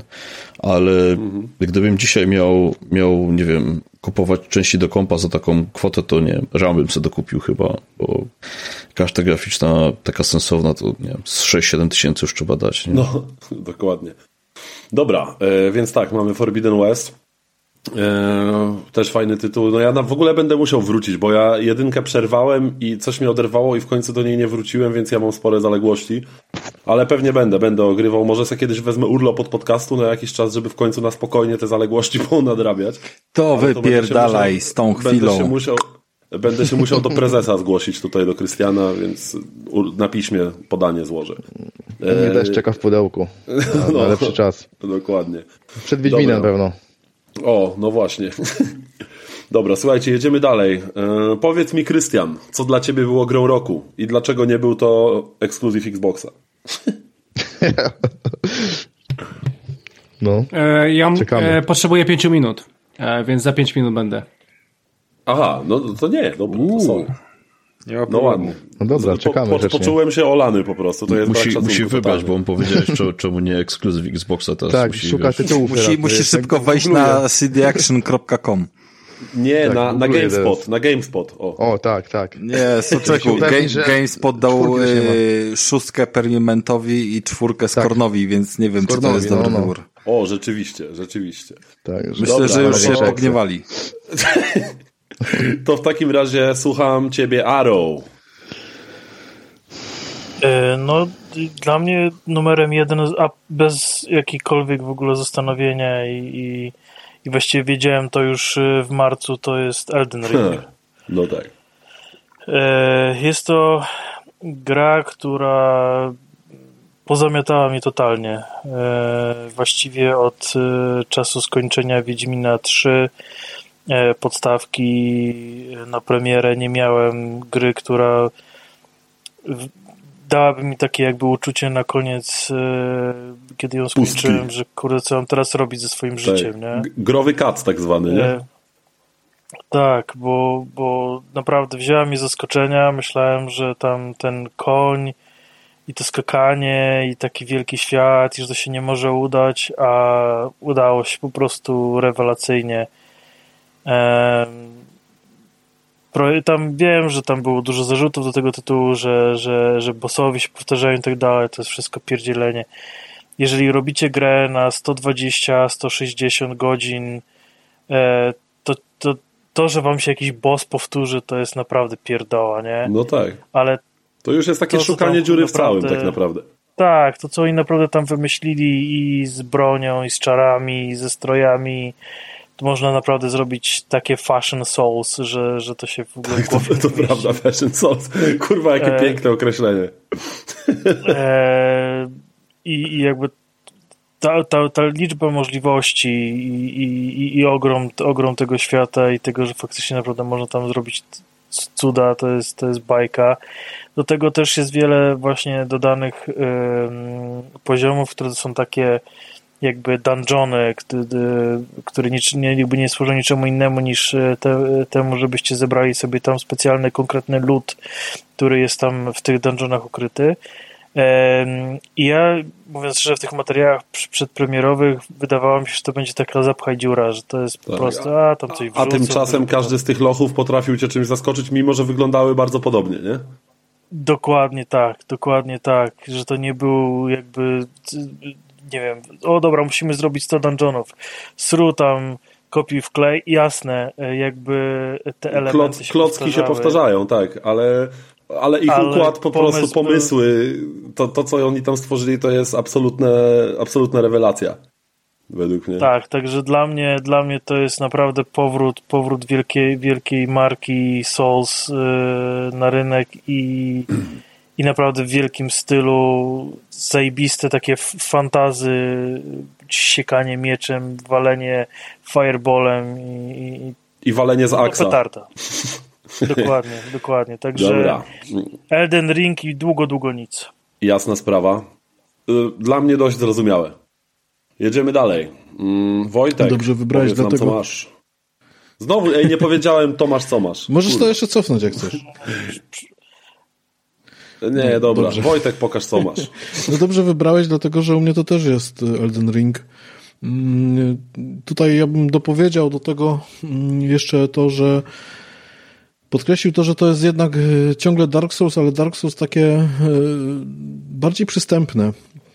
Jeżeli ktoś odbił się od Dark Soulsów, mm, to tutaj ma możliwość wejścia trochę w ten świat bardziej łagodnie, bo gra więcej wybacza. Jest też troszkę bardziej Tak, dostępna, jeżeli chodzi o tą warstwę fabularną. Myśmy się śmiali ze znajomymi, że Dark Souls, e, zwłaszcza chyba pierwsza i trzecia część, no dwójka to zresztą też podobnie, e, to są takie gry, gdzie fa fabułę, żeby poznać, trzeba zadrzeć tam tapety, nie? Musisz zajrzeć do każdego zakamarka, przeczytać Tak. Każdy opis przedmiotu. Tak, Opis tak, tak. każdego Tutaj gra wiele nie no. tłumaczy, wiele jest sekretów, gdzie możesz je znaleźć. Jeżeli znajdziesz, nagle otwiera się cały świat. y, W, w, w Soulsach tak było. W Elden Ring jest to trochę inaczej rozwiązane. Przede wszystkim gra daje dość dużą swobodę eksploracji. Mm, W Dark Soulsach było tak, że trzeba było iść po jakiejś ścieżce, jak widziałeś, że dostajesz za duży łomot, to trzeba było się cofnąć i iść inną ścieżką. Tutaj też jest tak, tylko że jest większe pole do popisu, bo świat jest generalnie otwarty, także możesz, możesz po prostu sobie bossa ominąć. No, niektórych oczywiście nie ominiesz, ale wiele mniejszych bossów, jakichś zakamarków, które ci sprawiają kłopot, po prostu omijasz, wrócisz sobie do tego później. Także pod tym względem to jest naprawdę świetne. No i też y, przypominam, że tam y, George Martin robił też y, pewne elementy fabularne w tej grze. Tak, coś tam nadzorował, coś tam przy On, on właśnie tam pewne elementy tylko, ale jednak mm, wykonał i to też robi robotę, także dla fanów y, takich y, Souls-like'ów to jest pozycja absolutnie obowiązkowa, bardzo barwna, dobrze wykonana. No po prostu Soulsy na resorach y, i myślę, że jeżeli ktoś wsiąknie w ten świat Elden Ringa, to być może łatwiej mu będzie potem zasiąść jednak do Dark Soulsów, bo mimo to, że gra jest stara jak pieron, y, to Na pewno. warto te Dark Soulsy od pierwszej części sobie zacząć, bo no bo tam się zrodziła legenda. No chyba Demon Souls, no dobrze, no jeszcze wcześniej Demon Souls, okej. No, a tu mamy remake bardzo dobry, więc y, Tak. też dobry powód do... Tak, więc to jest, to, jest, to są te powody, no warto, warto. To jest to takie Dark Souls na resorach i tak jak mówię, wiele wybacza, w związku z czym są takie momenty, gdzie naprawdę się umordujemy, ale będzie z tego więcej frajdy, bo możemy sobie naprawdę fajną, fajną eksplorować e, przestrzeń. Zgadza się. Więc teraz, y, jak w sumie akurat będzie bardzo ładna seria, więc teraz się wypowiem ja, y, bo jakby, come on, w 2022 roku dla mnie również król mógł być tylko jeden po prostu i oczywiście to jest Elden Ring właśnie, trzeci raz z rzędu, już tutaj mówimy. Słuchajcie, no 160 godzin w tej grze spędzonych, mimo że e, nie zdążyłem jej nawet ukończyć e, przez zalew po prostu innych premier, które też tam miałem do grania do podcastu i tak dalej, więc, e, więc nie skończyłem. Natomiast na pewno to zrobię, właśnie może jak wezmę sobie w końcu wolne. E, Słuchajcie, no to jest gra, która po prostu mi się śniła po nocach, przez którą prawie wyjebałem konsolę przez okno momentami, ale prawie doprowadziła mnie do łez szczęścia na streamie, kiedy jeden z bossów, który napsuł mi strasznie dużo krwi, w końcu padł. No, panie i panowie, Elden Ring, jakby y, pierwsze miejsce za tę niewiarygodną głębię tej gry, za jej złożoność, za nieskończone możliwości budowania tej swojej postaci, budowania tej swojej historii w tej grze, yy, za świat, który mimo momentami kulejących technikaliów, powiedzmy, i to mówię stricte o technicznych yy, aspektach, to ten świat, on totalnie, absolutnie zachwyca. Ja pamiętam, po prostu mam przed oczami moment, w którym ja siedzę przed tą konsolą, przed telewizorem i pierwsze wyjście do pogrobna, wyjście z tej krypty, kiedy ja zobaczyłem to pogrobno i ja, mi po prostu opadła szczęka. Jak ta gra wyglądała, jaki ona miała projekt każdej lokacji, każdy niesamowicie przemyślany element tego świata, tych przeciwników. Właśnie każda genialna lokacja, które na zmianę powodowały opad szczęki, zadumę, frustrację i przystawanie z zapartym tchem, żeby podziwiać po prostu to, co oni tam stworzyli. Yy, I mimo właśnie niekoniecznie zachwycającej rozdzielczości, czy jakiegoś tam pop-upu i tak dalej, to po prostu, mówię, ja ten moment wyjścia na, na, na świeże powietrze w pogrobnie, ja to mam cały czas przed oczami. To mi się wypaliło na, źre, na źrenicach po prostu. I te emocje, wrażenia wizualne, tajemniczość, złożoność właśnie ta świadomość wszystkich czekających na nas tajemnic w tym ogromnym świecie i czekających na nas, na nas zagrożeń, to jest coś, czego mi nie dała absolutnie żadna gra w tym roku i nie tylko w tym roku. Myślę, że ładnych parę lat minęło od kiedy coś takiego czułem ostatni raz. Więc jakby dla mnie Long Live the King, Elden Ring na 2022 rok. Więc Elden Ring ma już trzy punkty w naszym podsumowaniu. Więc chyba możemy przejść dalej. Eee, nie usłyszeliśmy jeszcze opinii naszych dwóch delikwentów. Ostatnich już dzisiaj. I powiedz mi, powiedz mi, Krystian, czy ty już wróciłeś? Jestem, jestem, jestem. Więc powiedz mi, co dla ciebie jest grą roku 2022. Okej. Okay. E, słuchajcie, tu będzie zaskoczenie malutkie. E, ale wróćmy się 15 lat e, do tyłu, kiedy byłem mały, młody, kiedy grałem sobie w grę, która nazywa się Championship Manager, ewentualnie Football Manager. O, nie gadaj. E, nie, nie, nie, słuchajcie, e, jak, e, jak grałem sobie kiedyś, kiedyś w te gry, to patrzę za oknem, a tu słoneczko, więc oznacza, że o, o trzeba iść spać. I właśnie to była, to, był, to była seria w sumie gier, w, którym, w której po prostu e, traciłem poczucie czasu. I słuchajcie, straciłem te poczucie czasu w grze, o której dzisiaj powiem, e, której niestety nie było jeszcze na naszym e, e podcaście, ale myślę, że w przyszłym roku będzie i nadrobimy zaległości. Słuchajcie, grze, która, e, która jest ekskluzywem oczywiście na Xboxa, a jest to Grounded. E, słuchajcie, Grounded wyszedł dwa lata temu w, w Early Access, a 27 września tego roku e, wyszedł, e, wyszła już po prostu premierowa wersja. I słuchajcie, Grounded, też tak sobie pomyślałem, nie byłem do końca przekonany, ale Golden Joystick Awards, nagrody uznawane przez Game Radar, stwierdził, że Grounded jest najlepszą grą na Xboxa w 2022 roku, więc sobie tak pomyślałem, tak, to w sumie jest dobry tytuł, który wyszedł w tym roku, który, który po prostu się do tego zalicza i jest, jest zajebisty. Słuchajcie, ja mam w Grounded przegrane ponad 30 godzin, ponad, i powiem wam, że to jest przepiękny survival. To jest przepiękny survival, który trzeba ogrywać w przynajmniej dwie osoby. Ja całą swoją rozgrywkę rozgrywałem ze swoją żoną. E, no i słuchajcie, no Granted, e, nie wiem, czy orientujecie się, czym w ogóle jest ten tytuł, ale jesteśmy zmniejszeni do wielkości główki od szpilki i po prostu e, musimy przeżyć walcząc z biedronkami, z mrówkami, z komarami, z pszczołami i po prostu budujemy swoją bazę i i po prostu dzieją się piękne, piękne rzeczy. Musimy dbać, żeby jeść, musimy dbać, żeby pić e, i, jest po prostu pięknie. Świat poza tym, że chodzimy po tej trawie i sobie budujemy bazę i rozkminiamy różne fajne rzeczy, e, troszeczkę grindujemy w niektórych e, aspektach, to też wprowadza nam e, mm, świat wodny, w sensie, że mamy pewien staw, w którym po prostu pływamy i tam też się dzieją różne rzeczy i, i, i, i tak jakby duża aktualizacja wjechała do tego Grounded, bo, bo mamy podwodny świat. E, powiem wam e, szczerze, że to jest przepiękna rozgrywka, kiedy gram ze swoją żoną i sobie stwierdzamy, ej, musimy iść, e, musimy iść, nie wiem, na komara. Komar jest naprawdę mocny. No dobra, ale żeby iść na komara, to ja muszę mieć zbroję z mrówki. No dobra, ale mrówki są pod ziemią.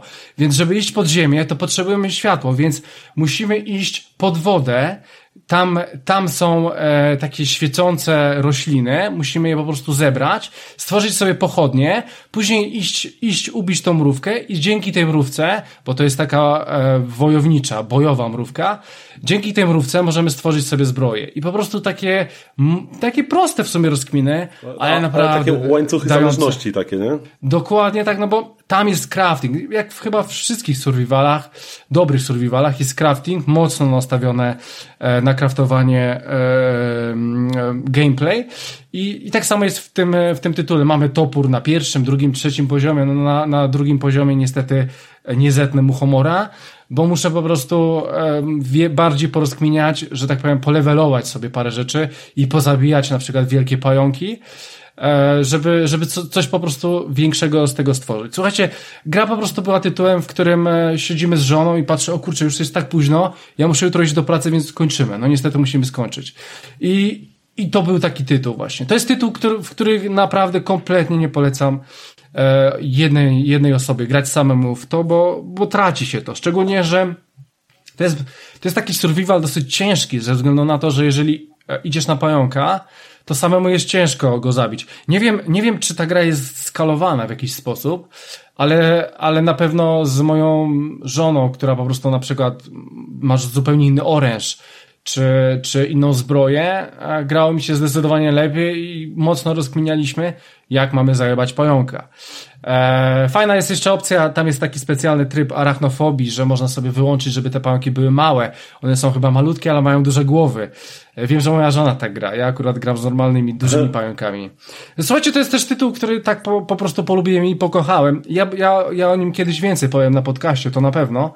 Zrobię taką e, normalną recenzję że kupiłem sobie też e, t-shirta z e, oficjalnego sklepu e, Microsoft Xboxa, więc, e, więc po prostu uwielbiam tą grę, ubóstwiam tą grę. Bardzo fajnie, że powstanie też do niej serial. Nie wiem, czy Amazon go nie zapowiedział.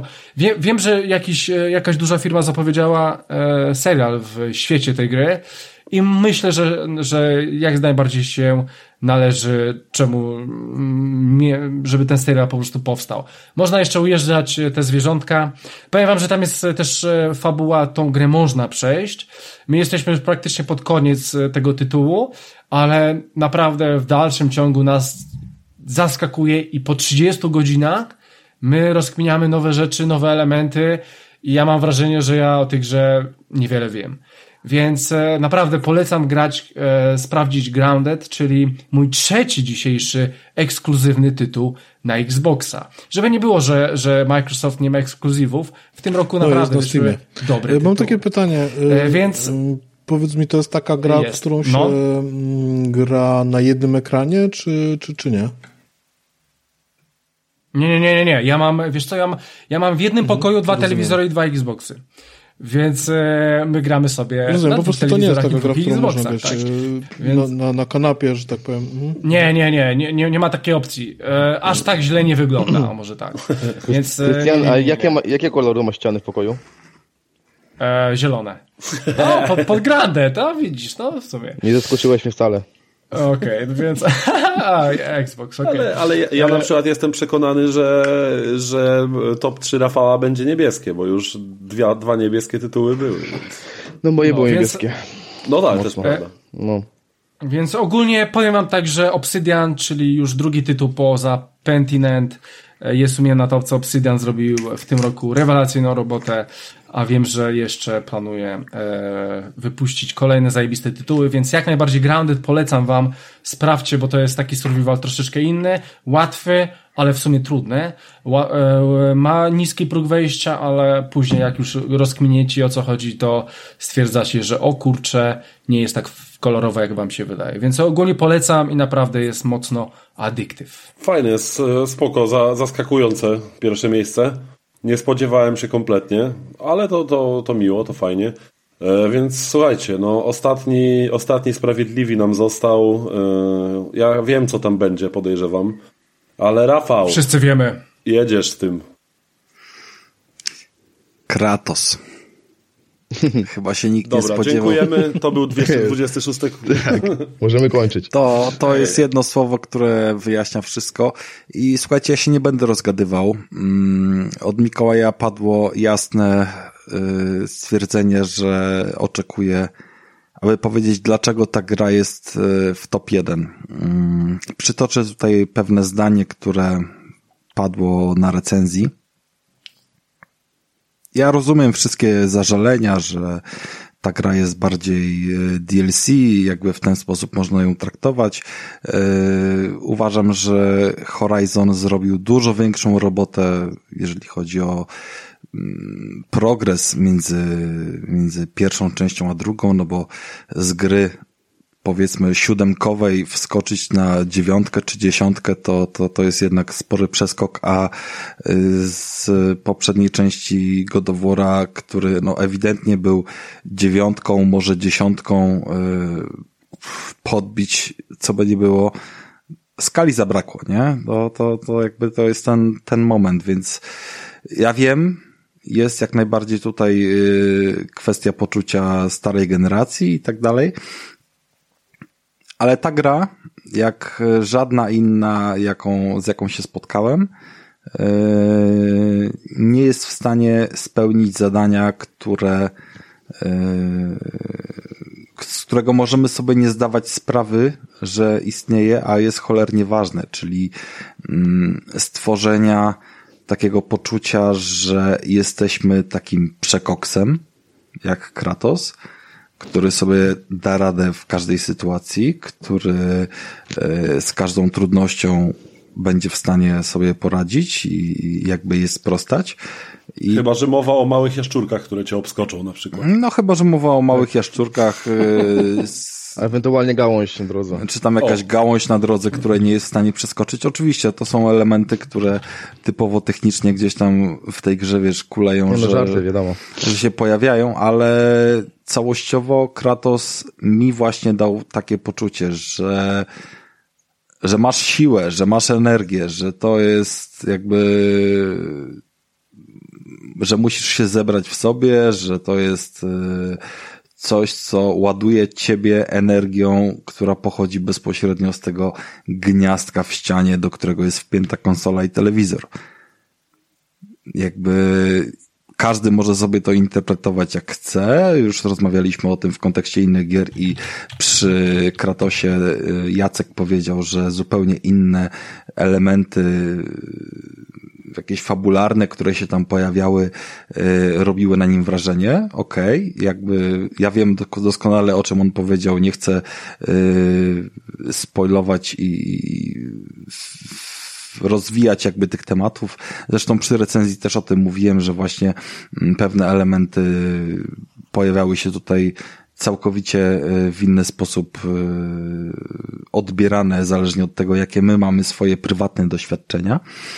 Mm, Jednakże God of War Ragnarok spowodował, że no zwyczajnie dało się poczuć tą moc, tą energię, która wypływała z tej, z tego tytułu, jakby pozwalała naładować się tą energią.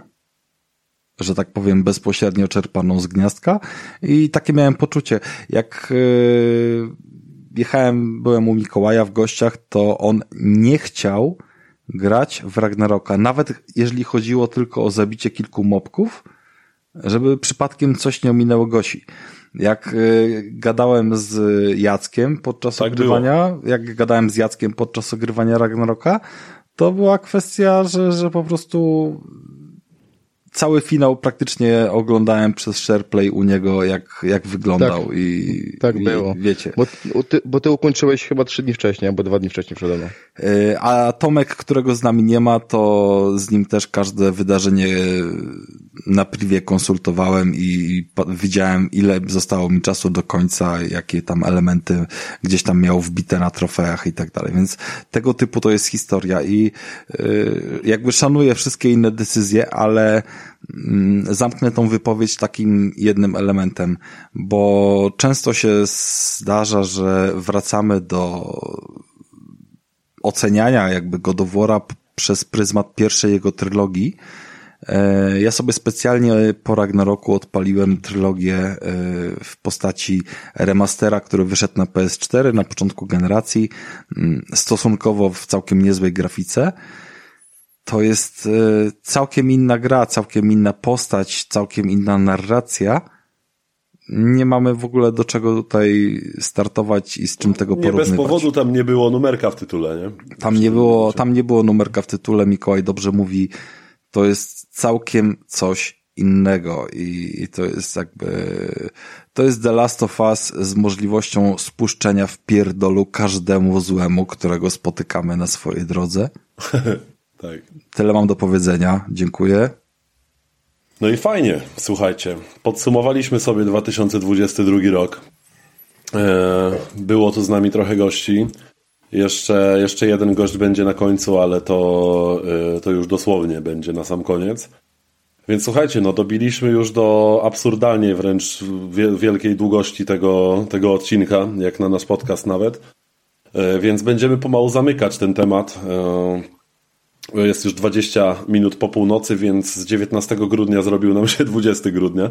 Tak. E, To się rzadko zdarza u nas. E, Słuchajcie, jako że to jest ostatni odcinek w tym roku, to dla Was wszystkich, e, dla naszych słuchaczy i dla naszych gości też, gdybyśmy się mieli nie słyszeć przed Nowym Rokiem i przed świętami, życzymy Wam naprawdę wszystkiego, co najlepsze, co tam tylko sobie zażyczycie. E, Żeby Wam się wiodło, żeby było jak najwięcej zajebistych gier do ogrania, żeby klatki się trzymały na takim poziomie jak należy, e, żeby Wojtkowi się za szybko karta graficzna nie zdezaktualizowała. I także tak, wszystkiego dobrego w nowym roku i na święta od bezimiennego podcastu i gości tegoż bezimiennego podcastu, którzy dzisiaj nas zaszczycili swoją obecnością. Słuchajcie, był z nami Jacek Olbryś. Dzięki Jacek, Dzięki że wielkie. wpadłeś. Dziękuję Wam za tą możliwość. Tak, dzięki, fajnie Cię było usłyszeć. E, dzięki Mateusz, dzięki Mat, że, że wpadłeś. No ja dziękuję Miło za mi zaproszenie. poznać, bo jeszcze nie mieliśmy okazji. Mam nadzieję, że nie ostatni raz. Dziękuję ślicznie za zaproszenie. Y, Coś jak byłem trochę zrzędliwy, e, ale no ja kumam, że każdy z was to, to, są, to są wasze topki, ale gdzieś tam e, moja natura, Skąd? ja też muszę Skąd? powiedzieć. M- co- musiałeś co sobie mam, popierdolić to- po Tak, prostu. no ja jestem typowym już Polakiem, już dwójka dzieci, stary, stary dziad, więc e, No tak, ja, ja, jestem, ja, ja jestem tym wujkiem, który na świętach mówi, ale kuźwa, inflacja, co to kuźwa, skąd się to wzięło? Także, no, także dziękuję. Mogłoby być lepiej. Kiedyś było lepiej, kurwa. Tak, rok, rok temu było fajnie. Dobra. Dziękuję Tak. No, dzięki, fajnie, że wpadłeś. Dzięki Wojtek również, że, że z nami byłeś. Wojtek Kocjan, pozdrawiamy Cię. Dzięki i pożegnam się tak, jak żegnam się ze słuchaczami radiowego salonu gier, czyli niskich pingów i wysokich FPS-ów. Otóż to, o, to są bardzo dobre życzenia. na nowy rok. bardzo piękne. dobre. Super, dzięki Wojtek, że wpadłeś. E, Był z nami również e, Tomek Aru Wasiewicz, już po raz kolejny, na pewno nie ostatni. Dzięki Tomek, miło Cię słyszeć. Bardzo również za zaproszenie i cieszę się, że znalazłem się w takim zacnym gronie. w, w, takim, w takim zacnym tutaj po prostu stowarzyszeniu. E, tak, słuchajcie, no i oczywiście był z nami również ten rdzeń, powiedzmy, e, bezimiennego podcastu, czyli Krystian Kender, E, dziękuję, byłem. Wesołych świąt, szczęśliwego nowego roku. Trzymajcie się. wszystko się zgadza. Był z nami również e, Rafał Radomyski, który reprezentował kolor zie, e, zielony, Boże. Co Tak, reprezentowałem Nie- dzisiaj bardzo mocno kolor zielony. Proszę mi tutaj nie, wiesz, nie wrzucać. Bardzo Nie broniłem. wpierdala mi się. Dokładnie. Dzięki Rafał. Dzięki wszystkim. Hej.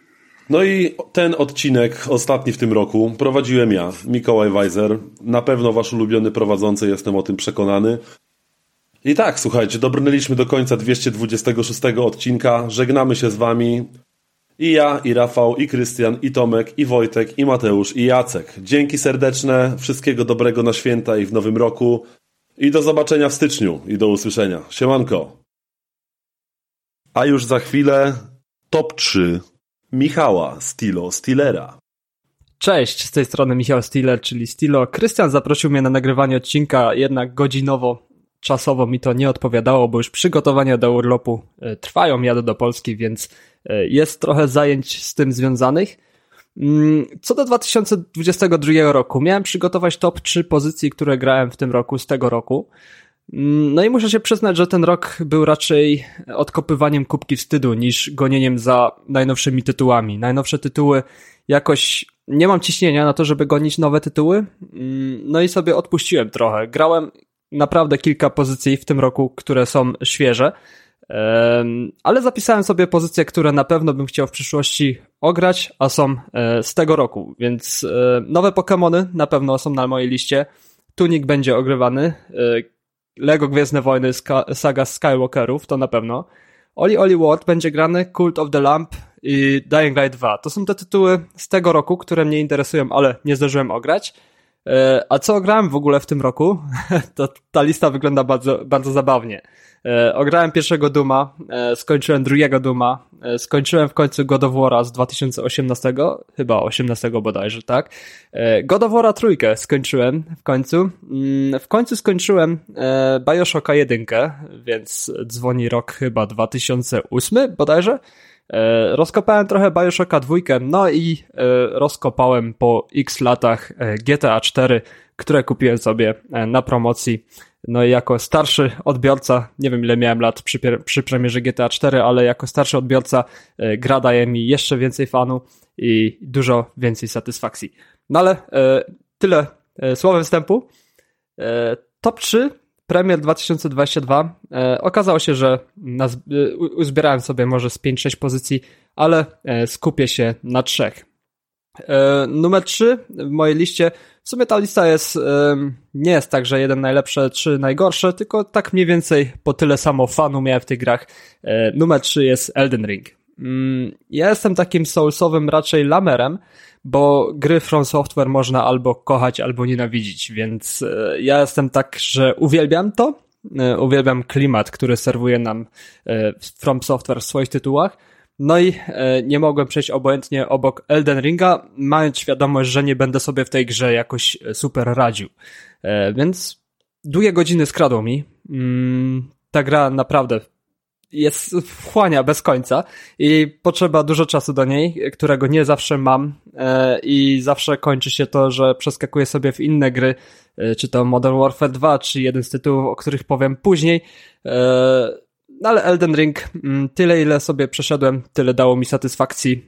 Będę do tej gry na pewno wracał, bo to, co zobaczyłem, to jeszcze za mało niż to, co gra oferuje, bo im dalej w świat, tym odkrywam coraz lepsze rzeczy, coraz więcej tego świata e, i coraz więcej tego klimatu e, wchłaniam w siebie, więc e, krótko.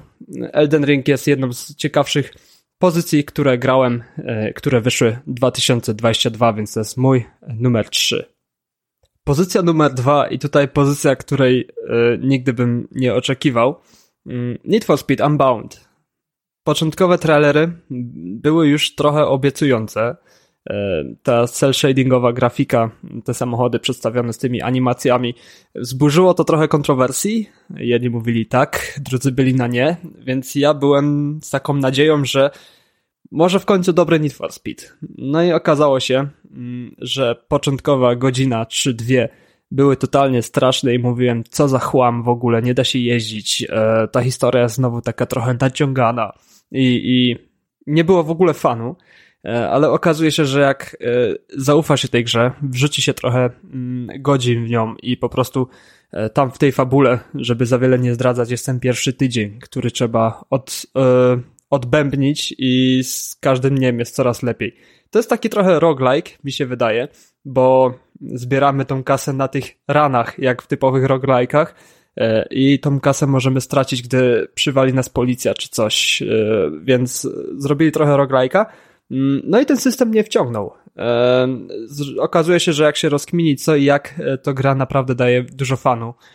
Gdy polepszy się już trochę furę, to też jazda totalnie sprawia przyjemność i nie jest tak źle jak na samym początku, kiedy tymi słabszymi furami musimy się ścigać i naprawdę robi się frustrująco ciężko. E, Więc przełamałem się, dałem tej grze szansę, no i przepadłem bez końca, bo okazuje się, że e, każ, każdej, każdej jesieni potrzebuję takiego tytułu jak mm, Forza Horizon. No w tym roku nie było Forza Horizon, więc Need for Speed wypełnia taką lukę e, takiego sandboxa samochodowego, gdzie można dużo eksplorować, zbierać. No i ciekawe wyścigi. Muzyka nawet jest bardzo spoko. Te animacje totalnie fajny smaczek, ta grafika, te wszystkie triki, które oni sobie tam wymyślili. No jest, jest fan, więc Need for Speed e, Unbound niespodziewanie wskakuje na, u mnie na drugie miejsce w tym roku fajnie znowu mieć Need for Speeda i mam nadzieję, że ta, ścież, ta, ta gra, mimo trochę, że miała trochę swoich potknięć, yy, już nie stała się takim liderem rynku, yy, jak kiedyś przy okazji właśnie części Most Wanted czy Underground 2, że Need for Speed to było wow, pierwsze, gra wyścigowa Need for Speed się od razu kojarzyło. Więc jeśli ktoś się odbił w pierwszej godzinie, a ma ochotę na, na dobre ściganie, to niech da szansę, niech wróci sobie. Tym bardziej, że jest 10-godzinny trial na EA Play. Chyba się to EA Play nazywa.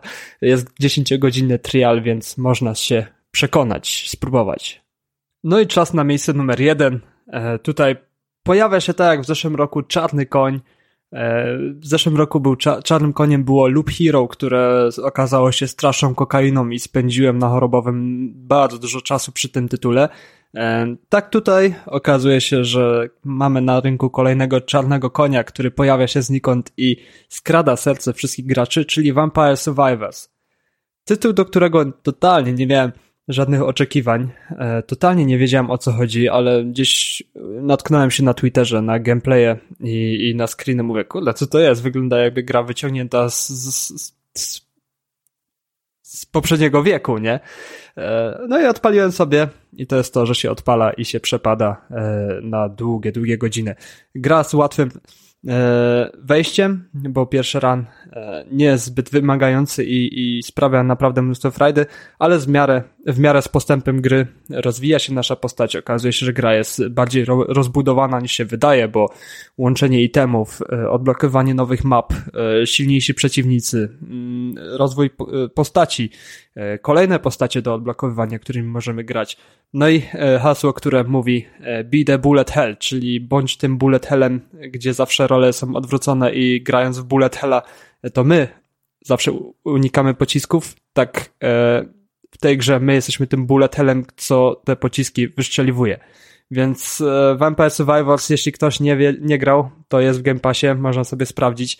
E, jest na telefonach, ale ostrzegam. Straszna kokaina, i odpalając raz, e, próbując czym to się je, e, naprawdę sprawia tak dużo satysfakcji, że do tego tytułu wraca się raz po raz i cały czas jest dobra zabawa, cały czas jest coś do roboty i mimo, że wydaje się gra e, bardzo prostą grą z założenia, tak jest bardzo głęboka i rozbudowana i warto sobie sprawdzić, mm, więc to będzie moja czarny koń tego roku, nazwijmy to. Tak, w zeszłym roku było Loop Hero, tak w tym roku Vampire Survivors. E, z mojej strony to już wszystkie tytuły. E, dziękuję Krystianowi za zaproszenie, do, za, za, za to, że mogłem znowu pogadać do Was, słuchacze e, podcastu Bezimienny. Dawno się nie słyszeliśmy, więc pozdrawiam. Życzę wesołych świąt. Spędźcie je jak najlepiej chcecie.